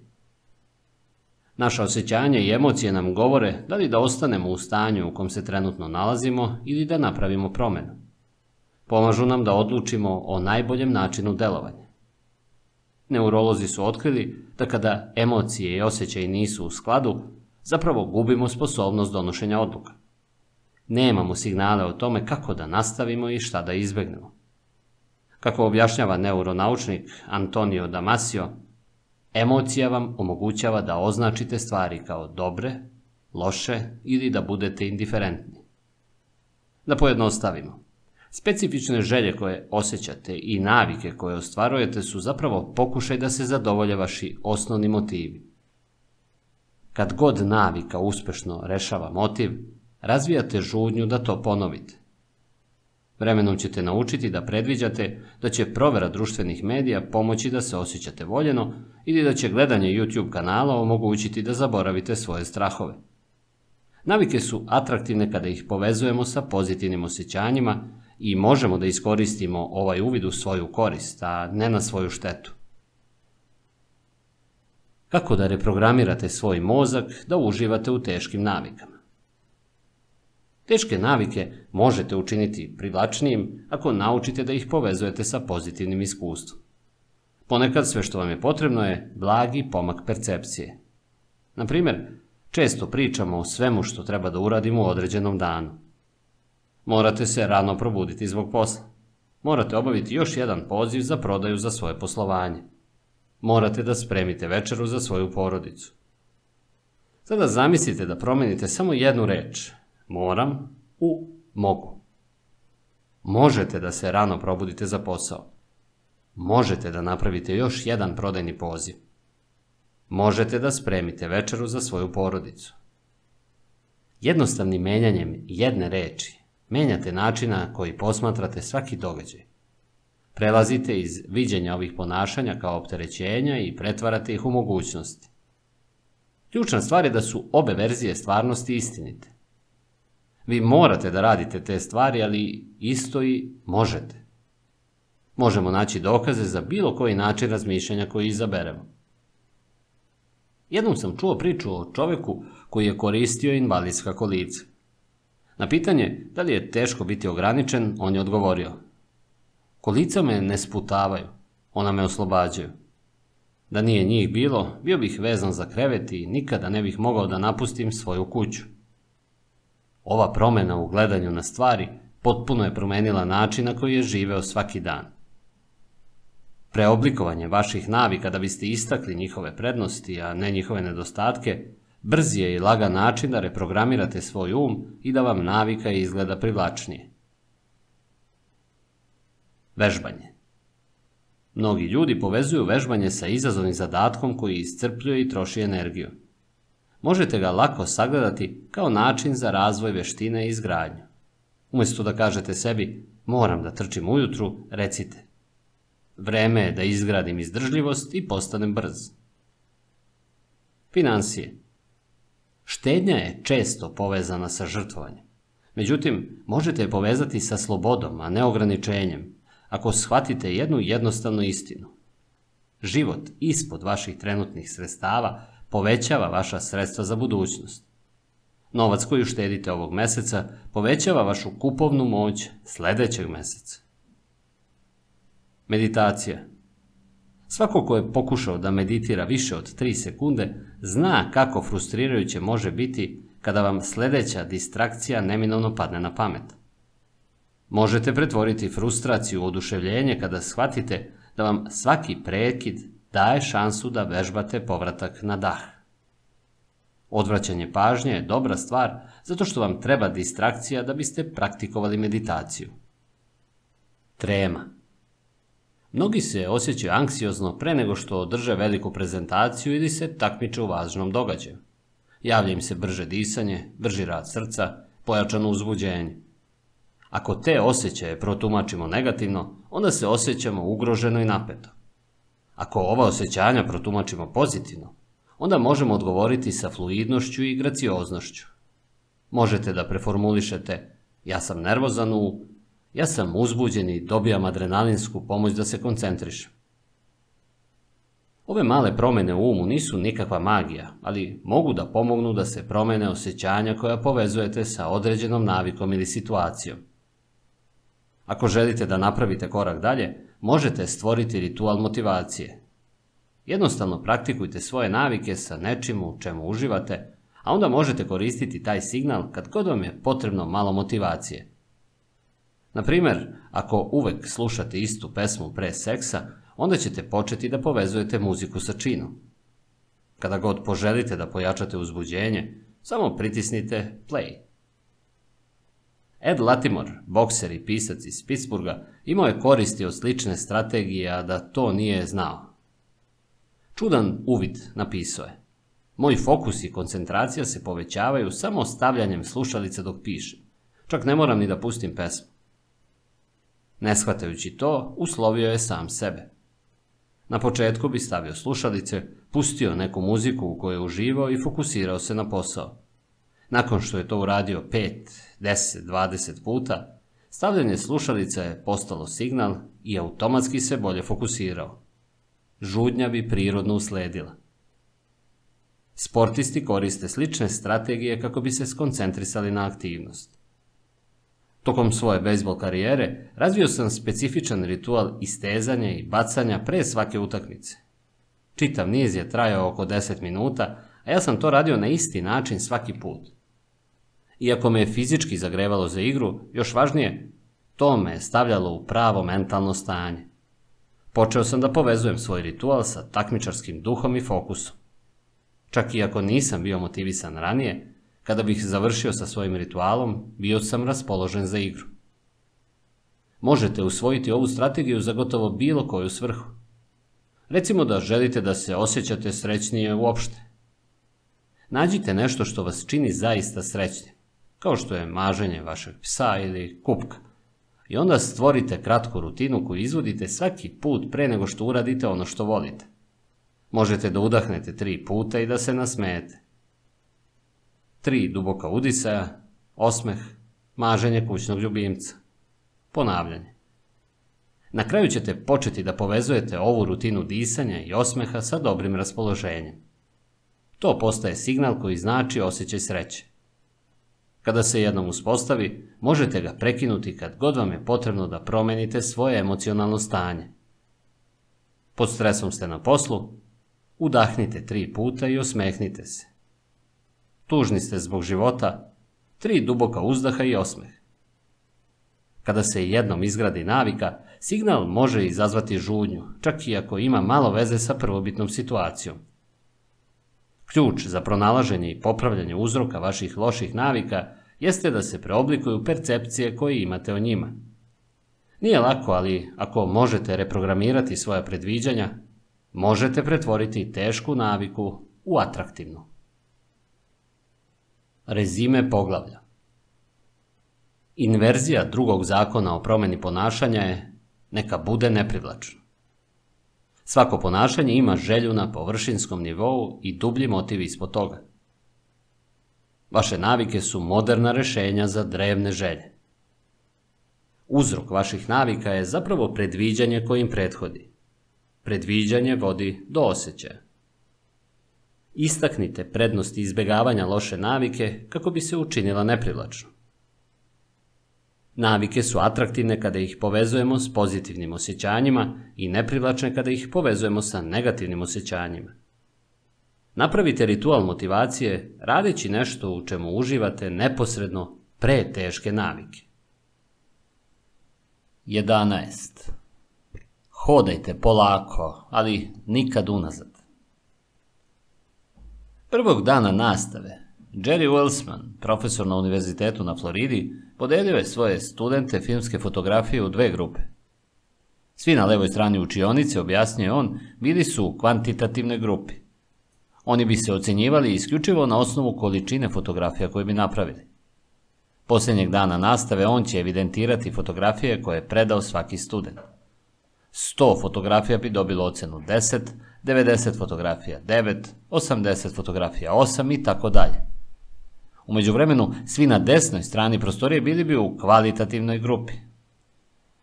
Bili bi ocenjivani samo na osnovu izvrsnosti svog rada. Trebalo je da naprave samo jednu fotografiju tokom semestra, ali da bi dobili desetku, ona je morala biti skoro savršena. Na kraju polugodišta bio je iznenađen kada je otkrio da su sve najbolje fotografije proizvedene u kvantitativnoj grupi. Tokom semestra ovi studenti su bili zauzeti fotografisanjem, eksperimentisanjem sa kompozicijom i osvetljenjem, testiranjem različitih metoda u mračnoj komori i učenjem iz svojih grešaka. U procesu stvaranja stotina fotografija oni su usavršili svoje veštine. Umeđu vremenu, kvalitativna grupa je sedela razmišljajući o savršenstvu. Na kraju, imali su malo toga da pokažu za svoje napore osim neproverenih teorija i jedne osrednje fotografije. Lako je zaglaviti se pokušavajući da nađete optimalni plan za promenu. Najbrži način da izgubite težinu. Najbolji program za izgradnju mišića. Savršenu ideju za posao sa strane. Usredsređeni smo na pronalaženje najboljeg pristupa koji nikada nećemo sprovesti u delo. Kao što je Voltaire jednom napisao, najbolje je neprijatelj dobrog. Ovo nazivam razlikom između kretanja i preduzimanja akcije. Ove dve ideje zvuče slično, ali nisu iste. Kada ste u pokretu, planirate, pravite strategije i učite. To su sve dobre stvari, ali ne daju rezultat. Akcija, s druge strane, jeste tip ponašanja koji će dati ishod. Ako iznesem 20 ideja za članke koje želim da napišem, to znači da se pokrećem. Ako zaista sednem i napišem članak, to je akcija. Ako tražim bolji plan ishrane i pročitam nekoliko knjiga na tu temu, to je pokretanje. Ako zaista jedem zdrav obrok, to je akcija. Ponekad je kretanje korisno, ali ono nikada neće proizvesti ishod. Nije bitno koliko puta ste razgovarali sa ličnim trenerom, na osnovu samo tog pokreta nećete biti u formi. Samo akcija će dati rezultat koji želite postići. Ako pokret ne vodi do rezultata, zašto to činimo? Ponekad to radimo zato što zapravo moramo da planiramo ili učimo više. Ali češće to radimo zato što nam pokret omogućava da se osjećamo kao da napredujemo bez rizika od neuspeha. Većina nas je stručnjak za izbjegavanje kritika. Ne osjećamo se dobro ako nam propadne posao ili nas kritikuju javno, tako da izbjegavamo situaciju u kojima se to može dogoditi. I to je najveći razlog zašto ste se ubacili u pokret, a ne preduzeli akciju. Želite da odložite neuspeh. Lako je biti u pokretu i uveriti se da i dalje napredujete. Mislite, upravo sada imam razgovore sa četiri potencijalna klijenta. Ovo je dobro, krećem se u pravom smeru. Ili imam ideju za knjigu koju želim da napišem. To ide jedno sa drugim. Pokret čini da se osjećate kao da obavljate stvari, ali zapravo se samo spremate da uradite nešto. Kada priprema postane oblik odlaganja, potrebno je nešto da promenite. Ne želite samo da planirate, želite da vežbate. Ako želite da savladate naviku, ključ je da počnete sa ponavljanjem, a ne da čekate savršenstvo. Ne morate da mapirate svaku osobinu nove navike, samo treba da vežbate. Ovo je prvi potez trećeg zakona. Morate da ponavljate određeno ponašanje. Koliko je vremena zapravo potrebno da se kreira nova navika? Formiranje navike je proces kojim se ponašanje progresivno automatizuje ponavljanjem. Što više ponavljate aktivnost, to se struktura vašeg mozga više menja kako bi postala efikasna u toj aktivnosti. Neuronaučnici ovo nazivaju dugotrajnim potenciranjem, što podrazumeva jačanje veze između neurona u mozgu na osnovu nedavnih obrazaca aktivnosti. Sa svakim ponavljanjem poboljšava se signal od ćelije do ćelije i sinapse se zatežu. Prvi put opisan od strane neuropsihologa Donalda Heba 1949. godine, ovaj fenomen je opšte poznat kao Hebov zakon. Neuroni koji se vežu grade mrežu. Ponavljanje navike dovodi do jasnih fizičkih promena u mozgu. Kod muzičara, mali mozak, važan za fizičke pokrete kao što je sviranje na žicama na gitari ili pokretanje gudala na violini, veći je nego kod osoba koje se ne bave muzikom. Matematičari, s druge strane, imaju veću sivu materiju u donjoj parijetalnoj lobuli koja igra ključnu ulogu u proračunu i programiranju. Njegove veličine u direktnoj korelaciji sa količinom vremena provedenog u praksi. Što je stariji i iskusniji matematičar, veća je količina sive memorije. Kada su naučnici analizirali mozak taksista u Londonu, otkrili su da je hipokampus, područje mozga zaduženo za prostornu memoriju, značajno veći nego kod osoba koje nisu taksisti. Još fascinantnije, hipokampus se smanjio kada bi se vozač penzionisao. Kao i mišići tela koji reaguju na redovno dizanje tegova, pojedini regioni mozga se prilagođavaju prema obimu upotrebe i atrofiraju kada se ne koriste. Naravno, važnost ponavljanja u uspostavljanju navika prepoznata je mnogo pre nego što su neuronaučnici počeli oko toga da njuškaju. Engleski filozof George Lewis je 1860. godine primetio Učenje novog jezika, sviranje instrumenta ili kretanje na koje nismo navikli stvara nam teškoće jer kanali kroz koje svaka senzacija mora da prođe još nisu uspostavljeni. Ali čim čestim ponavljanjem napravimo putanje, teškoće nestaju, a akcije postaju toliko automatske da se mogu izvoditi dok je um angažovan potpuno drugim stvarima. I zdrav razum i naučni dokazi se slažu. Ponavljanje je vid promene. Svaki put kada ponavljate radnju, aktivirate određene sinapse povezane sa tom navikom. To znači da jednostavno ponavljanje jeste jedan od najkritičnijih koraka koje možete preduzeti za kodiranje nove navike. Zato su studenti koji su pravili mnogo fotografija poboljšali svoje veštine, dok oni koji su tek teoretisali o savršenim fotografijama nisu. Jedna grupa se angažovala u aktivnoj praksi, a druga u pasivnom učenju. Jedna u akciji, druga u pokretu. Sve navike slede sličnu putanju, od naporne prakse do automatskog ponašanja, procesa poznato kao automatizam. Automatizacija je sposobnost obavljanja ponašanja bez razmišljanja o svakom koraku koji nastaje kada nesvesni um preuzme komandu.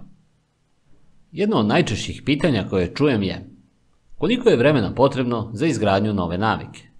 Ali ono što bi ljudi trebalo da pitaju je koliko je mnogo potrebno da bi se stvorila nova navika, odnosno koliko ponavljanja je potrebno da bi navika bila automatska.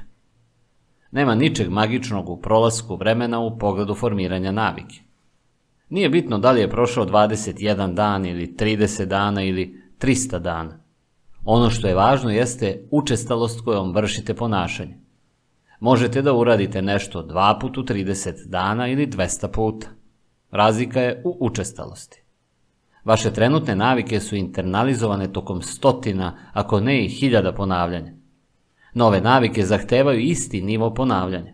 Morate spojiti dovoljno uspešnih pokušaja sve dok se ponašanje čvrsto ne utisne u vaš um i ne pređete krivulju navika. U praksi nije bitno koliko dugo je potrebno da navika postane automatska. Važno je da preduzmete akcije koje su neophodne da biste ostvarili napredak. Da li je akcija potpuno automatska, manje je važno. Da biste izgradili naviku, morate je vežbati a najefikasniji način da se praksa desi jeste pridržavanje trećeg zakona o promeni ponašanja. Neka bude lako. Poglavlja koja slede pokazat će vam kako da uradite upravo to. Rezime poglavlja Treći zakon o promjeni ponašanja glasi neka bude lako. Najefikasnija forma učenja je praksa, a ne planiranje. Fokusirajte se na akciju, a ne na pokretanje. Formiranje navike je proces kojim se ponašanje postepeno sve više automatizuje kroz ponavljanje. Količina vremena koju trošite na obavljanje radnje nije toliko važna koliko je broj puta izvršene radnje. 12. Zakon najmanjeg otpora U svojoj nagrađivanoj knjizi Oružje, bacili i čelik, antropolog i biolog Jared Diamond ističe jednostavnu činjenicu. Različiti kontinenti imaju različite oblike. Na prvi pogled, ova izjava izgleda prilično očigledno i nevažno, ali se ispostavlja da ima dubok utjecaj na ljudsko ponašanje. Glavna osa Amerike proteže se od severa prema jugu. To jest, kopnena masa Severne i Južne Amerike ima tendenciju da bude visoka i mršava, a ne široka i debela. Isto važi i za Afriku. U međuvremenu kopno koje čini Evropu, Aziju i Bliski istok je nasuprot tome. Ovaj masovni deo zemlje se više proteže ka istoku i zapadu. Prema Dajmodu, ova razlika u obliku imala značajnu ulogu u širenju poljoprivrede tokom vekova. Kada je poljoprivreda počela da se širi širom sveta, poljoprivrednici su se lakše širili duž pravca istoka i zapada nego duž pravca sever-jug. To je zato što mesta duž iste geografske širine generalno dele slične klime, količine sunčeve svetlosti i kiše i promene u godišnjim dobima. Ovi faktori omogućili su poljoprivrednicima u Europi i Aziji da odomaće nekoliko useva i uzgaju ih duž celog dela zemljišta od Francuske do Kine. Poređenja radi, klima se uveliko razlikuje kada se putuje sa severa prema jugu. Zamislite samo kako je vreme na Floridi drugačije nego u Kanadi. Možete biti najtalentovaniji farmer na svetu, ali vam to neće pomoći da uzgajate naranđe iz Floride u kanadskoj zimi. Sneg je loša zamena za plodno tlo. Da bi proširili useve duž severno-južnih pravaca, farmeri bi trebalo da pronađu i odomaćuju nove biljke kad god se klima promeni. Kao rezultat toga, poljoprivreda se proširila dva do tri puta brže u Aziji i Europi nego u Americi. Tokom vekova, ova mala razlika imala je veliki utjecaj. Povećana proizvodnja hrane omogućila je brži rast stanovništva. Sa više ljudi, ove kulture su bile u stanju da izgrade jače vojske i bile su bolje opremljene za razvoj novih tehnologija. Promjene su u početku bile male. Usev koji se širio malo dalje, populacija koja je rasla malo brže, ali su vremenom učinile značajne razlike. Širenje poljoprivrede je primjer trećeg zakona o promjeni ponašanja na globalnom nivou. Prema konvencionalnom shvatanju, motivacija je ključ za promjenu navike. Kada biste stvarno nešto željeli, možda biste to i uradili. Ali istina je da je naša stvarna motivacija da budemo lenji i da radimo ono što nam je najlakše. I uprkos tome što će vam najnoviji bestselleri o efikasnosti reći, ovo je pametna strategija, a ne glupa. Energija je dragocena, a mozak je podešen da je sačuva kad god je to moguće. Ljudska priroda je da se pridržava zakona najmanjeg napora koji kaže da će ljudi pri odlučivanju između dve slične opcije prirodno težiti opciji koja zahteva najmanje napora. Na primjer, proširenje vaše farme na istog gdje možete da uzgajate iste useve, a ne na sever gdje je klima drugačija. Od svih mogućih akcija koje bismo mogli da preduzmemo, ona koja se ostvaruje je ona koja donosi najveću vrednost sa najmanje napora. Mi smo motivisani da radimo ono što je lako. Svaka akcija zahteva određenu količinu energije. Što je više energije potrebno, manja je verovatnoća da će se to dogoditi. Ako je vaš cilj da uradite stotinu sklekova dnevno, to je mnogo energije. U početku, kada ste motivisani i uzbuđeni, možete da prikupite snagu da započnete. Ali nakon nekoliko dana, tako masivan napor je iscrpljujući. U međuvremenu, Pridržavanje navike obavljanja jednog sleka dnevno ne zahteva gotovo nikakvu energiju za početak. A što manje energije zahteva navika, veća je verovatnoća da ćete ostati pri njoj. Pogledajte bilo koje ponašanje koje ispunjava veći deo vašeg života i vidjet ćete da se može obaviti sa veoma niskim nivom motivacije. Navike poput scrollovanja na telefonu, provere mailova i gledanje televizije kradu toliko našeg vremena jer se mogu izvoditi gotovo bez napora. Izuzetno su lagodne. U određenom smislu svaka navika je samo prepreka za dobijanje onoga što zaista želite. Dijeta je prepreka da budete vitki. Meditacija je prepreka za smirenost. Vođenje dnevnika je prepreka za jasno razmišljanje. Vi zapravo ne želite samo naviku. Ono što zaista želite jeste rezultat koji navika donosi. Što je veća prepreka, to je teža navika. To je više otpora između vas i željenog krajnjeg stanja. Zato je ključno da vaše navike budu tako jednostavne da ćete ih raditi čak i kada niste raspoloženi za njih. Ako možete da učinite svoje dobre navike praktičnijim, verovatnije je da ćete ih pratiti. Ali šta je sa svim trenucima kada činimo suprotno? Ako smo svi tako lenji, kako onda objašnjavate ljude koji ostvaruju komplikovane stvari, kao što su podizanje deteta ili pokretanje biznisa ili penjanje na Mont Everest? Svakako da ste sposobni da radite veoma izazovne stvari. Problem je u tome što se nekim danima osjećate kao da ste spremni za naporan rad, a nekim danima biste jednostavno odustali. U teškim danima ključno je imati što je moguće više stvari u svoju korist, tako da možete prevazići izazove koje život prirodno baca pred vas. Što se susrećete sa manje otpora, lakše je da se vaše jače sobstvo pojavi. Ideja iza toga da navike učinite lakim nije u tome da se radi samo ono što jeste lako. Ideja je da u trenutku učinite da one budu što je lakše moguće kako biste mogli da ih izvodite dugoročno. Kako da postignete više sa manje napora? Zamislite da držite baštensko crevo koje je savijeno u sredini. Voda može da teče, ali sporo. Ako želite da povećate brzinu kojom voda prolazi kroz crevo, imate dve opcije. Prva opcija je da odvrnete ventil i pustite još jači mlaz vode. Druga opcija je da jednostavno ispravite crevo i pustite da voda teče prirodno. Pokušaj da podstaknete svoju motivaciju da se držite teške navike kao pokušaj da se više vode silom pusti kroz savijeno crevo. To možete da uradite, ali to zahteva mnogo truda i povećava napetost u vašem životu. Umeđu vremenu, vaše navike su jednostavne i lake kao uklanjanje pregiba u crevu. Umjesto da pokušavate da prevaziđete otpor u svom životu, smanjite ga. Jedan od najefikasnijih načina da se smanji otpor povezan sa vašim navikama jeste da se praktikuje promjena okruženja. U šestom poglavlju razmatrali smo dizajn okruženja kao metod za stvaranje očiglednih signala, ali možete i da optimizujete svoje okruženje da biste olakšali radnje. Na primjer, kada odlučujete gde da upražnjavate novu naviku, najbolje je da izaberete mesto koje je već na putu vaše dnevne rutine. Navike se lakše grade kada se uklapaju u tok vašeg života. Verovatnije je da ćete ići u teretanu ako je na putu ka vašem poslu, jer usputno zaustavljanje ne dodaje mnogo napora vašem životnom stilu. Poređenja radi, ako teretana nije na vašoj običajnoj ruti, čak i ako je samo dve, tri ulice dalje, morate da menjate pravac kretanja da biste tamo stigli. Možda je još efikasnije smanjiti otpor u vašem domu ili kancelariji. Prečesto pokušavamo da započnemo navike u okruženjima sa visokim otporom. Trudimo se da pratimo strogu dijetu dok smo na večeri sa prijateljima. Pokušamo da napišemo knjigu u haotičnom domaćinstvu. Trudimo se da se koncentrišemo dok koristimo pametni telefon koji je pun distrakcija. Ne mora biti ovako. Možemo ukloniti tačke otpora koje nas zadržavaju. To je upravo ono što su proizvođači elektronike u Japanu počeli da rade 70. godina.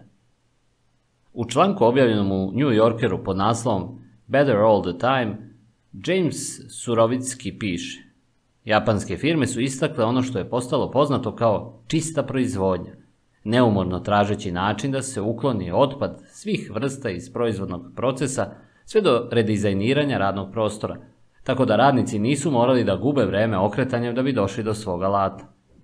Rezultat je bio da su japanske fabrike bile efikasnije, a japanski proizvodi pouzdaniji od američkih.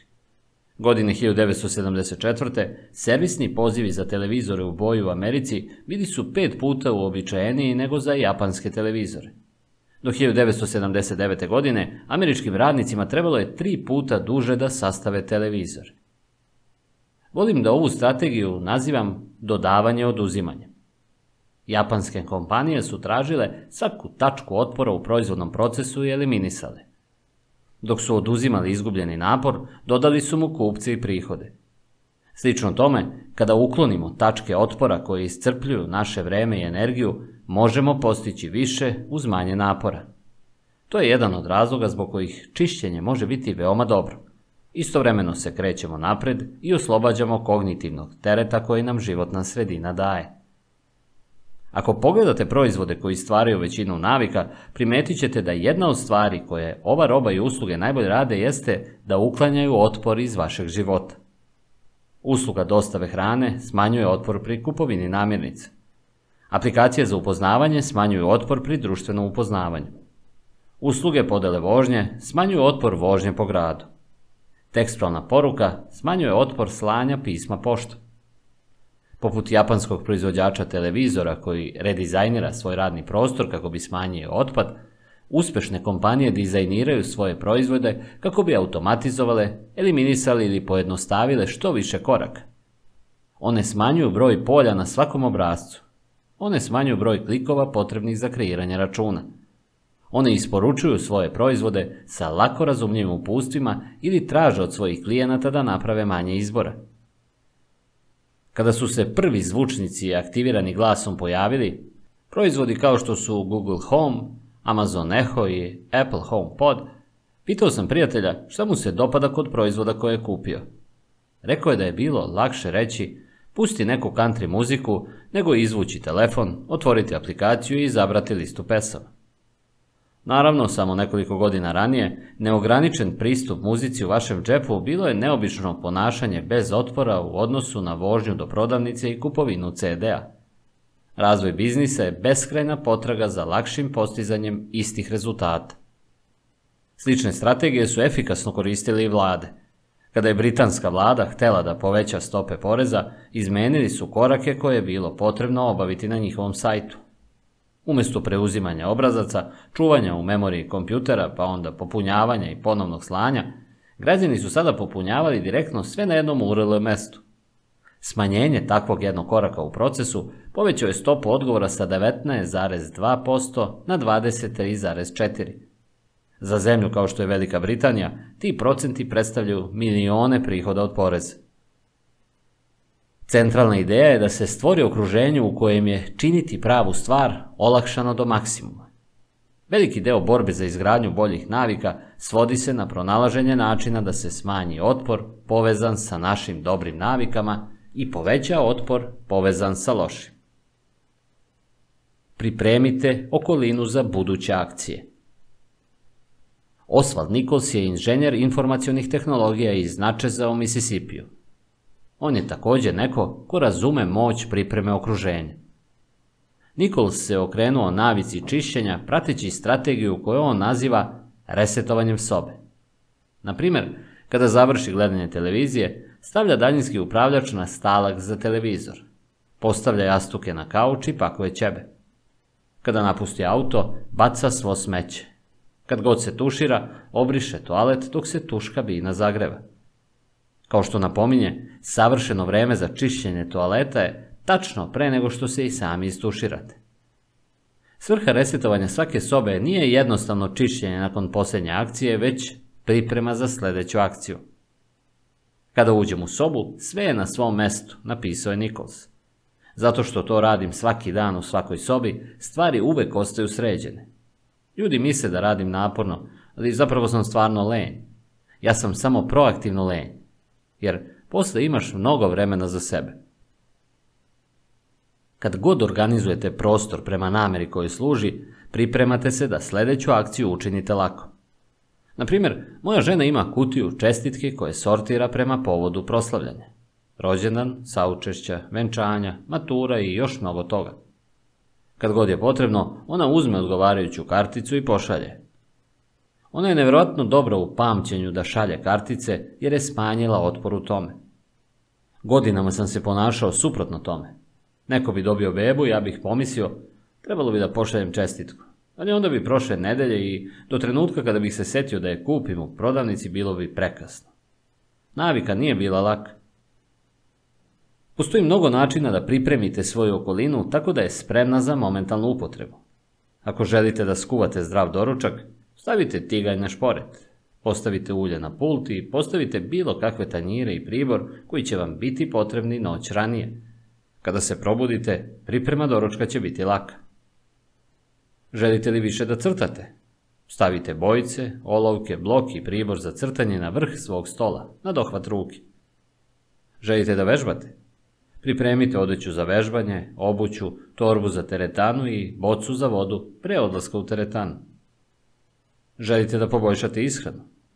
Vikendom isecite tonu voća i povrća i pakujte ih u kutije, tako da tokom sedmice imate lak pristup zdravim namirnicama spremnim za jelo. To su jednostavni načini da se dobra navika stvori sa najmanjim naporom. Možete i da preokrenete ovaj princip i da okruženje učinite teškim za loše ponašanje.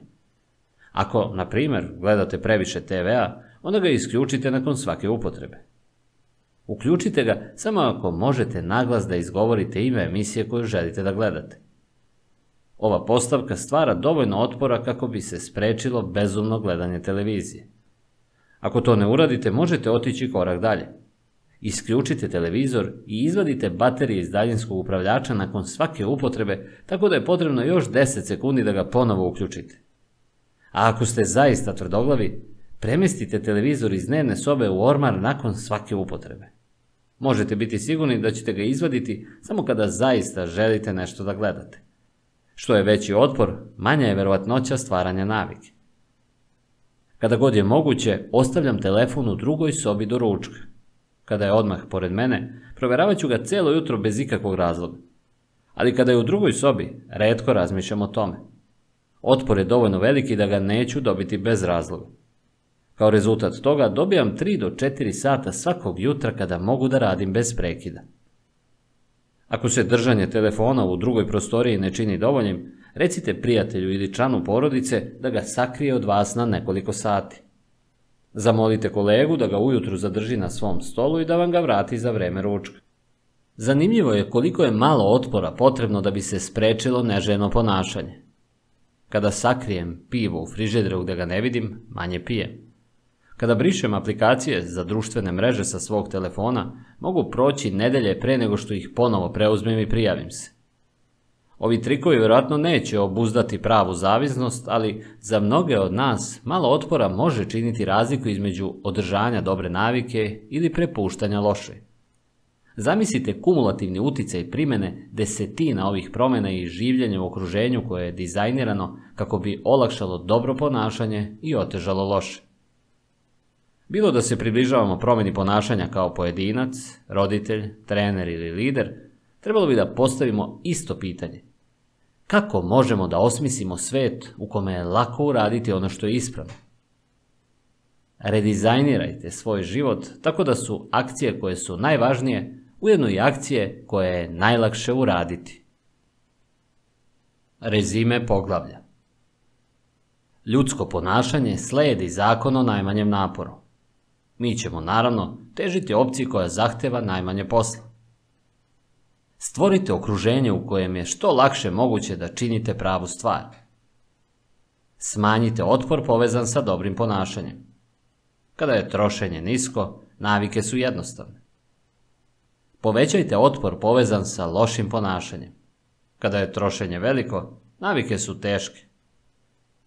Pripremite okruženje kako biste olakšali buduće akcije. 13. Kako da prestanete sa odugovlačenjem prateći pravilo od 2 minuta? Tula Tarp se smatra jednom od najvećih plesačice i koreografkinja moderne ere. Godine 1992. dobila je nagradu MacArthur Fellowship, koja se često smatra i garancijom genijalnosti. Provela je najveći deo svoje karijere obilazeći svet da bi izvodila svoje originalne korake. Ona također dugo je veći deo svog uspeha jednostavnim dnevnim navikama. Svaki dan počinjem ritualom, piše ona. Probudim se u 5.30 ujutru, oblačim odeću za vežbanje, navučem grejače za noge, obučem duks i stavim kapu. Izađem iz kuće na Manhattanu, pozovem taksi i kažem vozaču da me odveze do teretane Pumpkin Iron na uglu 91. ulice i 1. avenije, gde vežbam dva sata. Ritual se ne sastoji u istezanju i dizanju tegova kojima izlažem telo svakog jutra u teretani. Ritual je taksi. Onog trenutka kada kažem vozaču gde da ide, završila sam ritual. To je jednostavan čin, ali činjenica da ga izvodim na isti način svakog jutra pretvara ga u habituaciju, čini ga ponovljivim, lakim za izvođenje. Smanjuje šansu da ga preskočim ili da uradim drugačije. To je još jedna stvar u mom arsenalu rutina i jedna stvar manje za razmišljanje. Pozivanje taksija svakog jutra može biti mala akcija, ali to je sjajan primjer trećeg zakona o promeni ponašanja. Istraživači procenjuju da se 40 do 50% naših akcija u određenom danu radi iz navike. Ovo je već značajan procenat, ali je pravi uticaj vaših navika čak i veći nego što ovi brojevi sugerišu. Navike su automatski izbori koji utiču na svesne odluke koje slede. Da, navika se može završiti za samo nekoliko sekundi, ali može i da oblikuje akcije koje će trajati minutima ili satima nakon toga. Navike su kao naplatna rampa na autoputu. One vas navode na put i pre nego što primetite, ubrzavate prema sledećem ponašanju. Čini se da je lakše nastaviti ono što već radite, nego početi da radite nešto drugo. Sedite i gledate loš film dva sata. Nastavljate da grickate, čak i kada ste već siti. Proveravate telefon samo na sekundu i uskoro ste proveli 20 minuta gledajući u ekran. Na ovaj način, navike koje pratite bez razmišljanja često određuju izbore koje donosite kada razmišljate. Svake večeri postoji mali trenutak, obično oko 17.15, koji oblikuje ostatak moje noći. Moja žena se vraća sa posla i ili se presvučemo u odeću za vežbanje i odemo u teretanu, ili se opustimo na kauču, naručimo indijsku hranu i gledamo seriju u kancelariji. Ako se presvučem, znam da će doći do treninga. Sve što sledi, vožnja u teretanu, odlučivanje koje vežbe da se urade, dizanje tegova, lako je kada sam napravio prvi korak. Svakoga dana postoji nekoliko trenutaka koji imaju najveći uticaj. Ove male izbore nazivam odlučujući momenti. Trenutak kada se odlučite da naručite ili da spremite večeru. Trenutak kada se odlučite da idete automobilom ili vozite biciklom. Trenutak kada odlučite da radite domaći ili da igrate igrice. Ovi izbori su račvanja na putu. Odlučujući momenti postavljaju opcije koje su dostupne vašem budućem ja. Na primjer, ulazak u restoran je odlučujući moment, jer određuje šta ćete jesti za ručak. Tehnički vi kontrolišete ono što naručujete, ali u širem smislu možete naručiti samo ono što je na meniju. Ako uđete u restoran u kome se služi biftek, možete dobiti pečenicu ili rebro, ali ne i suši. Vaše opcije su ograničene onim što je dostupno. One su oblikovane vašim prvim izborom. Ograničeni smo onim kuda nas navike vode. Zato je uladavanje odlučujućim momentima tokom dana toliko važno. Svaki dan je sačinjen od mnogih trenutaka, ali u suštini nekoliko uobičajenih izbora određuje put kojim ćete krenuti.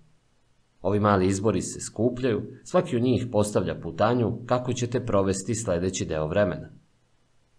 Navike su ulazna tačka, a ne krajnja tačka. One su taksi, a ne teretana. Pravilo od dva minuta.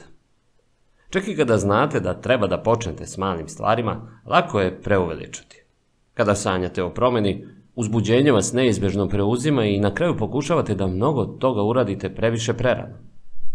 Najdelotvorniji način za koji ja znam da se suprostavim ovoj tendenciji jeste da koristim pravilo od dva minuta, koje kaže Kada započnete novu naviku, trebalo bi da prođe manje od dva minuta da je uradite. Otkrićete da skoro svaka navika može da se svede na dva minuta. Čitanje pre spavanja svake noći postaje pročitajte jednu stranicu. Vežbati jogu 30 minuta postaje izvadite prostirku za jogu. Učiti za čas postaje otvoriti beleške. Spakovati veš postaje spakovati jedan par čarapa. Trči 5 km postaje vezati patike. Ideja je da učinite što lakšim početak vaših navika. Svako može da meditira jedan minut, da pročita jednu stranicu ili odloži jedan komad odeće. I, kao što smo upravo diskutovali, ovo je moćna strategija, jer kada počnete da radite pravu stvar, mnogo je lakše nastaviti s tim. Nova navika ne bi trebalo da bude izazov. Akcije koje slede mogu biti izazovne, ali prva dva minuta bi trebalo da budu lake. Ono što želite je izlazna navika, koja vas prirodno vodi produktivnijim putem. Obično možete prepoznati izlazne navike koje će vas dovesti do željenog ishoda mapiranjem ciljeva na skali od vrlo lako do veoma teško. Na primjer, trčanje maratona je veoma teško. Trčanje od 5 km je teško. Hodanje 10.000 koraka je umereno lako. Hodanje 10 minuta je lako. A obuvanje patika je veoma lako.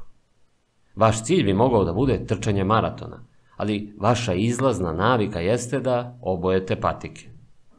Tako se sledi pravilo od dva minuta. Ljudi često misle da je čudno biti uzbuđen zbog čitanja jedne stranice ili meditiranja jedan minut ili jednog poziva za prodaju. Ali poenta nije da se uradi jedna stvar. Poenta je ovladati navikom pojavljivanja. Istina je da se navika mora uspostaviti pre nego što se ona može poboljšati. Ako ne možete da naučite osnovnu veštinu pojavljivanja, onda ima malo nade da ćete ovladati finim detaljima. Umesto da pokušavate da napravite savršenu naviku od samog početka, radite lake stvari, ali budite im dosledni. Morate standardizovati stvari pre nego što ih optimizujete. Dok savladavate umetnost prikazivanja, prva dva minuta jednostavno postaju ritual na početku veće rutine. To nije samo fora da se navike učine lakšim, već zapravo idealni način da se ovlada teškim veštinama. Što više ritualizujete početak procesa, to je verovatnije da ćete moći da uđete u stanje dubokog fokusa koji je potreban da biste uradili velike stvari. Radeći isto zagrevanje pre svakog treninga, olakšavate ulazak u stanje vrhunskih performansi. Prateći isti kreativni ritual, olakšavate da uđete u težak posao stvaranja. Razvijajući doslednu naviku umirivanja, lakše ćete svake noći otići u krevetu razumno vreme. Možda nećete moći da automatizujete ceo proces, ali možete napraviti prvu akciju svesno. Olakšajte početak i ostatak će slediti. Pravilo od dva minuta može izgledati kao trik nekim ljudima. Znate da je pravi cilj da uradite više od samo dva minuta, tako da se možete osjećati kao da pokušavate da se zavaravate. Niko zapravo ne želi da pročita jednu stranicu, ili da napravi jedan sklek, ili otvori svoje beleške. A ako znate da je to mentalni trik, zašto biste pali na njega? Ako se pravilo od dva minuta forsira, pokušajte ovo. Uradite to dva minuta i zatim prestanite. Idite na trčanje, ali morate prestati posle dva minuta. Počnite da meditirate, ali morate da prestanete nakon dva minuta. Učite arapski, ali prestanite nakon dva minuta. To nije strategija za početak, to je sve. Vaša navika može trajati samo 120 sekundi. Jedan od mojih čitalaca iskoristio ovu strategiju da izgubi više od 45 kg. U početku je svakoga dana odlazio u teretanu, ali je sebi rekao da mu nije dozvoljeno da ostane više od 5 minuta. Otišao bi u teretanu, vežbao 5 minuta i otišao čim bi njegovo vreme isteklo. Posle nekoliko nedelja pogledao je oko sebe i pomislio. Pa, i onako dolazimo vam. Mogao bih i da ostane malo duže. Nekoliko godina kasnije, težina je nestala. Vođenje dnevnika predstavlja još jedan primjer. Skoro svako može imati koristi od toga da svoje misli izvuče iz glave i stavi na papir. Ali većina ljudi odustaje nakon nekoliko dana ili ih u potpunosti izbegava zato što pisanje dnevnika osjeća kao zadatak. Tajna je da uvek ostanete ispod tačke u kojoj nešto osjećate kao obavezu. Greg McKeon, konsultant za lidere iz Velike Britanije, razvio je svakodnevnu naviku vođenja dnevnika, posebno pišući manje od onoga što je osjećao. Uvek je prestao da piše pre nego što je izgledalo kao gnjavaža. Ernest Hemingway je verovao u sličan savet za bilo koju vrstu pisanja. Najbolji način je da se zaustaviš uvek kada ti ide dobro, rekao je. Strategije poput ove deluju i iz drugog razloga. One jačaju identitet koji želite da izgradite. Ako se pojavite u teretani pet dana za redom, čak i ako je to samo dva minuta, glasate za svoj novi identitet. Niste zabrinuti da budete fit. Usredsređeni ste da postanete tip osobe koja ne propušta treninge. Preduzimate najmanju akciju koja potvrđuje vrstu osobe koja želite da budete. Redko razmišljamo o promenama na ovaj način jer je svako obuzet krajnjim ciljem. Ali jedan sklek je bolji nego ne vežbati. Jedan minut vežbanja gitare je bolji nego ni jedan. Jedan minut čitanja je bolji nego da nikada ne uzmete knjigu. Bolje je uraditi manje nego što ste se nadali, nego da ne uradite ništa. U nekom trenutku, kada ste utvrdili naviku i sprovodite svakoga dana, možete kombinovati pravilo dva minuta sa tehnikom koju nazivamo oblikovanjem navike, da biste pogurali naviku ka konačnom cilju. Počnite ovladavanjem prvih dva minuta najmanje verzije ponašanja. Zatim pređite na srednji korak i ponovite proces, fokusirajući se samo na prva dva minuta i ovladavajući tom fazom pre nego što pređete na sledeći nivo. Na kraju ćete završiti sa navikom za koju ste se prvobitno nadali da ćete izgraditi, a da pritom zadržite fokus tamo gde treba da bude. Prva dva minuta na ponašanje. Gotovo svaki veći životni cilj može se pretvoriti u dvominutno ponašanje. Želim da živim zdravi dug život. Moram da ostanem u formi. Moram da vežbam. Moram da se presvučem u svoju odeću za vežbanje. Želim da imam srećan brak. Moram da budem dobar partner. Trebalo bi svaki dan da radim nešto što bi život svog partnera učinilo lakšim. Trebalo bi da planiram obrok za sledeću nedelju. Kad god se borite da se držite navike, možete da primenite pravilo 2 minuta. To je jednostavan način da olakšate svoje navike. Rezime poglavlja Navike se mogu završiti za nekoliko sekundi, ali nastavljaju da utiču na vaše ponašanje minutima ili satima nakon toga.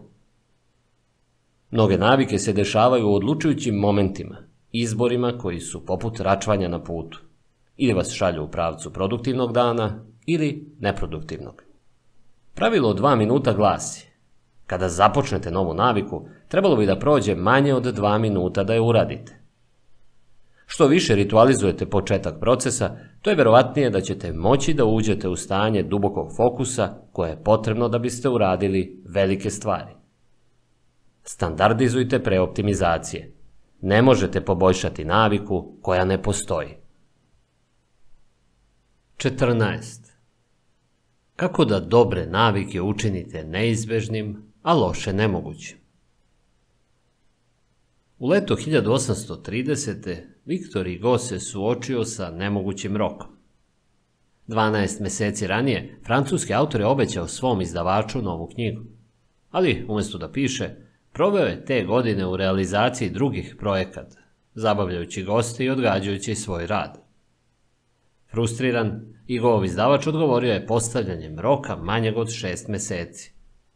Knjiga je morala da bude gotova do februara 1831. godine. Igo je izmislio čudan plan da pobedi svoje odugovlačenje. On je sakupio svu svoju odeću i zamolio asistenta da je zaključao u velikom kovčegu. Ostao je bez ičega što bi nosio osim velikog šala. U nedostatku odgovarajuće odeće za izlazak, ostao je u svojoj radnoj sobi i pisao je neprestano tokom jeseni i zime 1830. godine. Zvonar Bogorodičine crkve objavljen je dve nedelje ranije, 14. januara 1831. godine. Ponekad je uspeh manje u tome da se dobre navike učine lakšim, a više u tome da se loše navike učine težim. Ovo je inverzija trećeg zakona promene ponašanja, neka bude teško. Ako se neprekidno trudite da pratite svoje planove, onda možete uzeti recept od Viktora Igoa i otežati svoje loše navike stvaranjem onoga što psiholozi nazivaju alatom za posvećivanje. Alat za posvećivanje je izvor koji pravite u sadašnjosti i koji će upravljati vašim aktivnostima u budućnosti. To je način da sprečite buduće ponašanje, vežete se za dobre navike i uzdržite se od loših. Kada je Viktor Hugo zatvorio svoju odeću kako bi mogao da se fokusira na pisanje, stvorio je alat za posvećivanje. Postoji mnogo načina za kreiranje alata za posvećivanje. Možete smanjiti prejedanje kupovinom hrane u pojedinačnim pakovanjima, a ne u XL pakovanjima. Dobrovoljno možete tražiti da budete dodati na listu zabranjenih u kazinima i online poker lokacijama kako biste sprečili buduće kockanje. Čuo sam čak i za sportiste koji moraju da zategnu kajš pred takmičenje tako što ostave novčanik kod kuće tokom nedelje pre takmičenja da ne bi bili u iskušenju da kupe brzu hranu. Kao još jedan primjer, moj prijatelj i kolega, stručnjak za navike, nije real, kupio je tajmer, adapter koji je priključio između svog internet rutera i utičnice. U 10 uveče svake noći izlazni tajmer isključuje napajanje rutera. Kada se internet isključi, svi znaju da je vreme za spavanje. Alati za posvećivanje su korisni jer vam omogućavaju da iskoristite dobre namere pre nego što postanete žrtva iskušenja. Kada god želim da smanjim kalorije, na primjer, pitam konobara da podeli moj obrok i spakuje polovinu pre nego što mi ga posluži. Da sam čekao dok se obrok ne pojavi i rekao sebi da ću pojesti samo polovinu, to nikada ne bi uspelo. Ključ je u tome da se promeni zadatak tako da zahteva više posla da bi se izašlo iz dobre navike nego da se počne s njom. Ako se osjećate motivisano da dovedete liniju u formu, zakažite časove joge i platite unapred. Ako ste uzbuđeni zbog posla koji želite da pokrenete, pošaljite mail preduzetniku kog poštujete i zakažite poziv za konsultacije. Kada dođe vreme da delujete, jedini način da se izvučete jeste da otkažete sastanak koji zahteva napor i može vas koštati novca. Alati za posvećivanje povećavaju šanse da ćete uraditi pravu stvar u budućnosti tako što ćete u sadašnjosti otežati loše navike. Međutim, možemo i bolje od toga. Dobre navike možemo učiniti neminovnim, a loše navike nemogućim. Kako da navika postane automatska i da više nikada i ne pomislite na nju? John Henry Peterson rođen je u Daytonu u Ohio 1844. godine. Detinstvo je provodio na porodičnom imanju i radnim smenama u očevoj pilani. Pošto je pohađao Dartmouthski koleđ, Peterson se vratio u Ohio i otvorio malu prodavnicu za rudare. Izgledalo je kao dobra prilika.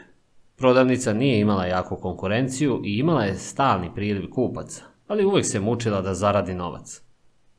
Tada je Peterson otkrio da njegovi zaposleni kradu od njega.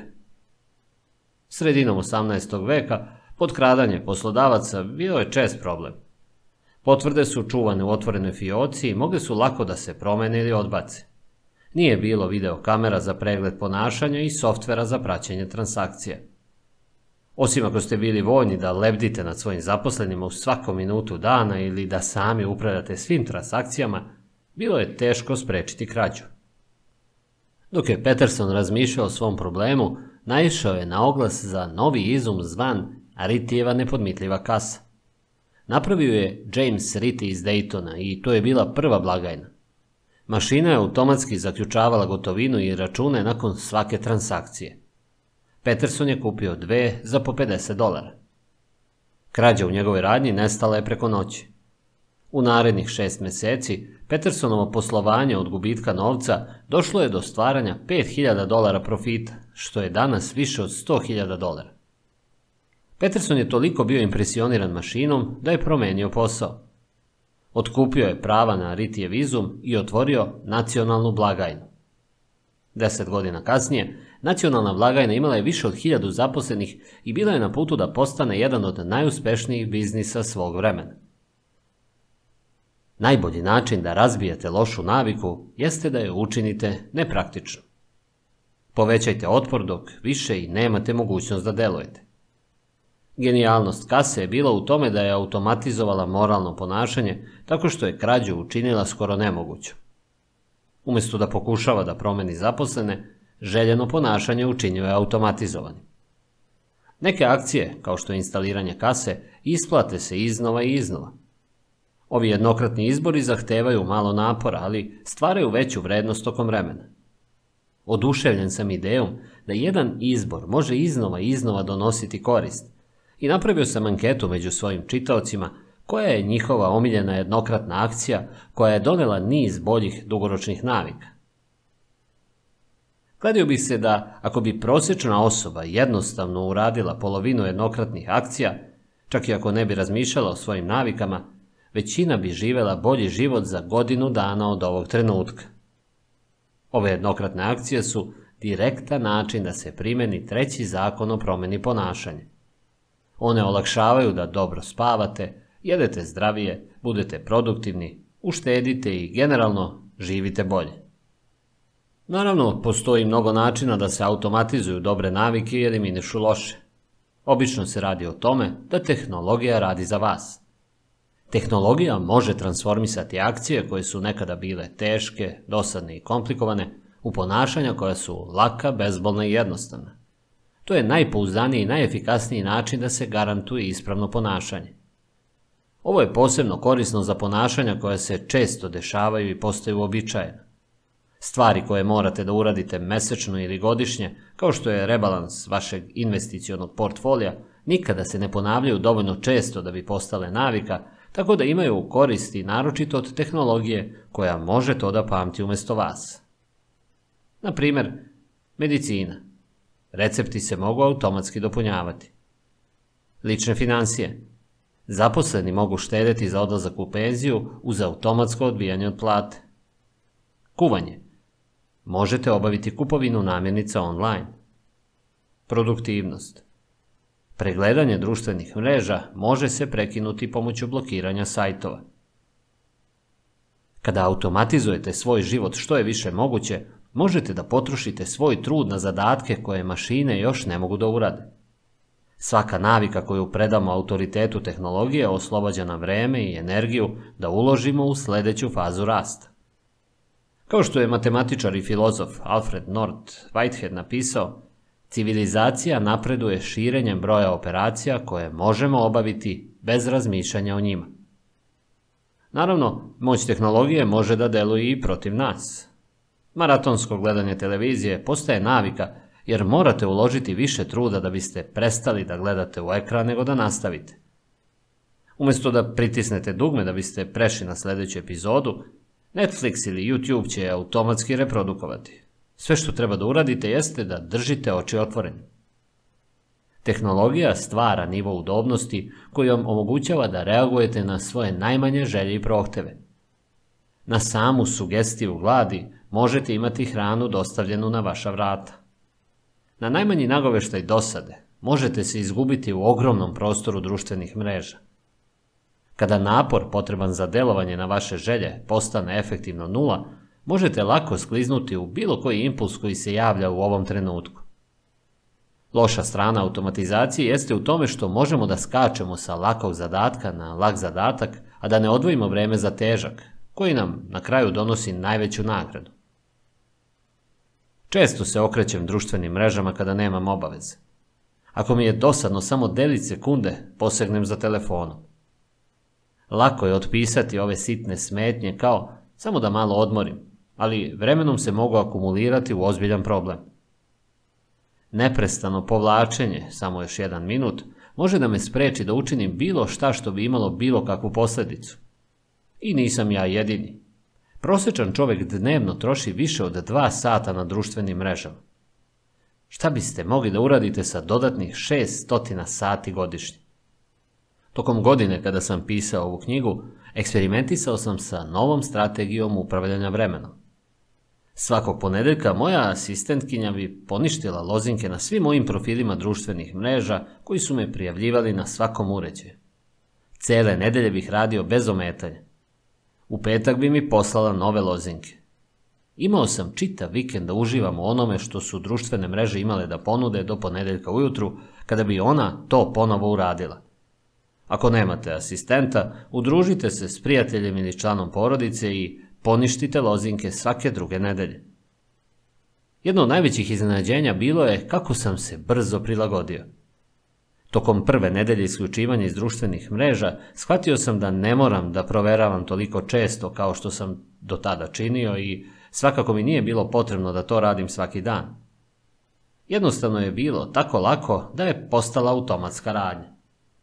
Kada je moja loša navika postala nemoguća da se ispuni, otkrio sam da sam zapravo imao motivaciju da radim na značajnijim zadacima. Nakon što sam uklonio mentalne slatkiše iz okoline, postalo je mnogo lakše da jedem zdrave stvari. Kada radite u svoju korist, automatizacija može učiniti vašu dobru naviku neizbežnom, a vaše loše navike nemogućim. To je krajnji način za sprečavanje budućeg ponašanja, umjesto da se oslanjate na snagu volje u datom trenutku. Koristeći alate za posvećenost, strateške jednokratne odluke i tehnologiju, možete stvoriti okruženje neizbežnosti. Prostor u kojem dobre navike nisu samo rezultat kome se nadate, već ishod koji je praktično zagarantovan. Rezime poglavlja Inverzija trećeg zakona o promjeni ponašanja je neka bude teško. Alat posvećivanja je izbor koji ćete napraviti u sadašnjosti i koji rezultuje boljim ponašanjem u budućnosti. Krajnji način za sprečavanje budućeg lošeg ponašanja jeste automatizacija vaših dobrih navika. Jednokratni izbori, kao što je kupovina boljeg dušeka ili upisivanje u automatsku štednju, jesu pojedinačne akcije koje automatizuju vaše navike u budućnosti i pružaju velike doprinose tokom vremena. Korišćenje tehnologije za automatizaciju vaših navika je najpouzdaniji i najefikasniji način da se garantuje pravilno ponašanje. 15. Najvažnije pravilo za promjenu ponašanja. Krajem 90. godina prošlog veka zdravstveni radnik Steven Luby napustio je svoj rodni grad Omaha u Nebraski i kupio kartu u jednom pravcu za Karačije u Pakistanu. Karači je bio jedan od najnaseljenijih gradova na svetu. Do 1998. godine preko 9 miliona ljudi ga je nazivalo domom. Postao je ekonomski centar Pakistana i transportno čvorište sa nekim od najaktivnijih aerodroma i morskih luka u regionu. U komercijalnim delovima grada mogli ste da pronađete sve standardne gradske sadržaje i pune ulice užurbanih ljudi u centru grada. Ali Karači je bio i jedan od gradova sa najmanje mogućnosti za život na svetu. Preko 60% stanovnika Karačija živelo je u kvartovima i sirotinskim naseljima. Ove gusto naseljene četvrti bile su ispunjene improvizovanim kućama koje su bile sklepane od starih dasaka, blokova od pepela i drugih odbačenih materijala. Nije bilo sistema za uklanjanje otpada, električne mreže, čistog vodovoda. Kada je suvo, ulice su bile kombinacija prašine i smeća. Kada je padala kiša, postojale su blatna jama kanalizacije. Kolonije komaraca razvijale su se u bazenima stajaće vode i deca su se igrala među smećem. Nehigijenski uslovi dovodili su do rasprostranjenih bolesti i zaraza. Kontaminirani izvori vode uzrokovali su epidemije dijareje, povraćanja i bolova u trbuhu. Gotovo jedna trećina dece koja je tamo živela bila je neuhranjena. Sa tako mnogo ljudi koji su bili nagurani u tako mali prostor, virusi i bakterijske infekcije brzo su se širili. Upravo ta kriza javnog zdravlja dovela je Stevena Lubija u Pakistan. Lubi i njegov tim su shvatili da u okruženju sa lošim sanitarnim sistemom Jednostavna navika pranja ruku može napraviti pravu razliku u zdravlju stanovnika. Ali ubrzo su otkrili da su mnogi ljudi već bili svesni da je pranje ruku važno. Pa ipak, uprkos ovom znanju, mnogi stanovnici su prali ruke na neadekvatan način. Neki bi samo brzo provukli ruke pod vodu, drugi bi prali samo jednu ruku. Mnogi bi jednostavno zaboravili da operu ruke pre pripreme hrane. Svako je rekao da je pranje ruku važno, ali malo ljudi je napravilo naviku od te prakse. Problem nije bio znanje. Problem je bila dosadnost. Tada je Lubi sa svojim timom sklopio partnerstvo sa kompanijom Procter Gamble kako bi snabdevali naselja sa sapunom Safeguard. U poređenju sa standardnim sapunom, korištenje Safeguarda je bilo prijatnije iskustvo. U Pakistanu Safeguard je bio premium sapun, rekao mi je Lubi. Učesnici studije su obično pominjali koliko im se on sviđa. Sapun se lako penio, a ljudi su mogli da nasapunjaju ruke sapunicu. Divno je mirisalo. Pranje ruku je odmah postalo malo prijatnije. Uvideo sam da je cilj promovisanja pranja ruku bilo usvajanje navike, a ne promjena ponašanja, rekao je Lubi. Ljudima je mnogo lakše da usvoje proizvod koji daje snažan pozitivni senzorni signal, na primjer ukus zubne paste od mente, nego da usvoji naviku koja ne pruža prijatnu senzornu povratnu informaciju, kao što je čišćenje zuba konce. Marketing tim Procter Gamble govorio je o pokušaju stvaranja pozitivnog iskustva pranja ruku. Za nekoliko meseci istraživači su vidjeli brzu promjenu zdravlja dece u naseljima. Stopa dijareje opala je za 52%, upala pluća za 48% i bakterijske kožne infekcije za 35%. Dugoročni efekti su bili još bolji. Otišli smo u neka od domaćinstava u Karačiju šest godina kasnije, rekao mi je Lubi. Preko 95% domaćinstava koja su dobila sapun besplatno i bila postaknuta da peru ruke, imalo je lavabo za pranje ruku sa sapunom i vodom na raspolaganju kada ih je naš istraživački tim posetio. Nismo dali nikakav sapun intervencijskoj grupi više od pet godina, ali tokom procesa su postali tako naviknuti da peru ruke da su održavali praksu. To je bio snažan primjer četvrtog i konačnog zakona o promjeni ponašanja, neka bude zadovoljavajuće. Skloniji smo tome da ponavljamo ponašanje kada je iskustvo zadovoljavajuće. Ovo je potpuno logično. Osjećaj zadovoljstva, čak i manjeg, kao što je pranje ruku sa punom koji dobro miriše i dobro peni, jesu signali koji govore mozgu ovo je dobro. Učinite to ponovo sljedeći put. Zadovoljstvo uči vaš mozak da je ponašanje vredno pamćenje i ponavljanje. Uzmite za primjer priču o žvakama. Žvakaća guma je bila u prodaji komercijalno tokom 1800-ih, ali sve dok Wrigley nije pokrenuo kampanju 1891. godine, nije postala svetska navika. Rane verzije su napravljene od relativno blagih mešavina. Bile su elastične, ali ne i ukusne. Wrigley je uneo revoluciju u industriju, dodajući ukuse kao što su spearmint i juicy fruit, što je proizvod učinilo ukusnim i zanimljivim.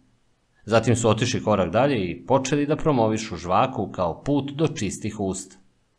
Oglasi su poručivali čitaocima osvežite svoj ukus. Prijatni ukusi i osjećaj svežeg daha pružili su malo neposrednog pojačanja i učinili proizvod zadovoljavajućim za upotrebu. Potrošnja je naglo porasla, a Wrigley je postao najveća kompanija za žvake na svetu. Pasta za zube imala je sličnu putanju.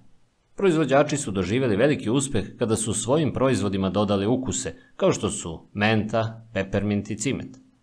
Ove arome ne poboljšavaju efikasnost paste za zube. One jednostavno stvaraju osjećaj čistih usta i čine da iskustvo pranja zuba bude prijatnije. Moja supruga je prestala da koristi Sensodyne jer joj se nije svideo ukus ustima nakon pranja. Prešla je na brend sa jačim ukusom mente, koji se pokazao prijatnijim. Nasuprot tome, ako iskustvo nije zadovoljavajuće, nemamo mnogo razloga da ga ponovimo. U svom istraživanju naišao sam na priču o ženi koja je imala narcisoinog rođaka koju je izluđivao. U pokušaju da provede manje vremena sa ovim egomanijakom, Ponašala se tako glupavo i dosadno koliko god je bilo moguće kada je god on bio u blizini. U nekoliko susreta on je počeo da izbegava nju jer ju je smatrao veoma nezanimljivom. Ovakve priče su dokaz krucijalnog pravila promene ponašanja. Ono što se nagrađuje se ponavlja. Ono što se kažnjava, izbegava se. Učite šta ćete raditi u budućnosti na osnovu onoga kako ste nagrađivani za ono što ste radili ili bili kažnjeni za to u prošlosti. Pozitivne emocije kultivišu navike. Negativne emocije ih uništavaju. Prva tri zakona o promjeni ponašanja, neka bude očigledno, neka bude privlačno i neka bude lako, povećavaju šanse da će se ponašanje izvršiti ovog puta. Četvrti zakon o promjeni ponašanja, neka bude zadovoljavajuće, povećava šanse da se ponašanje ponovi sljedeći put. Završava petlju stvaranja navike. Ali postoji trik. Ne tražimo tek neku vrstu zadovoljstva. Tražimo trenutno zadovoljstvo. Nepodudaranje između trenutnog i odloženog zadovoljstva. Zamislite da ste životinja koja luta afričkim ravnicama, žirafa ili slon ili lav. Bilo kog dana, većina vaših odluka ima neposredan utjecaj. Uvek razmišljate o tome šta da jedete ili gde da spavate ili kako da izbegnete predatora. Konstantno ste fokusirani na sadašnjost ili na blisku budućnost. Živite u onome što naučnici nazivaju okruženjem neposrednog odziva, jer vaše akcije odmah daju jasne i trenutne rezultate. Sada se vratite na svoje ljudsko biće. U modernom društvu, mnogi od izbora koje danas donosite neće vam odmah doneti korist. Ako dobro obavljate svoj posao, dobit ćete platu za nekoliko nedelja. Ako vežbate danas, možda nećete imati prekomenu težinu sledeće godine. Ako sada uštedite novac, možda ćete imati dovoljno za penziju decenijama kasnije. Vi živite u onome što naučnici nazivaju okruženje sa odloženim odzivom, jer možete raditi godinama pre nego što vaše radnje ostvare željenu dobit. Ljudski mozak nije evoluirao za život u okruženju sa odloženim odzivom.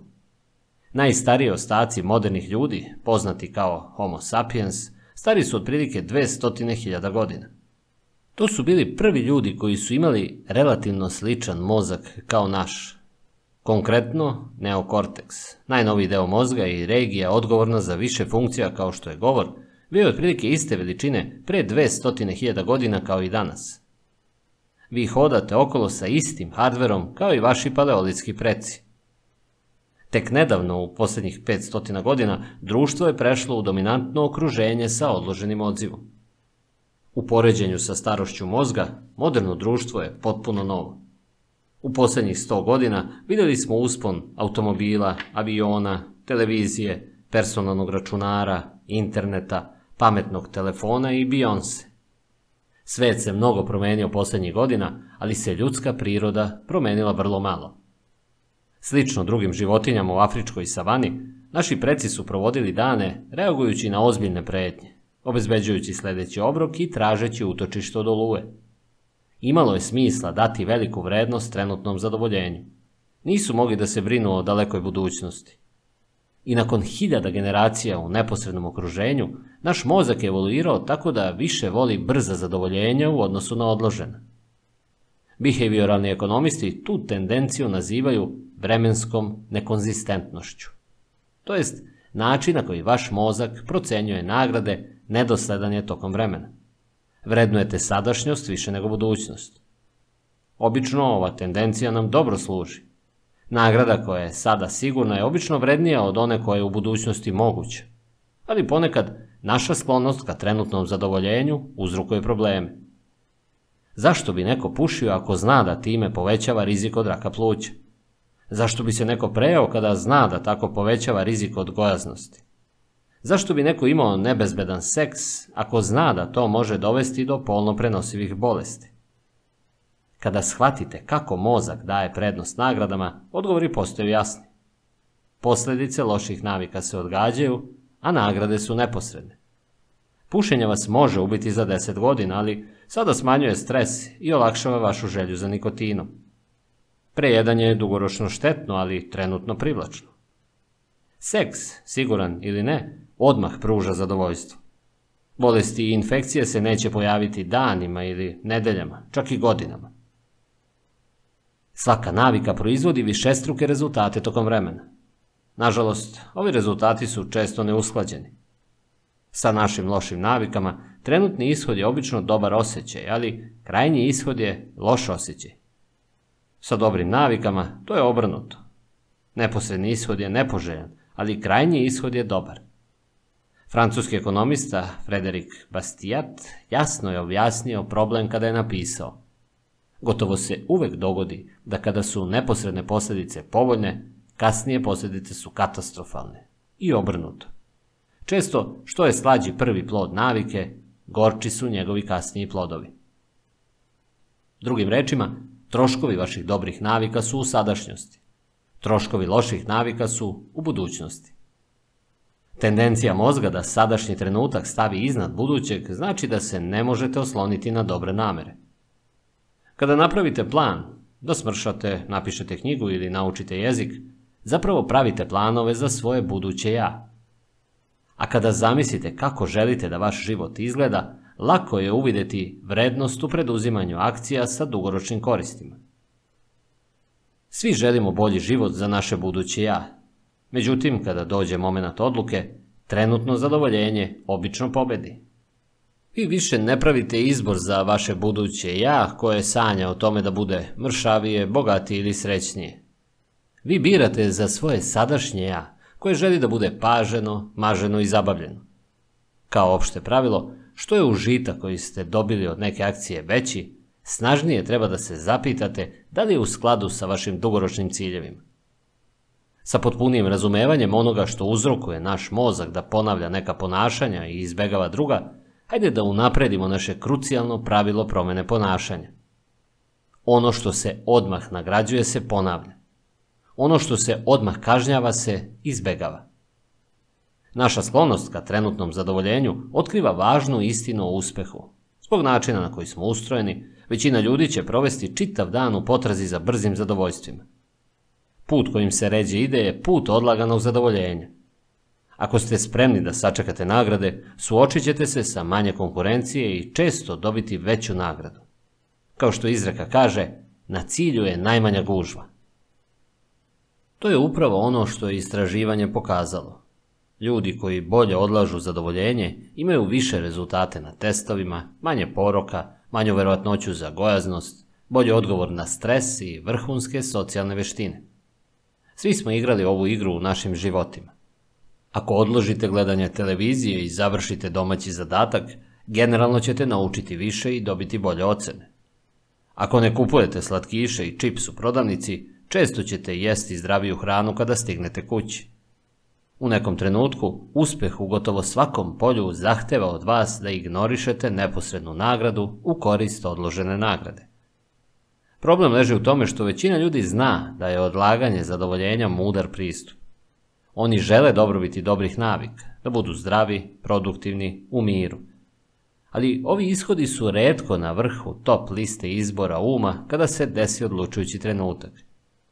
Srećom, moguće je da se naučite da odložite zadovoljenje, ali morate raditi u skladu sa ljudskom prirodom, a ne protiv nje.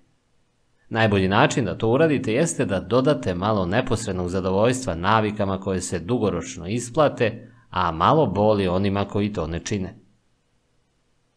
Kako da preokrenete neposredno zadovoljenje u svoju korist?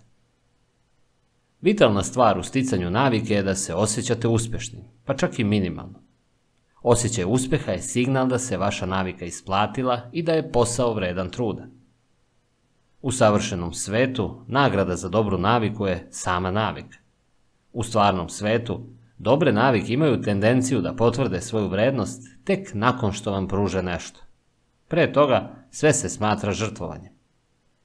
Nekoliko puta ste otišli u teretanu, ali niste ni jači ni brži, barem ne u nekom primetnom smislu.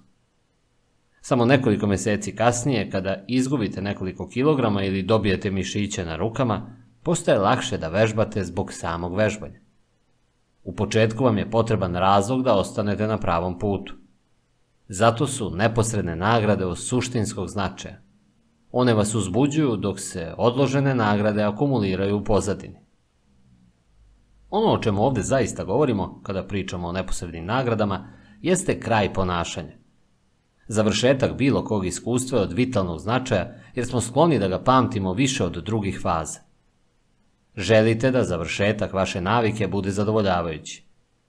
Najbolji pristup je da se koristi pojačanje, koje se odnosi na proces korišćenja neposredne nagrade za povećanje stope ponašanja. Slaganje navika koje smo pokrili u petom poglavlju povezuju vašu naviku sa trenutnim sigalom, što čini očiglednim kada treba početi. Pojačanje povezuje vašu naviku sa trenutnom nagradom, što je čini zadovoljavajućom kada završite. Neposredno pojačanje može biti posebno korisno kada se radi o navikama izbegavanja, koje su ponašanja s kojim želite da prestanete.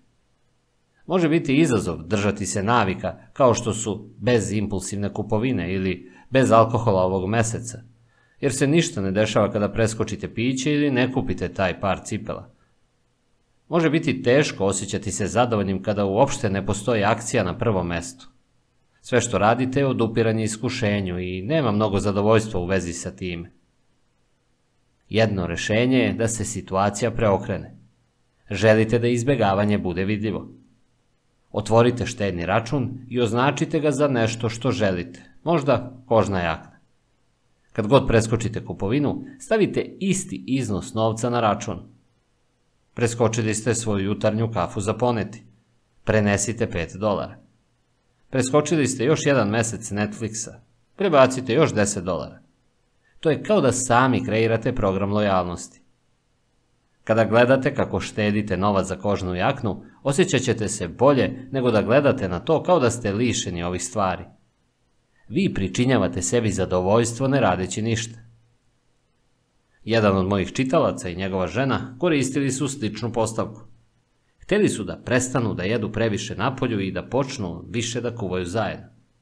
Označili su svoj štedni račun, putovanje u Evropu.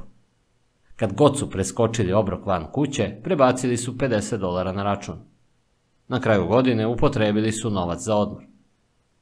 Treba napomenuti da je važno odabrati kratkoročne nagrade koje jačaju vaš identitet, a ne one koje su u sukobu sa njim. Kupovina nove jakne je u redu ako pokušavate da izgubite na težini ili čitate više knjiga, ali to ne funkcioniše ako pokušavate da živite na budžetu i uštedite novac. Umesto toga, topla kupka ili lagana šetnja su dobri primjeri nagrađivanja sebe slobodnim vremenom koje se slaže sa vašim krajnjim ciljem da imate više slobode i finansijsku nezavisnost. Slično tome, ako je vaša nagrada za vežbanje da pojedete činiju sladoleda, onda navijate za konfliktne identitete, što se završava nepovoljno po vas.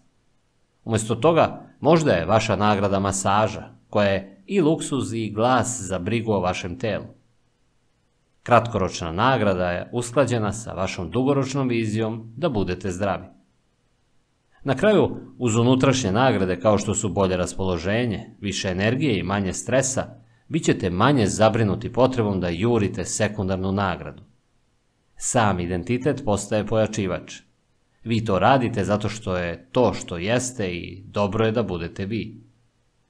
Što više navika postane deo vašeg života, manje vam je potrebno spoljašnje posticanje da je pratite. Posticaji mogu da započnu naviku. Identitet je održava. Međutim, potrebno je vreme da se dokazi akumuliraju i da se pojavi novi identitet. Trenutno pojačanje pomaže u održavanju motivacije u kratkom roku dok čekate da stigne dugoročna nagrada. Ukratko, navika mora biti prijatna da bi trajala. Jednostavni mali pojačivači, kao što je sapun koji odlično miriše ili pasta za zube sa osvežavajućim ukusom mente ili 50 dolara na štednom računu, mogu pružiti trenutno zadovoljenje koje vam je potrebno da biste uživali u navici. A promena je laka kada je prijatna. Rezime poglavlja Četvrti zakon o promeni ponašanja je neka bude zadovoljavajuće. Verovatnije ćemo ponavljati ponašanje kada je iskustvo zadovoljavajuće. Ljudski mozak je evoluirao kako bi dao prioritet neposrednim nagradama nad odloženim nagradama. Kardinalno pravilo promjene ponašanja. Ono što se odmah nagrađuje ponavlja se. Ono što se odmah kažnjava izbegava se.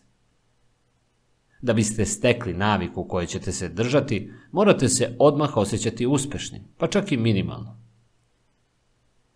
Prva tri zakona o promjeni ponašanja, neka bude očigledno, neka bude privlačno i neka bude lako, povećavaju šanse da će se ponašanje ovoga puta izvršiti. Četvrti zakon o promjeni ponašanja, neka bude zadovoljavajuće, povećava šanse da će se ponašanje ponoviti sledeći put. 16. Kako da svakoga dana ostajete pri dobrim navikama? Godine 1993. banka u Abbotsfordu u Kanadi zaposlila je 23-godišnjeg brokera Trenta Dirsmida. Abbotsford je relativno malo predgrađe, skriveno u senci obližnjeg Vancouvera, gde su se većim delom sklapali veliki poslovi. S obzirom na lokaciju i činjenicu da je Dirsmid bio početnik, niko nije očekivao previše od njega. Ali on je ostvario brz napredak zahvaljujući jednostavnoj svakodnevnoj navici. Dirsmid je svakog jutra počinjao sa dve tegle na stolu. Jedna je bila ispunjena sa 120 spajalica, druga je bila prazna. Čim bi dan počeo i on bi počinjao sa pozivima za prodaju.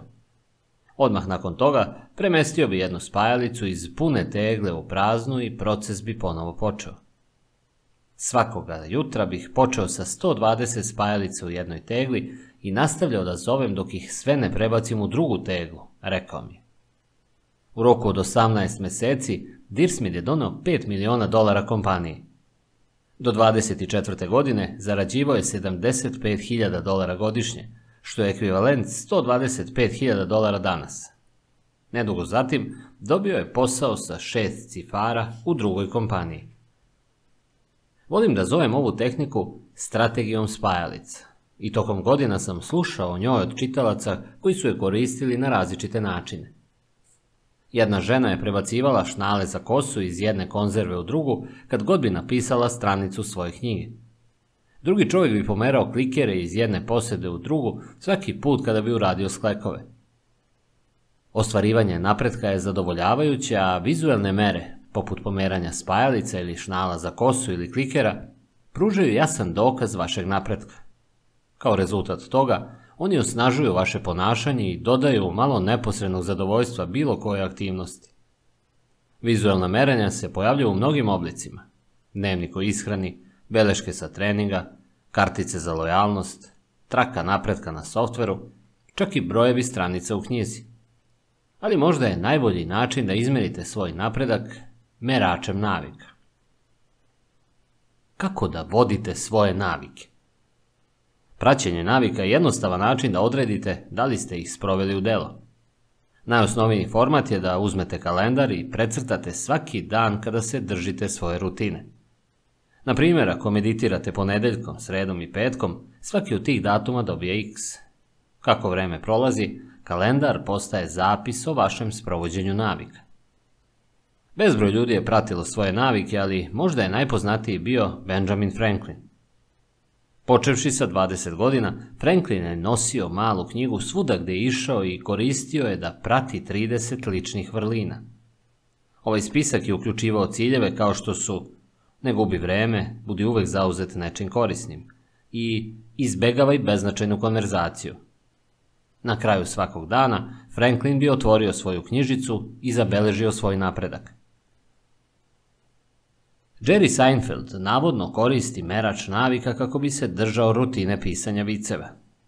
U dokumentarcu komičar objašnjava da je njegov cilj jednostavno da nikada ne prekine niz pisanja šala svakog dana. Drugim rečima, on nije usresređen na to koliko je dobra ili loša određena šala ili koliko je inspirisan. On se jednostavno fokusira na to da dodaje šale i da se drži svoje rutine. Ne prekidaj niz je moćna mantra. Ne prekidajte niz poziva za prodaju i izgradit ćete uspešnu poslovnu karijeru. Ne prekidajte niz treninga i bit ćete brži nego što ste očekivali. Ne prekidajte niz stvaranja svaki dan i završit ćete sa impresivnim portfolijom. Praćenje navika je moćno jer utiče na višestruke zakone o promeni ponašanja.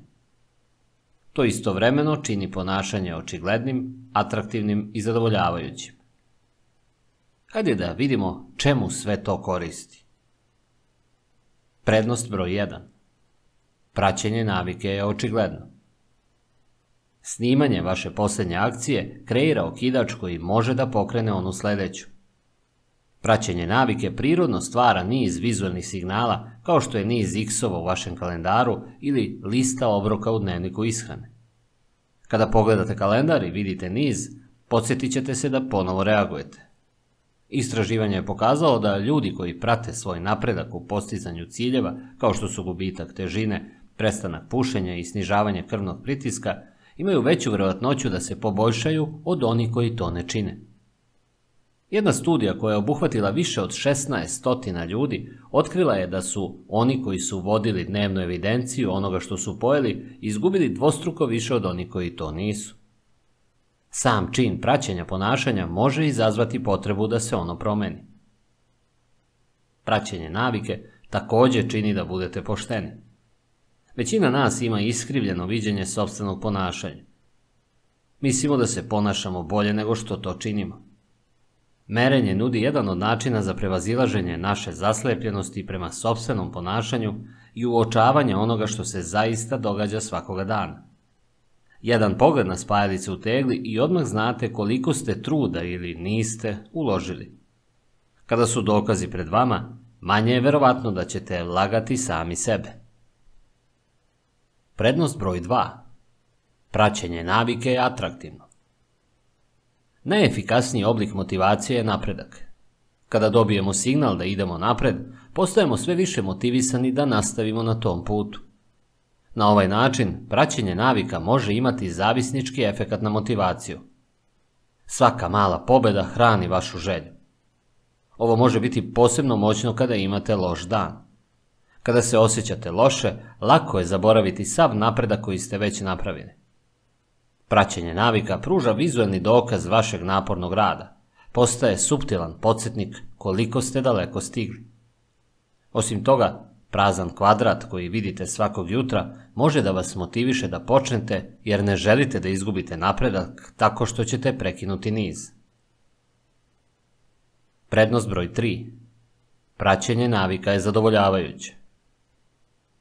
Ovo je najvažnija korist od svih. Praćenje može postati sobstveni oblik nagrade. Zadovoljstvo je štiklirati stavku sa vaše liste zadataka, dovršiti unos u dnevnik rada ili označiti x na kalendaru. Dobar je osjećaj gledati kako se vaši rezultati poboljšavaju.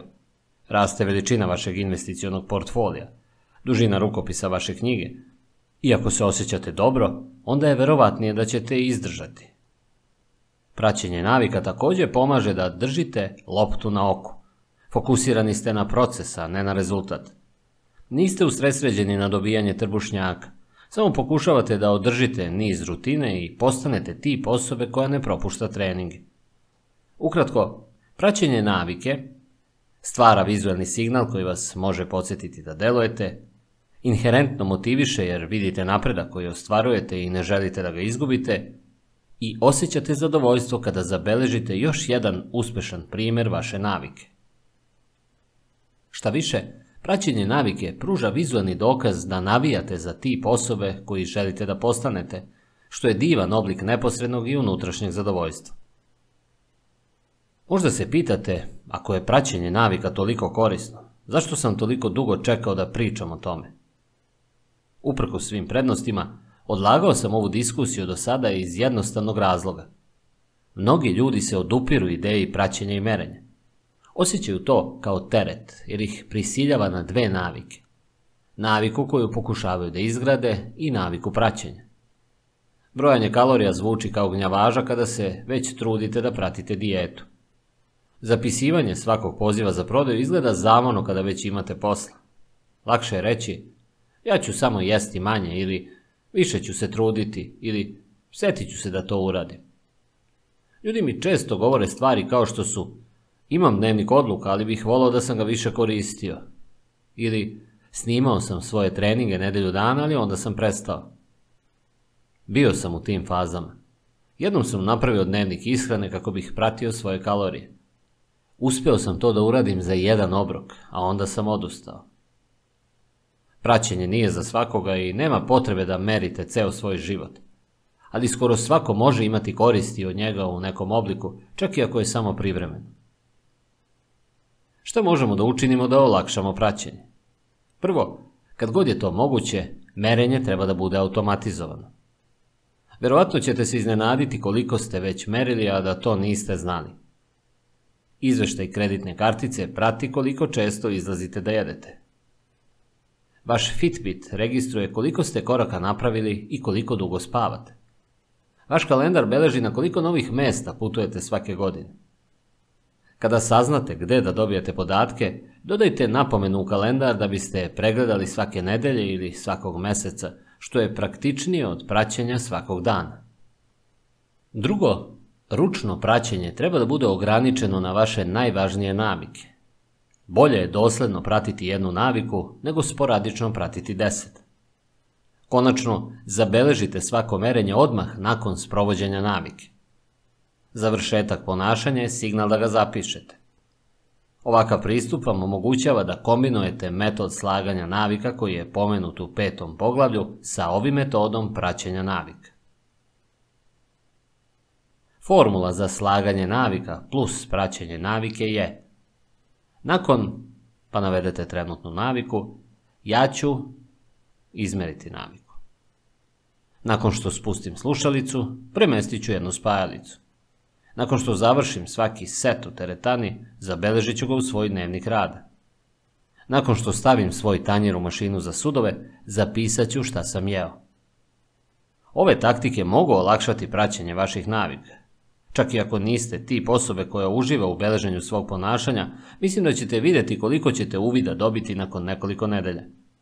Uvek je interesantno vidjeti kako ste zaista trošili vreme. S tim u vezi, svaki niz navika završava se u nekom trenutku. Još važnije od pojedinačnog merenja jeste imati dobar plan kada vaše navike skliznu sa staze. Kako da se brzo oporavite kada izgubite niz? Bez obzira na to koliko ste dosledni svojim navikama, neizbežno je da će vas život u nekom trenutku prekinuti. Savršenstvo nije moguće. Ubrzo će se pojaviti hitan slučaj. Razbolite se ili morate na poslovni put, ili je vašoj porodici potrebno malo više vašeg vremena. Kada god mi se to dogodi, pokušavam da se podsjetim jednostavnog pravila. Nikada ne propusti dva puta. Ako propustim jedan dan, pokušavam da se vratim što je brže moguće. Propustio sam jedan trening, ali neću propustiti dva zaredom. Možda ću pojesti celu picu, ali ću posle pojesti zdrav obrok. Ne mogu biti savršen, ali mogu izbeći drugi propust. Čim se jedan niz završi, počnem sa sledećim. Prva greška nikada nije ona koja vas uništava. To je spirala ponovljenih grešaka koja sledi. Kada jednom nešto propustite, to je nesreća. Kada propustite dva puta, to je početak nove navike.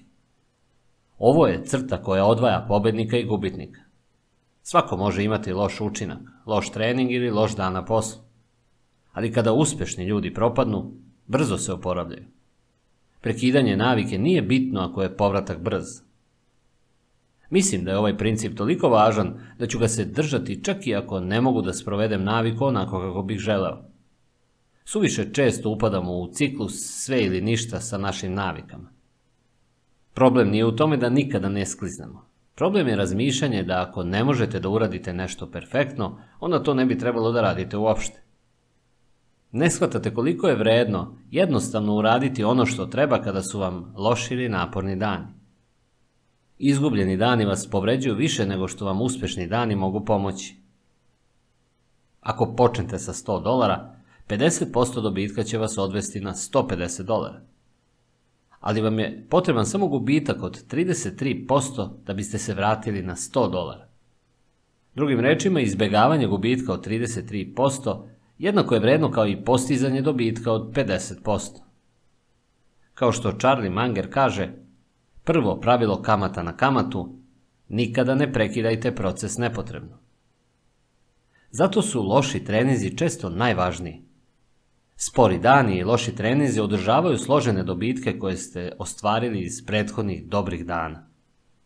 Jednostavno, time da radite nešto, 10 čučnjeva, 5 sprintova, sklek, bilo šta, to je ogromno. Ne stavljajte nulu. Nemojte dozvoliti da gubici pojedu vašu kamatu. Osim toga, nije uvek reč o tome šta se dešava tokom treninga. Radi se o vrsti osobe koja ne propušta treninge. Lako je trenirati kada se osjećate dobro, ali ključno je da se pojavite u teretani kada se ne osjećate tako, čak i ako uradite manje nego što se nadate. Odlazak u teretanu na 5 minuta možda neće poboljšati vaše performanse, ali će potvrditi vaš identitet. Ciklus promene ponašanja, sve ili ništa, samo je jedna zamka koja može da poremeti vaše navike. Još jedna potencijalna opasnost, pogotovo ako koristite merač navika, jeste da merite pogrešnu stvar. Znati kada i kada ne treba pratiti naviku. Zamislite da imate restoran i želite da znate da li vaš menadžer dobro radi. Jedan od načina za merenje uspeha jeste praćenje koliko kupaca svakodnevno plaća obrok. Ako dođe više kupaca, hrana mora biti dobra. Ako dođe manje mušterija, nešto mora biti pogrešno. Međutim, ovo jedno merenje, dnevni prihod, daje samo ograničenu sliku onoga što se stvarno događa. Samo zato što neko plaća obrok ne znači da uživa u njemu. Čak i nezadovoljni kupci ne mogu samo da večeraju i da odu. U stvari, ako merite samo prihode, hrana se možda pogoršava, ali vi to nadoknađujete marketingom ili popustima ili nekom drugom metodom. Umesto toga može biti efikasnije da pratite koliko mušterija završi obrok ili možda procenat oni koji ostavljaju velikodušni bakšiš. Tamna strana praćenja određenog ponašanja jeste u tome što nas sam broj više pokreće nego svrha iza njega. Ako se vaš uspeh meri kvartalnom zaradom, optimizovat ćete prodaju, dobiti računovodstvo za kvartalne zarade. Ako se vaš uspeh meri manjim brojem na vagi, optimizovat ćete se za manji broj kada se merite, čak i ako to podrazumeva prihvatanje svakakvih dijeta, detoks sokovima i gutanje pilula za mršavljenje. Ljudski um želi da pobedi u bilo kojoj igri. Ova zamka je evidentna u mnogim oblastima života. Mi se fokusiramo da radimo preko vremeno umjesto da završimo smisleni posao. Više nam je stalo da ispunimo 10.000 koraka nego naše opšte zdravlje. Učimo za standardizovane testove umjesto da razvijamo metode učenja, radoznalost i kritičko razmišljanje. Ukratko, optimizujemo se za ono što merimo. Kada izaberemo pogrešno merenje, dobijamo pogrešno ponašanje. Ovo se ponekad naziva Goodhartovim zakonom. Ime je dobio po ekonomisti Charlesu Goodhartu i glasi Kada mera postane meta, ona prestaje biti dobra mera. Merenje je korisno samo kada nas vodi i dodaje kontekst široj slici, a ne kada vas troši. Svaki broj je samo jedan deo povratne informacije u celokupnom sistemu. U našem svetu koji pokreću podaci, težimo da precenjujemo brojeve i da ih opovrgnemo nečim kratkotrajnim, mekim i teškim za kvantifikaciju. Smatramo da su faktori koje možemo meriti jedini faktori koji postoje. Ali samo zato što možete nešto da izmerite, to ne znači da je to najvažnija stvar. I samo zato što ne možete nešto da izmerite, ne znači da uopšte nije važno. Sve ovo ističe da je od ključnog značaja da se praćenje navika zadrži na svom odgovarajućem mestu. Može biti lepo da zapisujete naviku i pratite napredak, ali merenje nije jedina stvar koja je bitna. Šta više, postoji mnogo načina za merenje napretka, a ponekad pomaže da se vaš fokus prebaci na nešto sasvim drugo. To je razlog zašto pobede, bez obzira na broj na vagi, mogu biti delotvornije za gubitak težine. Broj na vagi može biti tvrdoglav, pa ako se fokusirate isključivo na taj broj, vaša motivacija će se smanjiti. Ali možete primetiti da vaša koža izgleda bolje ili da se budite ranije ili je vaš libido jači. Sve ovo su validni načini da pratite svoje poboljšanje. Ako vas ne motiviše broj na vagi, možda je vreme da se fokusirate na drugačije mere. One vam daju više signala napretka. Bez obzira na to kako merite poboljšanje, praćenje navike nudi jednostavan način da vam vaše navike pruže više zadovoljstva. Svako merenje daje malo dokaza da se krećete u pravom smeru i kratak trenutak neposrednog zadovoljstva za dobro obavljen posao. Rezime poglavlja Jedan od najkvalitetnijih osjećaja je osjećaj napretka. Merač navika je jednostavan način za merenje navika kao što je označavanje X na kalendaru. Praćenje navika i druge vizualne forme merenja mogu učiniti vaše navike zadovoljavajućim, pružajući jasne dokaze o vašem napretku.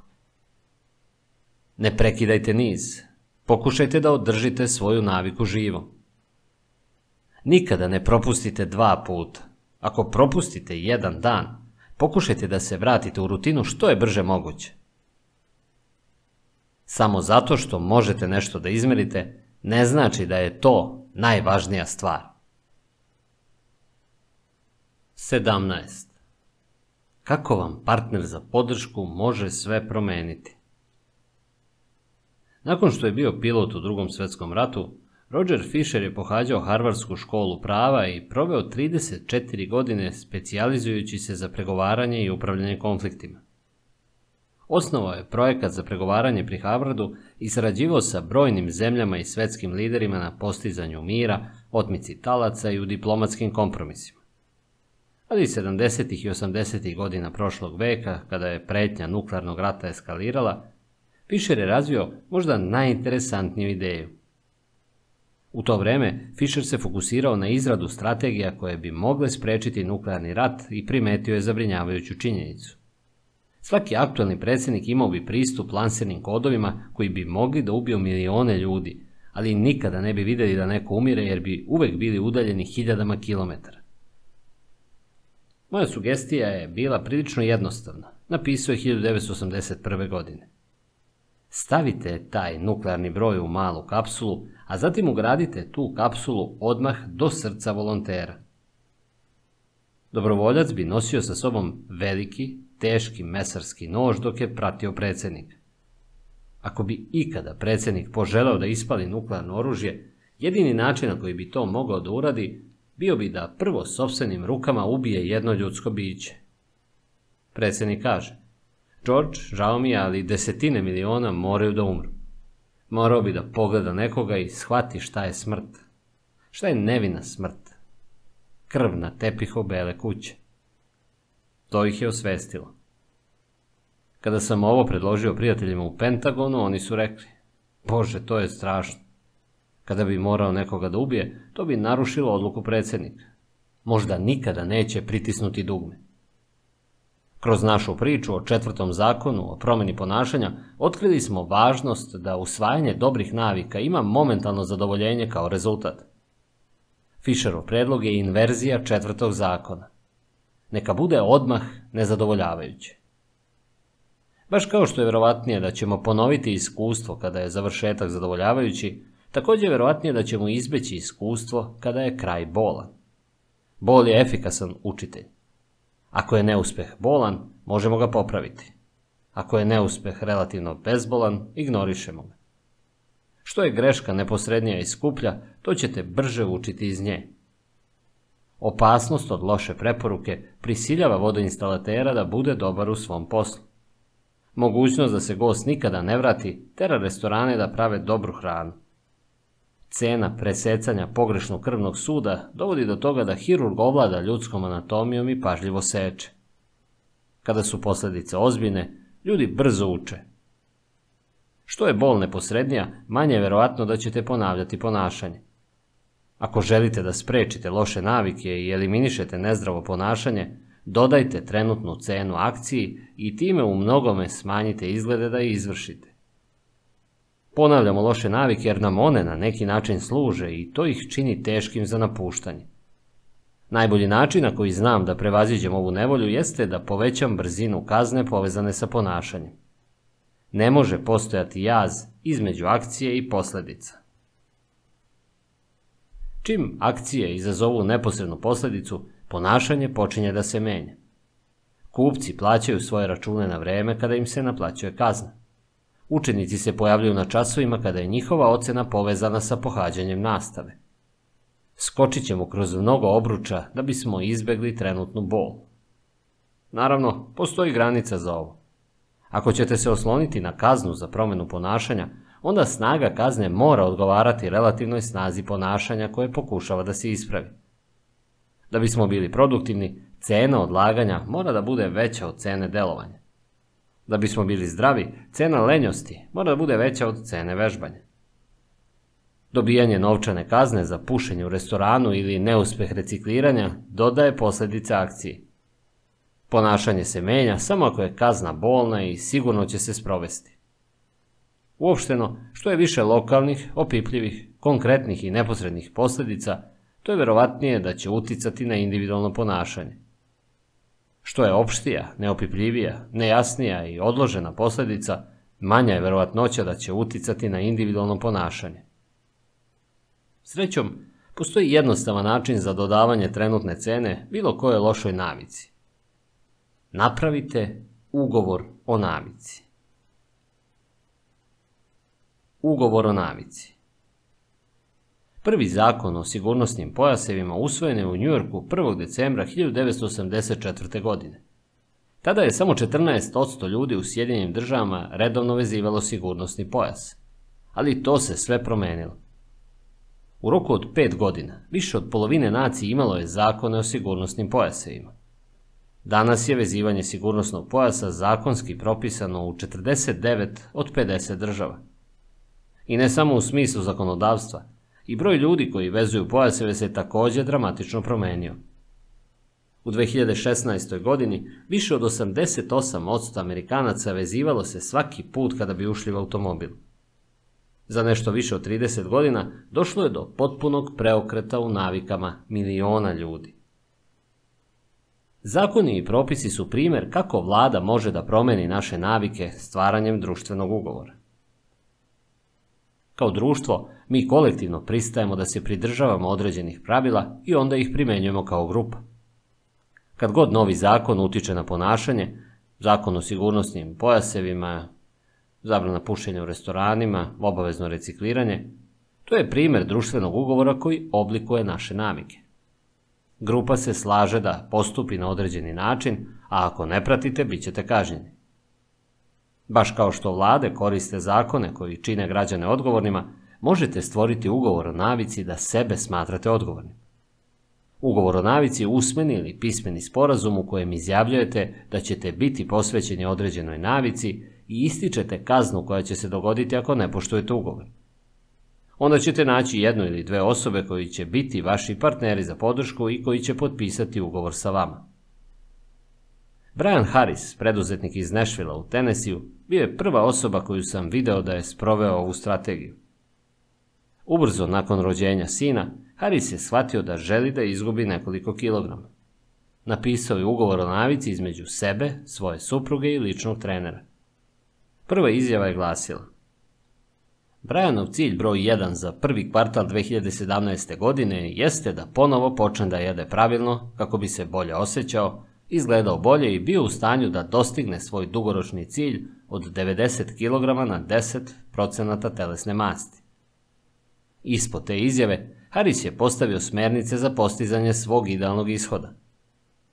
Faza broj 1. Vratiti se na strogu dijetu sa malo ugljenih hidrata u prvom kvartalu. Faza broj 2. Pokrenuti strog program praćenja ishrane u drugom kvartalu. Faza broj 3. Poboljšati i održati detalje dijete i programa vežbanja u trećem kvartalu. Na kraju je napisao svaku od svakodnevnih navika koje bi ga dovele do cilja. Na primjer, Zapiši svu hranu koju svakodnevno konzumiraš i meri se svakog dana. A onda je naveo kaznu ako ne uspe u tome.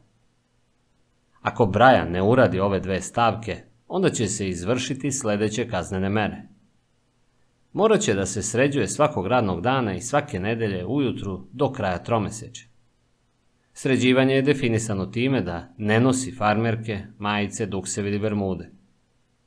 Također će dati Joyu, treneru, 200 dolara da ih iskoristi onako kako mu odgovara, ako jedan dan ne poštuje ishranu. Na dnu stranice Haris, njegova supruga i njegov trener potpisali su ugovor. Moja prva reakcija je bila da se ovakav ugovor čini pretjerano formalnim i nepotrebnim, posebno sa potpisima. Ali Haris me uverio da je potpisivanje ugovora pokazatelj ozbiljnosti. Kada god preskočim ovaj deo, rekao je, odmah počinjem da popuštam. Tri meseca kasnije, nakon što je ispunio ciljeve za prvi kvartal, Haris je poboljšao svoje ciljeve, ali i posljedice.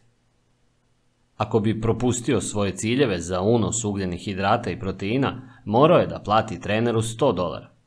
Ako bi propustio da se izmeri, morao bi da da svojoj ženi 500 dolara da ih iskoristi onako kako je smatrala prikladnim. Možda najviše bolno, ako bi zaboravio da trči sprint, Morao je svaki mesec da se sređuje za posao i da nosi kačke talabame ostatak tromeseče. Tima koji je ljuti rival njegovog omiljenog tima Auburna. Strategija je upalila. Sa svojom suprugom i trenerom koji su delovali kao partneri za podršku i sa ugovorom o navikama koji je tačno objasnio šta da radi svaki dan, Haris je izgubio kilograme. Da bi loše navike bile nezadovoljavajuće, vaša najbolja opcija je da ih učinite bolnim u tom konkretnom trenutku. Stvaranje ugovora o navici je jednostavan način da se upravo to postigne.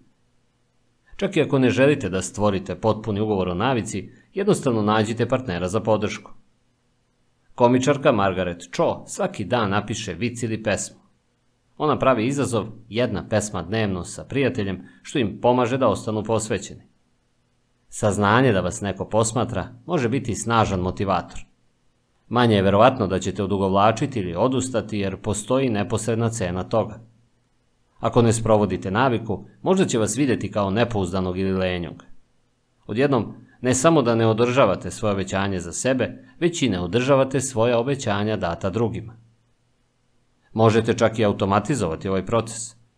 Thomas Frank, preduzetnik iz Boldera u Koloradu, budi se u 5.55 svakog jutra. Ako to ne uradi, on je automatski zakazao post na Twitteru koji kaže Sada je 6.10 i nisam usto jer sam lenj. Odgovorite na ovo za 5 dolara preko Paypala, pod pretpostavkom da se moj alarm nije pokvario.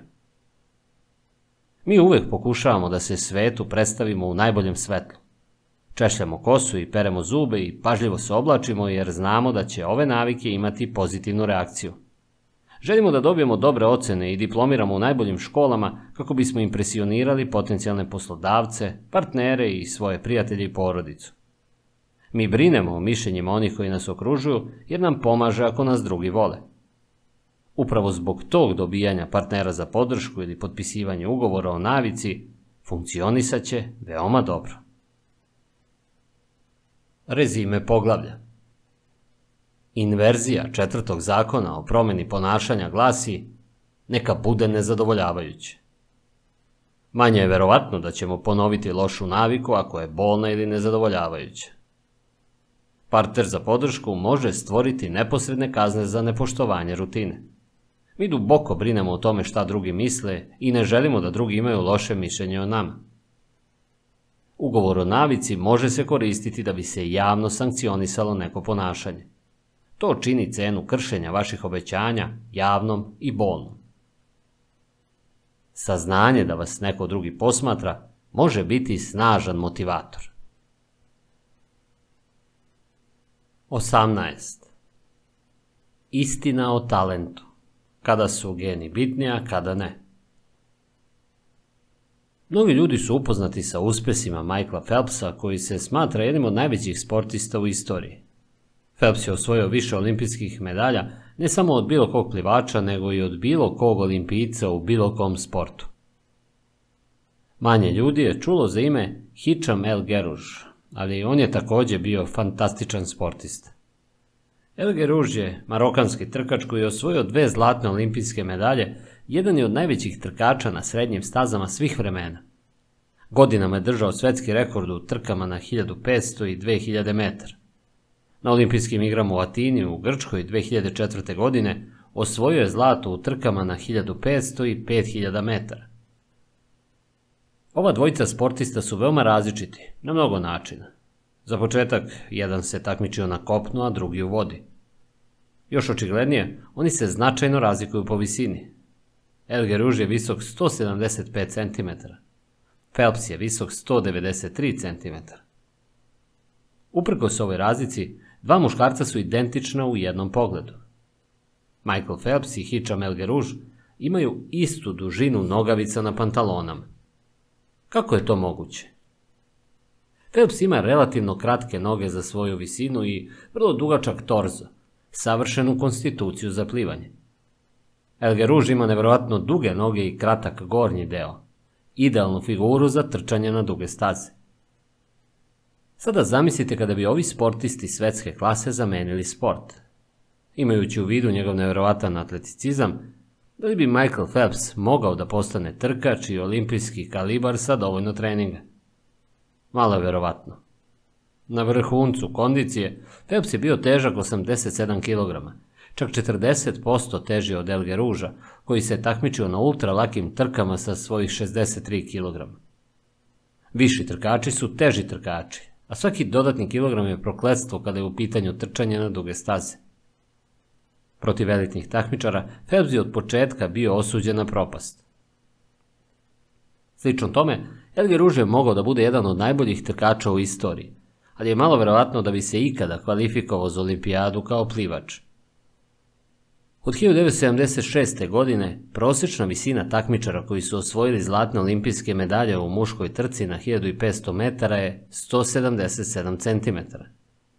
U poređenju sa tim, prosječna visina osvajača zlatne olimpijske medalje u plivanju slobodnim stilom na 100 metara je 193 cm. Plivači imaju tendenciju da budu visoki i da imaju duga leđa i ruke, što je idealno za kretanje kroz vodu. Elger Ruž bi bio u ozbiljnom nedostatku pre nego što bi ikada dodirnuo bazen.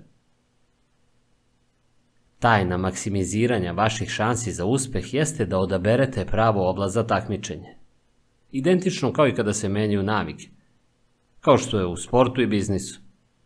Navike se lakše obavljaju i više zadovoljavaju kada se usklade sa vašim prirodnim sklonostima i sposobnostima. Kao i Michael Phelps u bazenu ili Hitcha Melga Rouge na stazi, želite da igrate igru u kojoj su šanse na vašoj strani. Prihvatanje ove strategije zahteva prihvatanje jednostavne istine da se ljudi rađaju sa različitim sposobnostima. Neki ljudi ne vole da razgovaraju o ovoj činjenici. Na površini izgleda da su vaši geni fiksirani i nije zabavno pričati o stvarima koje ne možete kontrolisati. Osim toga, fraza kao što je biološki determinizam čini da to zvuči kao da su pojedinci određeni za uspeh, a drugi osuđeni na neuspeh. Ali ovo je kratkovidan pogled na uticaj gena na ponašanje. Snaga gena je njihova slabost. Geni se ne mogu lako menjati, što znači da oni pružaju snažnu prednost u povoljnim okolnostima i ozbiljan nedostatak u nepovoljnim okolnostima. Ako hoćete da zakucate koš, onda je to što ste visoki 2 metra veoma korisno. Ako želite da se bavite gimnastikom, to što ste visoki 2 metra je velika prepreka. Naše okruženje određuje pogodnost naših gena i korisnost naših prirodnih talenata. Kada se naša okolina promeni, promene se i kvaliteti koji određuju uspeh. Ovo je tačno ne samo za fizičke karakteristike, već i za mentalne. Pametan sam ako me pitate o navikama i ljudskom ponašanju. Ne toliko kada je reč o pletenju, raketnom pogonu ili gitarskim akordima. Kompetencija zavisi od konteksta. Ljudi na vrhu bilo kog takmičarskog polja nisu samo dobro istrenirani, već su dobro prilagođeni zadatku. I zato, ako želite da budete zaista odlični, odlučujuće da odaberete pravu oblast na koju ćete se fokusirati. Ukratko, geni ne određuju vašu sudbinu. Oni određuju vaše mogućnosti. Kao što lekar Gabor Mate napominje, geni daju predispozicije, ali ne determinišu. Područja u kojima ste genetski predisponirani za uspeh su područja u kojima je verovatnije da će navike biti zadovoljavajuće. Ključno je da usmerite svoje napore prema područjima koja vas uzbuđuju i odgovaraju vašim prirodnim veštinama kako biste uskladili svoju ambiciju sa svojim sposobnostima. Očigledno pitanje je kako da shvatim gde su šanse u moju korist. Kako da identifikujem prilike i navike koje su mi potrebne. Prvo mesto na koje ćemo tražiti odgovor je razumevanje vaše ličnosti. Kako vaša ličnost utiče na vaše navike? Vaši geni deluju ispod površine svake navike zaista ispod površine svakog ponašanja. Pokazalo se da geni utiču na sve, od broja sati koji provodite gledajući televiziju, do verovatnoće da se oženite ili razvedete u skladu sa vašom tendencijom da postanete zavisnici od droge, alkohola ili nikotina. Postoji jaka genetska komponenta koja će odlučiti koliko ste poslušni ili buntovni kada se suočavate sa autoritetom, koliko ste ranjivi ili otporni na stresne događaje, Koliko ste proaktivni ili reaktivni, pa čak i kako se osjećate zarobljenim ili vam je dosadno tokom iskustva, kao što je prisustvovanje koncertu.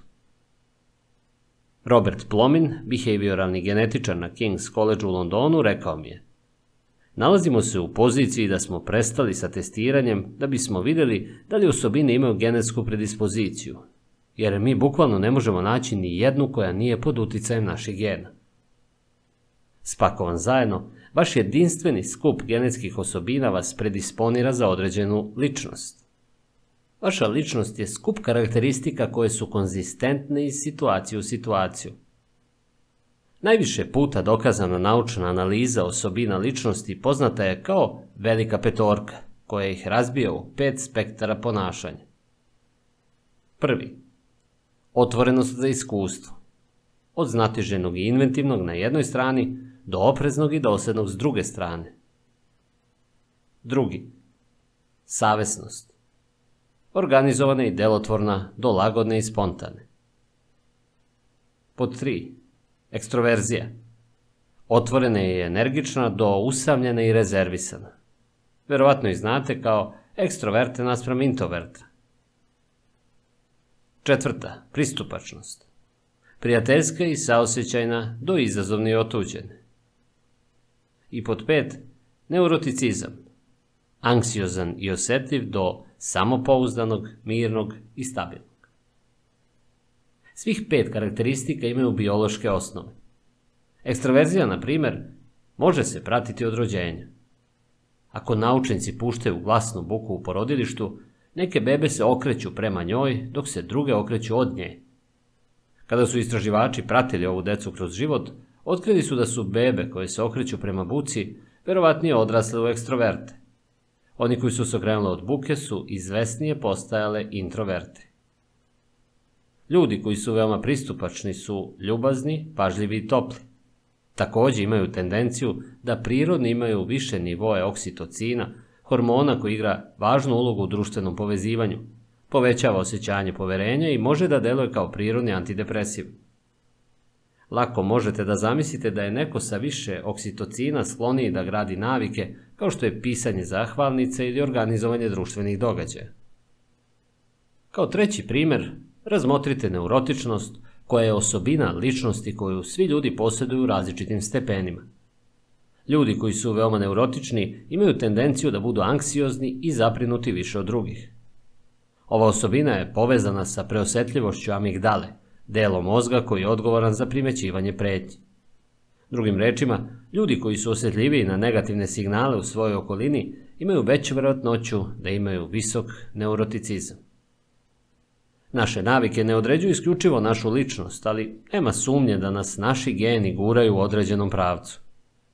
Naše duboko ukorenjene preferencije olakšavaju određena ponašanja nekim ljudima u odnosu na druge.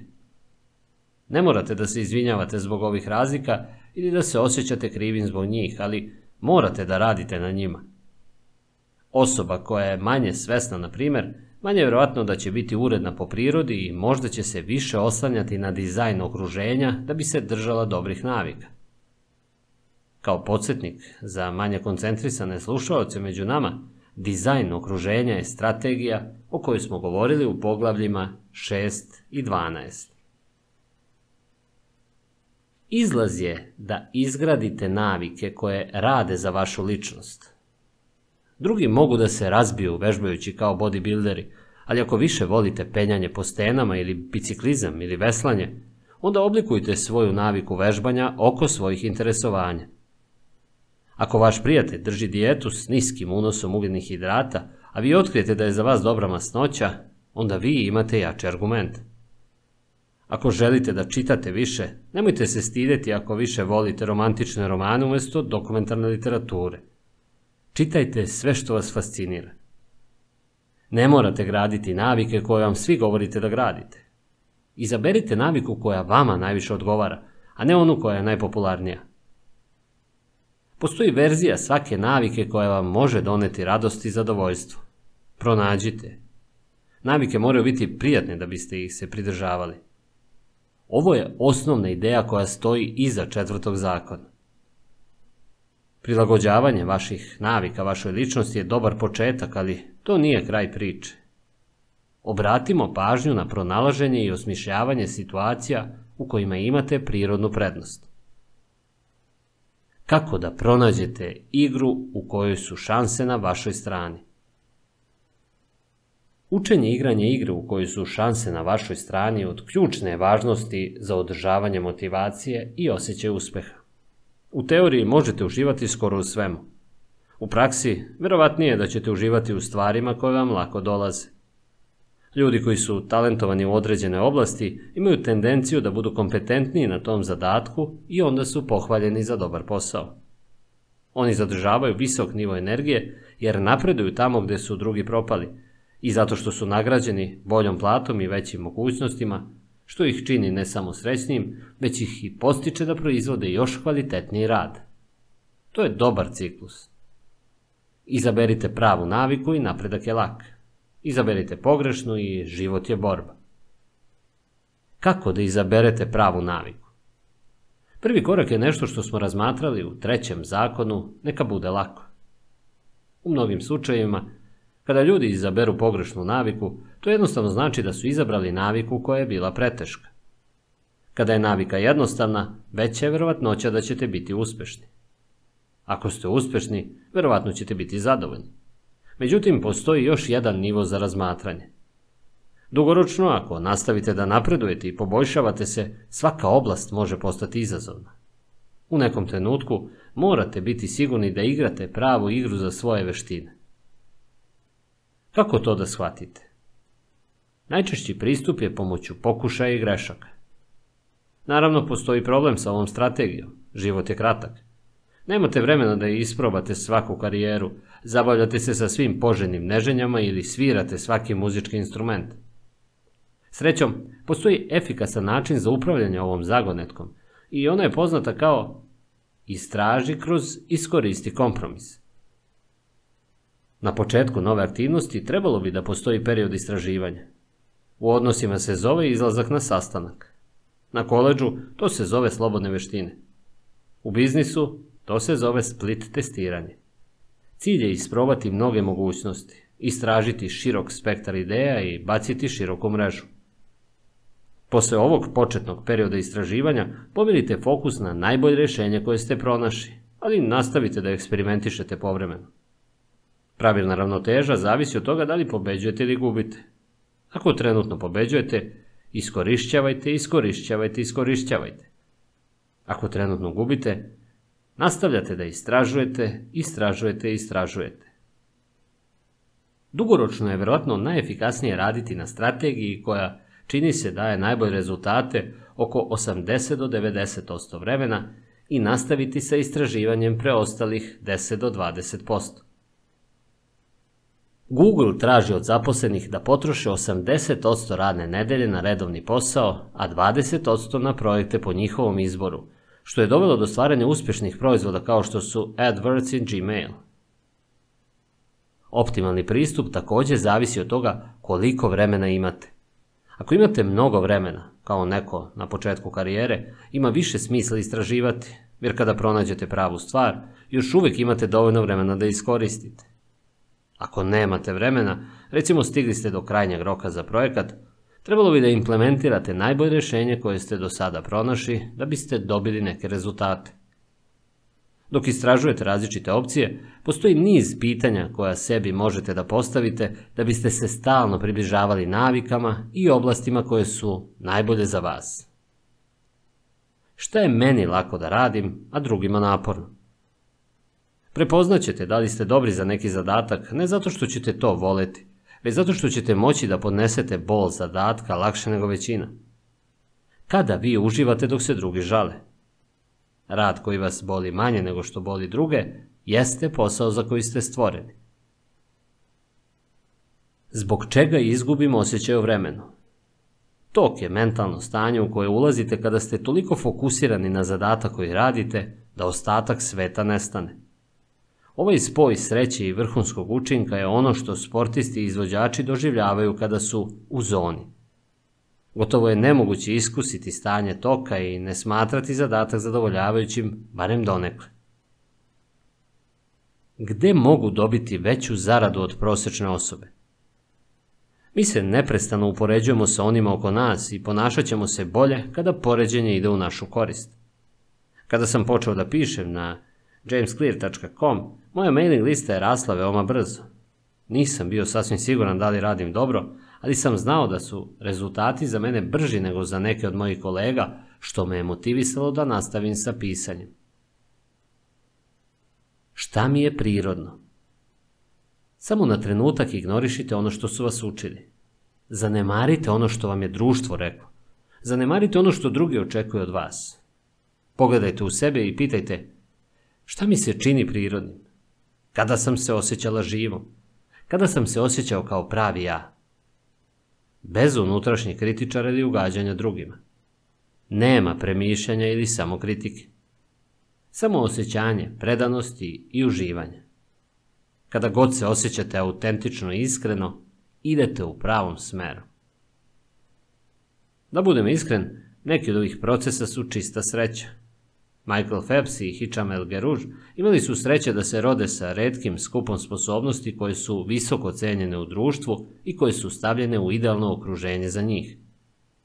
Svi imamo ograničeno vreme na ovoj planeti i zaista su veliki među nama oni koji ne samo da rade naporno, već imaju i sreću da budu izloženi prilikama koji ih favorizuju. Ali šta ako ne želite da se oslonite na sreću? Ako ne možete da nađete igru u kojoj su šanse na vašoj strani, napravite jedno. Scott Adams, karikaturista koji stoji iza stripa Dilbert, kaže Svako ima bar nekoliko oblasti u kojima bi mogao da bude u prvih 25% sa malo truda. U mom slučaju mogu da crtam bolje od većine ljudi, ali teško da sam umetnik. I nisam zabavniji od prosječnog komičara koji nikada nije postao popularan, ali jesam smešniji od većine ljudi. Magija je da malo ljudi može dobro da crta i piše šale. Kombinacija ova dva čini ono što ja radim redkim. A kada dodate tome moje radno iskustvo, odjednom sam dobio skup tema u koje se malo karikaturista razume. Kada ne možete da pobedite time što ste bolji, možete pobediti time što ste različiti. Kombinujući svoje veštine, smanjujete nivo konkurencije, što olakšava isticanje. Možete ignorisati potrebu za genetskom prednošću ili godine prakse tako što ćete napisati nova pravila. Dobar igrač naporno radi da pobedi u igri koju svi igraju. Veliki igrač stvara novu igru koja favorizuje njegove snage i izbegava njegove slabosti. Na koleđu sam kreirao svoju ličnu specijalizaciju, biomehaniku, koja je predstavljala kombinaciju fizike, hemije, biologije i anatomije. Nisam bio dovoljno pametan da se izdvojim među vrhunskim fizičarima ili biolozima, pa sam napravio svoju igru. Svi predmeti su mi prijali. Išao sam samo na časove koji su me zanimali i studiranje izgledalo manje kao obaveza. Također je bilo lakše izbeći zamku da se upoređujem sa svima ostalima. Posle svega, niko drugi nije imao istu kombinaciju predmeta, pa ko bi mogao reći da li su bili bolji ili lošiji? Specijalizacija je moćan način da se prevaziđe nesreća loše genetike. Što više ovladate određenom veštinom, to je teže za druge da se takmiče s vama. Mnogi bodybuilderi su jači od prosječnog rvača, ali čak i masivni bodybuilder može izgubiti u borbi obaranja ruku, jer šampioni u rvanju imaju specifičnu snagu. Čak i ako niste najviše prirodno nadareni, često možete pobediti tako što ćete biti najbolji u vrlo uskoj kategoriji. Vrela voda će omekšati krompir, ali će otvrnuti jaje. Ne možete kontrolisati da li ste krompir ili jaje, ali možete odlučiti da igrate igru gde je bolje da voda bude vrela ili hladna.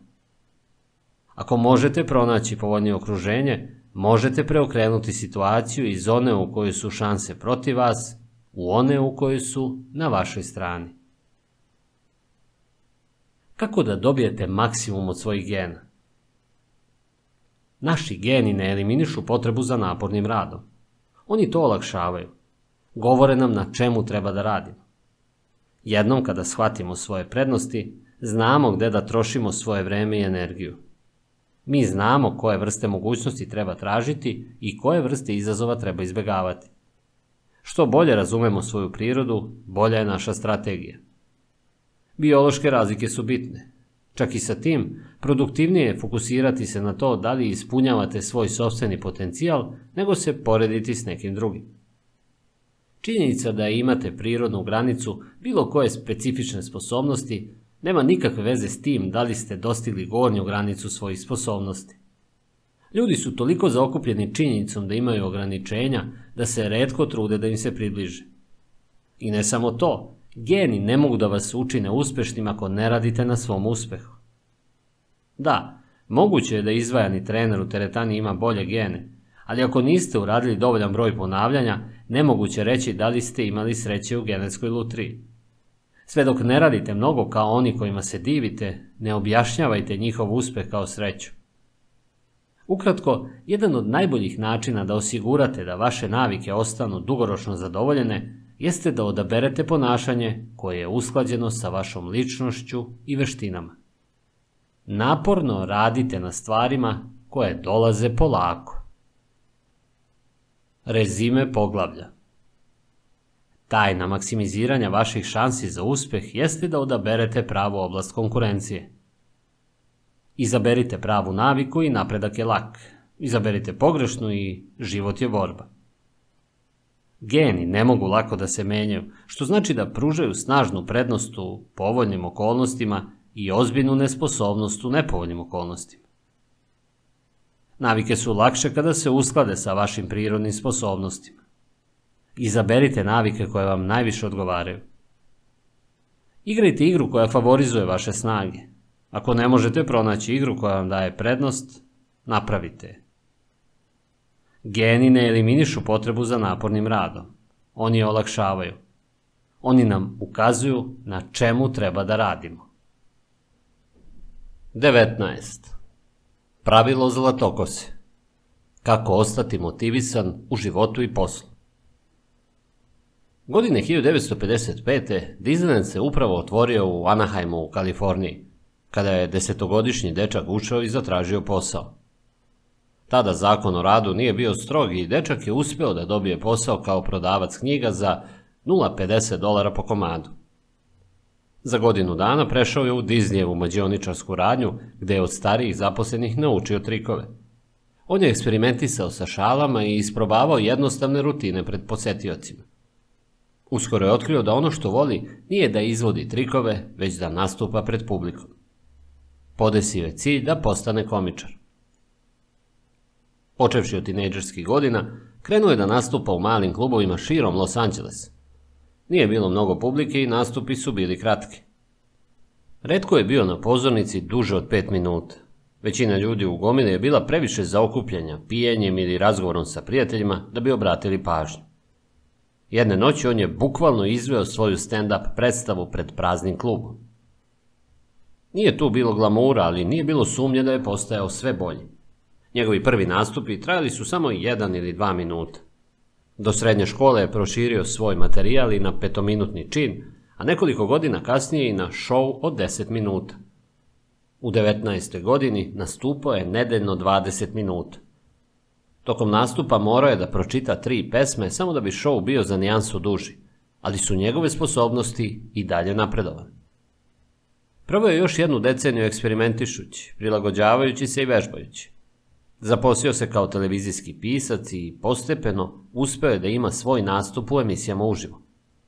Sredinom 70-ih je radio na tome da bude redovan gost u The Tonight Show i Saturday Night Live. Konačno, nakon skoro 15 godina rada, mladić je postao slavan. Za 63 dana obišao je 60 gradova. Onda 72 grada za 80 dana. Onda 85 gradova za 90 dana.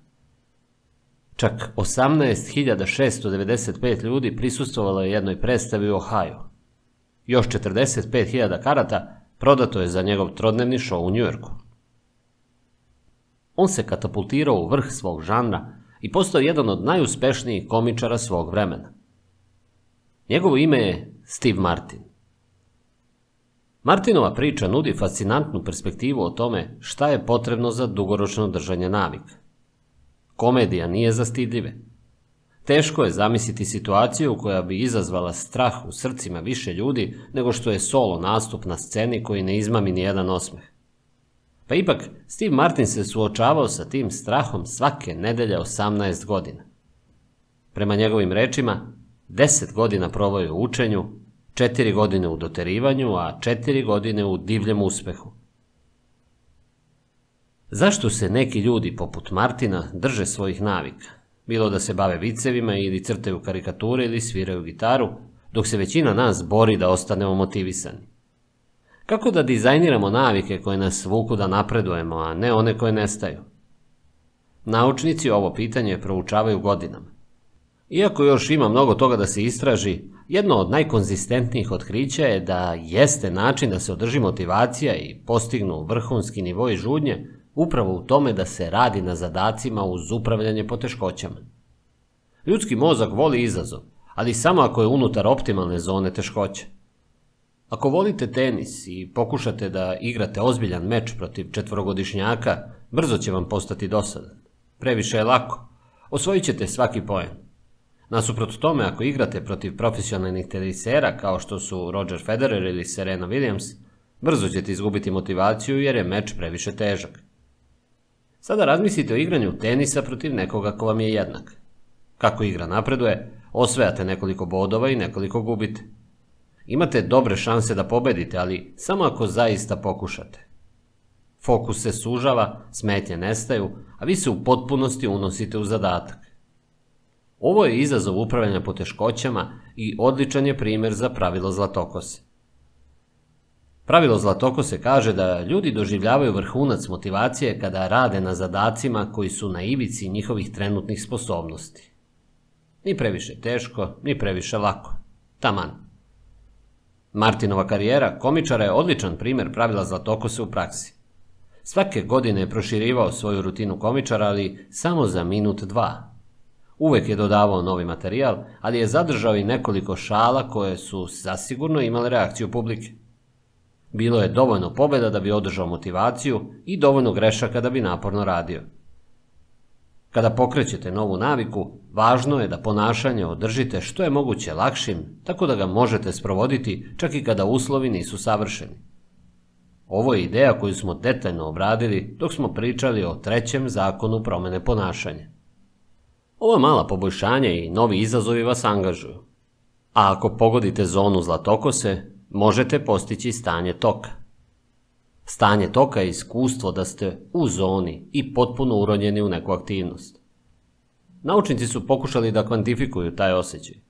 Otkrili su da za postizanje toka zadatak mora biti otprilike 4% iznad vaše trenutne sposobnosti. U stvarnom životu obično nije moguće kvantifikovati poteškoće akcija na ovaj način, ali osnovna ideja pravila zlatokose ostaje. Rad na izazovima, upravljanje poteškoćama, nešto što je na perimetru vaše sposobnosti, čini se ključnim za održavanje motivacije. Poboljšanje zahteva delikatnu ravnotežu. Morate redovno da tražite izazove koji vas guraju na ivicu, a da nastavite da pravite dovoljno napretka da biste ostali motivisani. Ponašanje treba da ostane novo, da bi i dalje bilo atraktivno i zadovoljavajuće. Bez raznovrsnosti se dosađujemo. I dosada je možda najveći zlikovac u potrazi za samo poboljšanje. Kako da ostanete fokusirani kada vam je dosadno dok radite na svojim ciljevima? Kada se moja bejsbol karijera završila, tražio sam novi sport. Pridružio sam se timu za dizanje tegova i jednoga dana je vrhunski trener posjetio našu teretanu. Radio je sa hiljadama sportista tokom svoje duge karijere, uključujući i nekoliko olimpijaca. Predstavio sam se i počeli smo da razgovaramo o procesu poboljšanja. U čemu je razlika između najboljih sportista i svih ostalih? Upitao sam. Šta zaista uspešni ljudi rade, što većina ne radi? Spomenuo je faktore koje možete očekivati. Genetika, sreća, talenat. Ali onda je rekao nešto što nisam očekivao. U jednom trenutku se svodi na to ko može da podnese dosadu treniranja svakog dana, istih pokreta, iznova i iznova. Njegov odgovor mi iznenadio jer je to drugačiji način razmišljanja o radnoj etici. Ljudi govore da rade pojačano na ostvarivanju svojih ciljeva. Bilo da se radi o biznisu, sportu ili umetnosti, čujete da ljudi govore stvari kao što su sve se svodi na strast ili vi to zaista morate da želite. Kao rezultat, mnogi od nas se deprimiraju kada izgubimo fokus ili motivaciju, zato što mislimo da uspešni ljudi imaju neku beskrajnu rezervu strasti. Ali ovaj trener je govorio da zaista uspešni ljudi osjećaju isti nedostatak motivacije kao i svi drugi. Razlika je u tome što oni još uvek pronalaze način da se pojave na treningu uprkos osjećaju dosade. Majstorstvo zahteva praksu. Ali što više praktikujete nešto, to postaje dosadnije i prelazi u rutinu. Kada ostvarimo početničke uspehe i naučimo ono što smo očekivali, naše interesovanje počinje da bledi. Ponekad se to dešava čak i brže od toga. Sve što treba da uradite jeste da uđete u teretanu nekoliko dana zaredom ili da objavite nekoliko postova na blogu na vreme i jedan propust u tome ne deluje previše strašno. Stvari idu dobro. Lako je racionalizovati uzimanje slobodnog dana jer ste još uvek na dobrom putu.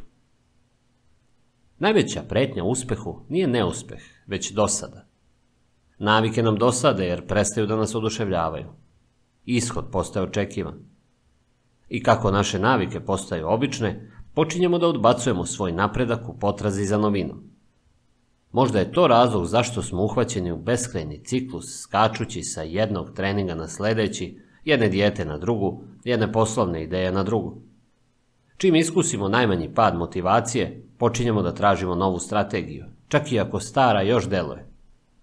Kao što je Machiavelli primetio, ljudi žele novost do te mere da oni kojima je dobro žele promenu koliko i oni kojima je loše.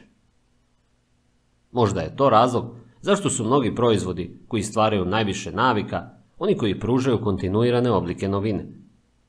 Video igre pružaju vizualnu novinu. Pornografija pruža seksualnu novinu. Nezdrave namirnice pružaju kulinarsku novinu.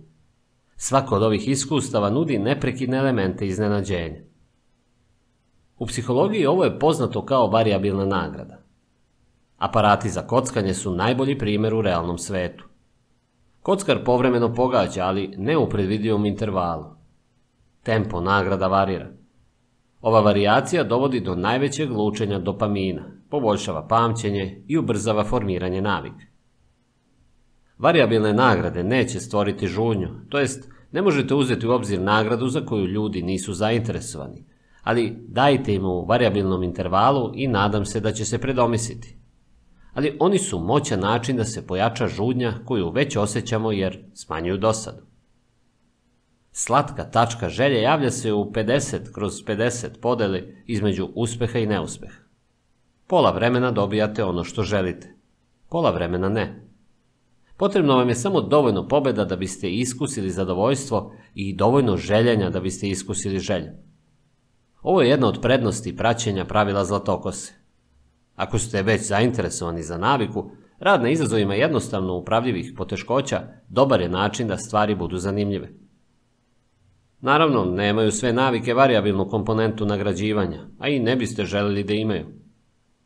Kada bi Google isporučio samo neke korisne rezultate pretrage, prešao bih na konkurenta prilično brzo. Kada bi Uber pokupio samo polovinu mojih ruta, sumnjam da bih duže koristio tu uslugu. I kada bih čistio zube koncem svako veče, a samo ponekad oprao zube, mislim da bi se brzo predomislio. Sa promenljivim nagradama ili bez njih, navika neće ostati zanimljiva zauvek. U jednom trenutku svi se suočavaju sa istim izazovom na putu samounapređenja. Morate se zaljubiti u dosadu. Svi imamo ciljeve koje želimo da ostvarimo i snove koje želimo da ispunimo.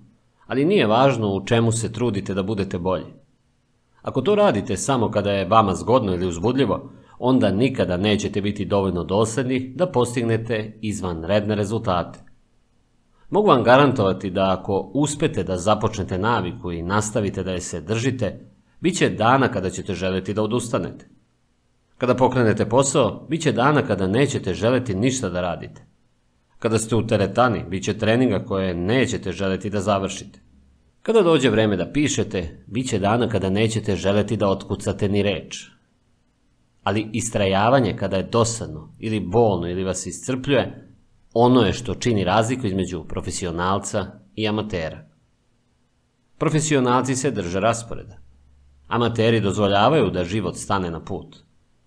Profesionalci znaju šta im je važno i idu ka tome sa svrhom. Amatere sa puta izbace urgencije života.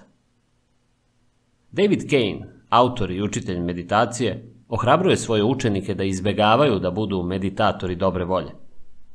Kada vam je navika zaista važna, morate biti voljni da je se držite u bilo kom raspoloženju.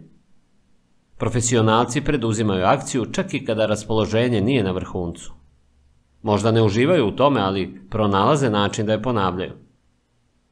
Bilo je dosta setova koje nisam želeo da završim, ali nikada nisam zažalio što sam uradio trening. Bilo je mnogo članaka koje nisam želeo da napišem, ali nikada nisam zažalio što sam ih objavio na vreme.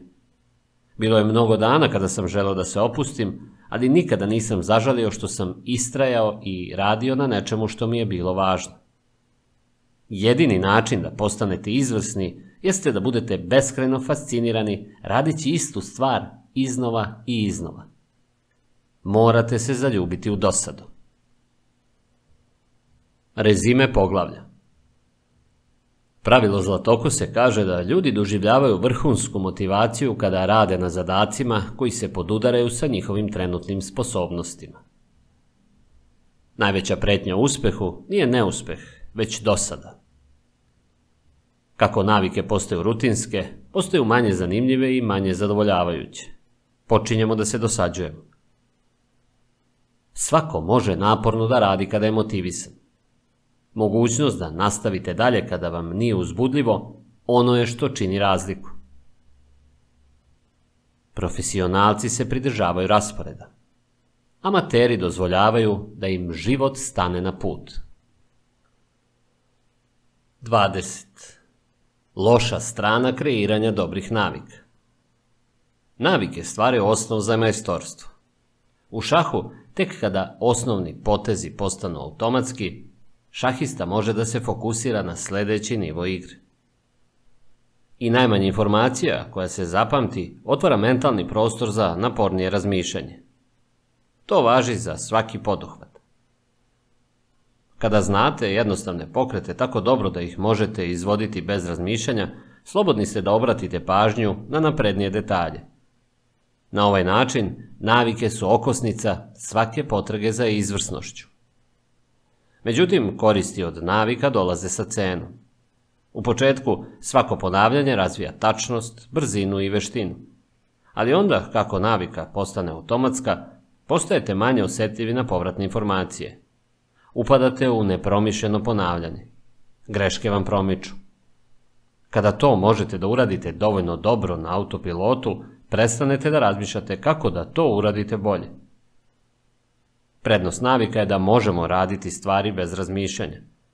Loša strana navika je da se naviknete da radite stvari na određeni način i da prestanete da obraćate pažnju na male greške. Pretpostavljate da postajete bolji jer stičete iskustvo.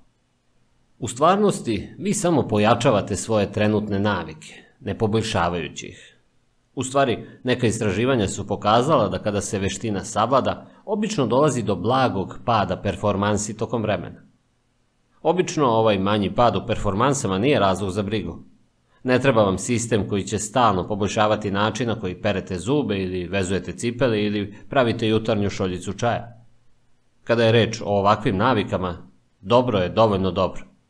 Što manje energije trošite na trivialne izbore, to više možete da je trošite na ono što vam je zaista važno. Međutim, kada želite da maksimizujete svoj potencijal i postignete vrhunske nivoje performansi, potreban vam je subtilni pristup. Ne možete slepo ponavljati iste stvari i očekivati da postanete izuzetni. Navike su neophodne, ali nisu dovoljne za ovladavanje. Ono što vam je potrebno jeste kombinacija automatskih navika i namerne prakse. Formula glasi navika plus namerna praksa jednako je majstorstvo. Da biste postali izvrsni, određene veštine moraju da postanu automatske. Košarkaši moraju da znaju da driblaju bez razmišljanja pre nego što pređu na ovladavanje zakucavanja rukom koja nije dominantna. Hiružzi moraju da ponove prvi rez toliko puta da mogu to učiniti zatvorenih očiju, tako da mogu da se fokusiraju na stotine varijabli koje nastaju tokom operacije. Ali nakon što se savlada jedna navika, morate se vratiti na naporan deo posla i početi da gradite sledeću naviku. Majstorstvo je proces sužavanja fokusa na sitne elemente uspeha, ponavljajući ga sve dok ne usvojite veštinu, a zatim koristeći ovu novu naviku kao osnovu za napredak na sledeću granicu vašeg razvoja. Stari zadaci postaju lakši u drugoj rundi, ali ne postoje lakše uopšteno jer prelivate svoju energiju na sledeći izazov. Svaka navika otključava sledeći nivo učinka. To je beskrajan ciklus. Iako su navike moćne, ono što vam je potrebno jeste način da ostanete svesni svog učinka tokom vremena, tako da možete nastaviti da se poboljšavate i usavršavate. Upravo u trenutku kada počnete da se osjećate kao da ste savladali veštinu, baš tada stvari počinju da se automatizuju i ulazite u zonu komfora. Morate izbeći da skliznete u zamku samozadovoljstva. Rešenje? Uspostaviti sistem za refleksiju i proveru. Kako da proverite svoje navike i poboljšate ih? Godine 1986. Los Angeles Lakers bili su jedan od najtalentovanijih košarkaških timova koji se ikada okupio, ali ih redko pamte na taj način. Tim je započeo sezonu NBA 1985-86 sa zapanjujućim rekordom od 29 prema 5. Najveći stručnjaci su govorili da smo možda najbolji tim u istoriji košarke, rekao je trener Pat Riley nakon sezone. Iznenađujuće, Lakers su počeli da posustaju u play-offu 86. godine i pretrpeli poraz u sezoni u finalu zapadne konferencije. Najbolji tim u istoriji košarke nije čak ni igrao za NBA šampionat. Nakon tog udarca, Red je bio umoran od toga da sluša koliko su bili talentovani njegovi igrači i koliko su obećavali. On nije želeo da gleda te sjajne igrače ugrožene padom performansi. Želeo je da Lakersi igraju svoj puni potencijal veče za veče. U letu 1986. godine kreirao je plan da uradi upravo to, sistem koji je nazvao program karijernog razvoja. Kada se igrači prvi put pridruže timu, objasnio Riley, pratimo njihove košarkaške statistike sve od srednje škole. Ja kažem da im uzimamo meru. Tražimo tačan profil onoga što igrač može da uradi, a zatim ga ugradimo u naš plan za tim na osnovu ideje da će nastaviti da održava, a onda i da počne da poboljšava svoje rezultate. Nakon određivanja osnovnog nivoa performansi igrača, Riley je dodao ključni korak. Zamolio je svakog igrača da poboljša svoj rezultat za najmanje 1% tokom sezone. Ako bi uspeli, to bi bio deo programa karijernog razvoja. Slično kao i britanski biciklistički tim o kojem smo govorili u prvom poglavlju. Lakersi su tražili vrhunske performanse tako što su postajali malo bolji svakog dana. Rajl je pazio da istakne da program karijernog razvoja nije samo vezan za bodove ili statistiku, nego i ulaganje svog najboljeg duhovnog i mentalnog i fizičkog napora.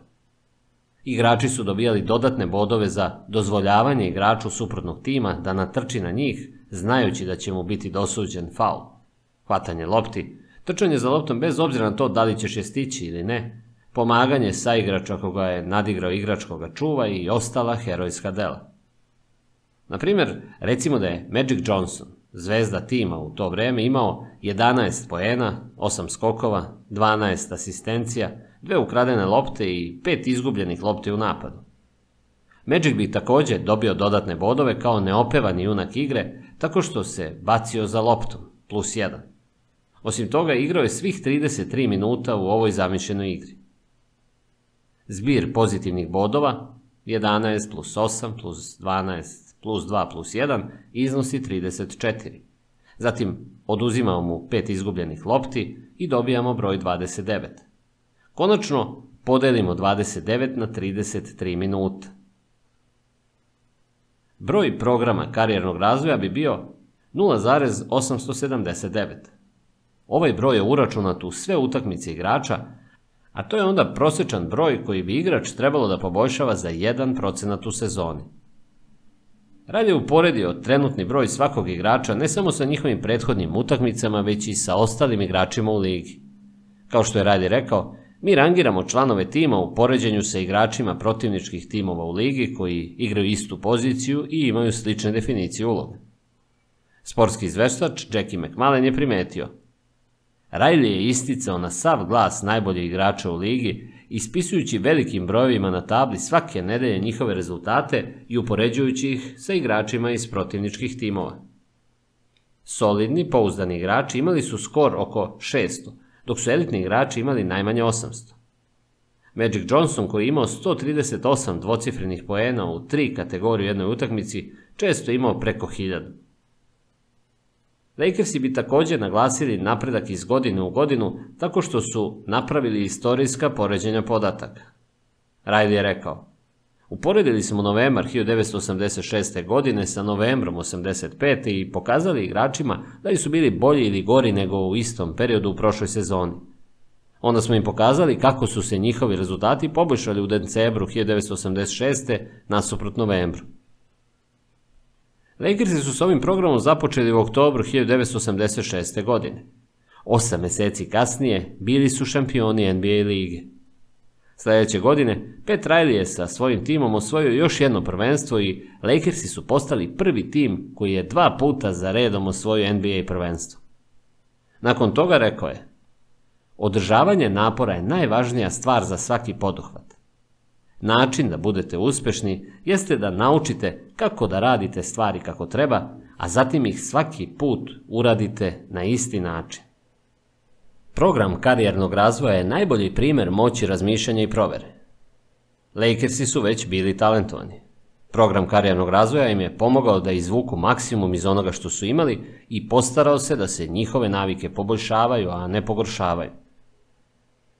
Promišljanje i pregled omogućavaju dugoročno poboljšanje svih navika jer vas čine svesni vaših grešaka i pomažu vam da razmotrite moguće puteve za poboljšanje.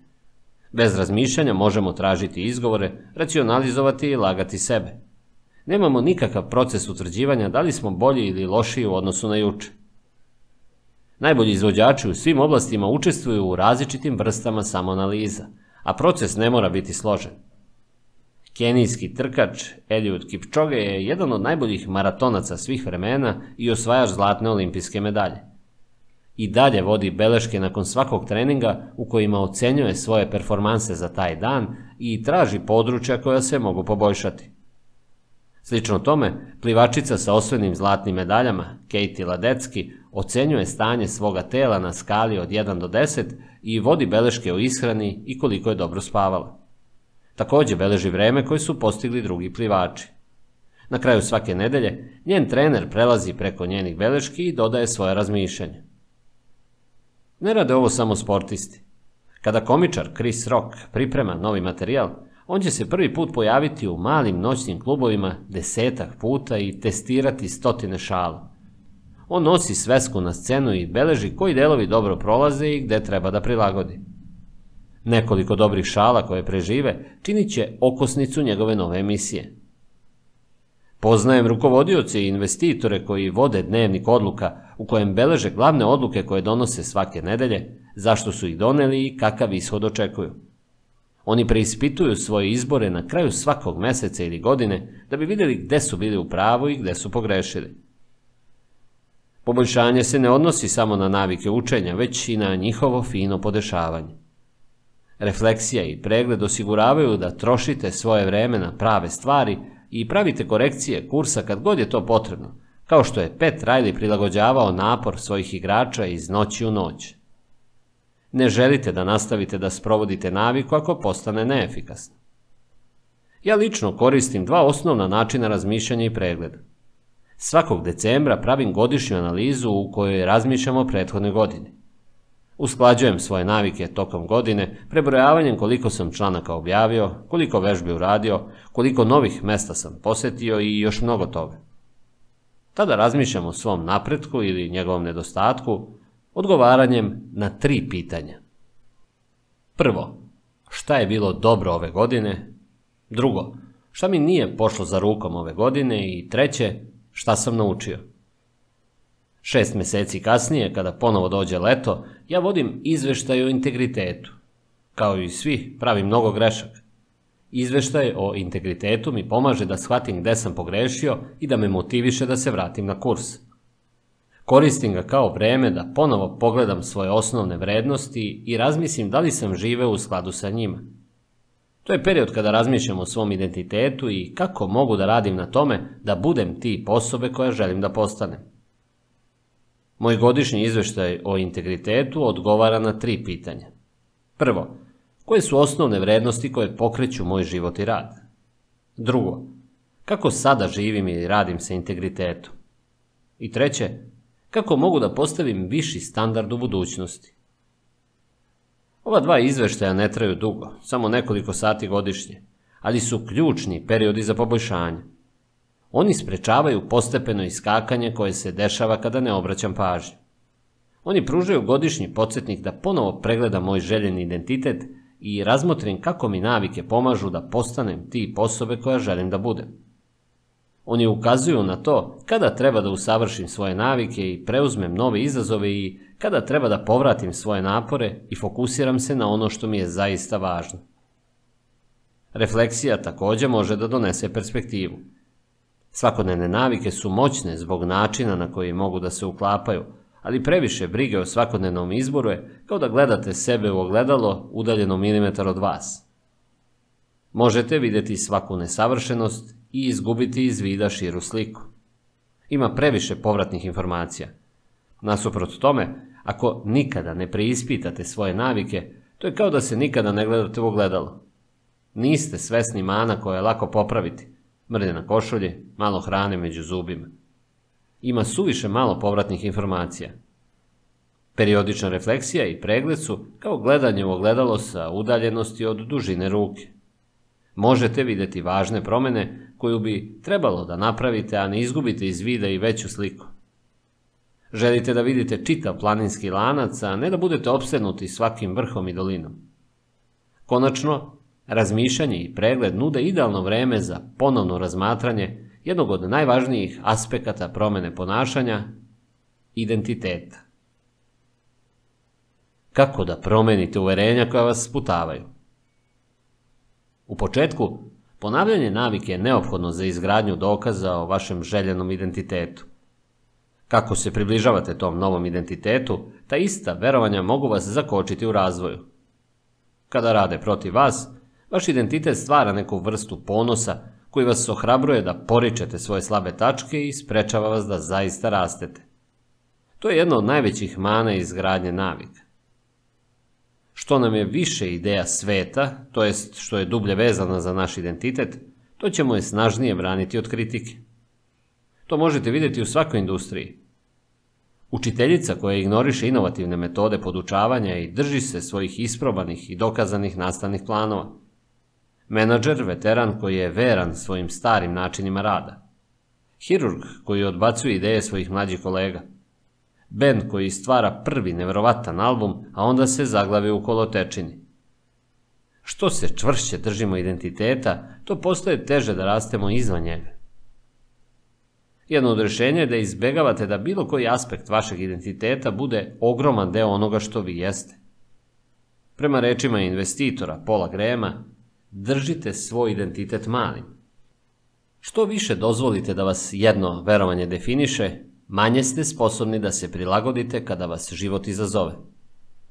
Ako sve vežete za to da budete playmaker ili partner u firmi ili bilo šta drugo, onda će vas gubitak tog aspekta vašeg života uništiti. Ako ste vegana, onda se pojavi zdravstveni problem koji vas prisiljava da promenite svoju ishranu, imaćete krizu identiteta. Kada se čvrsto držite jednog identiteta, postajete krhki. Izgubite jednu stvar i izgubite sebe. Veći deo moje mladosti, biti sportista, bio je veliki deo mog identiteta. Nakon što sam završio svoju bejsbol karijeru, borio sam se da se pronađem. Kada čitav život provedeš definišući se na jedan način i on nestane, ko si sada ti? Vojni veterani i bivši preduzetnici govore o sličnim osjećajima. Ako je vaš identitet ispunjen uverenjem, ja sam veliki vojnik, šta se dešava kada se završi vaše služenje? Za mnoge vlasnike biznisa, njihov identitet je nešto što je u skladu sa ja sam direktor ili ja sam osnivač. Ako ste proveli svaki trenutak radeći na svom poslu, kako ćete se osjećati nakon što prodate kompaniju? Ključ za ublažavanje ovih gubitaka identiteta jeste redefinisanje sebe tako da zadržite važne aspekte svog identiteta, čak i ako se vaša određena uloga promeni. Ja sam sportista, postaje, ja sam tip osobe koja je mentalno jaka i voli fizički izazov. Ja sam vojnik se pretvara u Ja sam tip osobe koja je disciplinovana, pouzdana i odlična u timu. Ja sam direktor i vlasnik se pretvara u Ja sam tip osobe koja gradi i stvara. Kada se efikasno izabere, identitet može biti fleksibilan, a ne krut. Kao voda koja teče oko prepreke. Vaš identitet reaguje sa promenljivim okolnostima, a ne protiv njih. Navike pružaju brojne koristi, ali je loša strana to što nas mogu zaključati u naše prethodne modele razmišljanja i delovanja, čak i kada se svet kreće oko nas. Sve je nestalno. Život se stalno menja, tako da morate periodično da proveravate da li vaše stare navike i verovanje još uvek služe vama. Nedostatak samosvesti je otrov. Razmišljanje i provera su protiv otrov. Rezime poglavlja Prednost navika je da možemo raditi stvari bez razmišljanja. Mana je što prestajemo da obraćamo pažnju na male greške. Navike plus namerna praksa jednako je majstorstvo. Razmišljanje i provera je proces koji vam omogućava da ostanete svesni svog učinka tokom vremena. Što se čvršće držimo identiteta, to postaje teže rasti van njega. Zaključak Tajna rezultata koji traju Postoji drevna grčka parabola poznata kao paradoks komile, koja govori o efektu koji jedna mala akcija može imati kada se dovoljno puta ponovi. Jedna od formulacija paradoksa glasi Može li jedan novčić učiniti osobu bogatu? Ako osobi date gomilu od deset kovanica, ne biste tvrdili da je on ili ona bogat. Ali šta ako dodate još jedan, i još jedan, i još jedan? U nekom trenutku ćete morati da priznate da niko ne može biti bogat ako jedna kovanica ne može tome doprineti. Isto možemo reći i za atomske navike. Može li jedna sitna promjena da transformiše vaš život? Pa još jedna. U nekom trenutku morat ćete da priznate da vaš život jeste transformisan jednom malom promenom. Sveti gral promene navike nije ni jedan procenat poboljšanja, već hiljadu njih. To je gomila atomskih navika koje se slažu, a svaka od njih je osnovna jedinica celokupnog sistema. U početku, mala poboljšanja često mogu izgledati besmisleno jer ih težina sistema potire.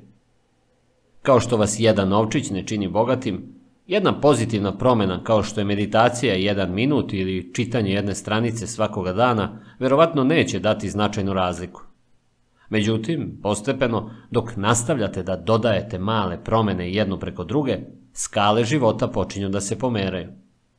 Svako poboljšanje je kao dodavanje zrna peska na pozitivnu stranu skale, polako naginjući stvari u vašu korist. Na kraju, ako se držite toga, pogodili ste prelomnu tačku. Odjednom postaje lakše da se držite dobrih navika. Težina sistema radi za vas, a ne protiv vas. U ovoj knjizi analizirali smo desetine priča o vrhunskim profesionalcima. Pomenuli smo zlatne olimpijske medalje, nagrađivane umetnike, poslovne lidere, lekare koji spašavaju život i komičare koji su koristili nauku o malim stvarima da ovladaju svojim zanatom i dostignu maksimum u svom polju delatnosti. Svaki od ljudi, timova i kompanija koje smo spomenuli suočili su se sa različitim okolnostima, ali su konačno napredovali na isti način. Kroz posvećenost sitnim, održivim, nepopustljivim poboljšanjima. Uspeh nije cilj koji ćete doseći ili cilj kroz koji ćete protrčati. To je sistem za poboljšanje, beskonačan proces za usavršavanje. U prvom poglavlju sam rekao, ako imate probleme da promenite svoje navike, problem nije u vama, problem je u vašem sistemu. Loše navike se ponavljaju iznova i iznova, ne zato što ne želite da se promenite, već zato što imate pogrešan sistem za promenu. Kako se ova knjiga približava kraju, nadam se da je suprotno. Sa četiri zakona o promeni ponašanja imate set alata i strategija koje možete koristiti da biste izgradili bolje sisteme i oblikovali bolje navike. Ponekad je teško zapamtiti naviku i morat ćete je učiniti očigledno. U drugim slučajevima nećete želiti da počnete i morate da je učinite privlačnom. U mnogim slučajevima možda ćete uvidjeti da je navika previše teška i da ćete morati da je olakšate. A ponekad nećete želeti da je se držite i morat ćete da učinite da bude zadovoljavajuće. Ovo je stalni proces. Nema ciljne linije. Ne postoji trajno rješenje.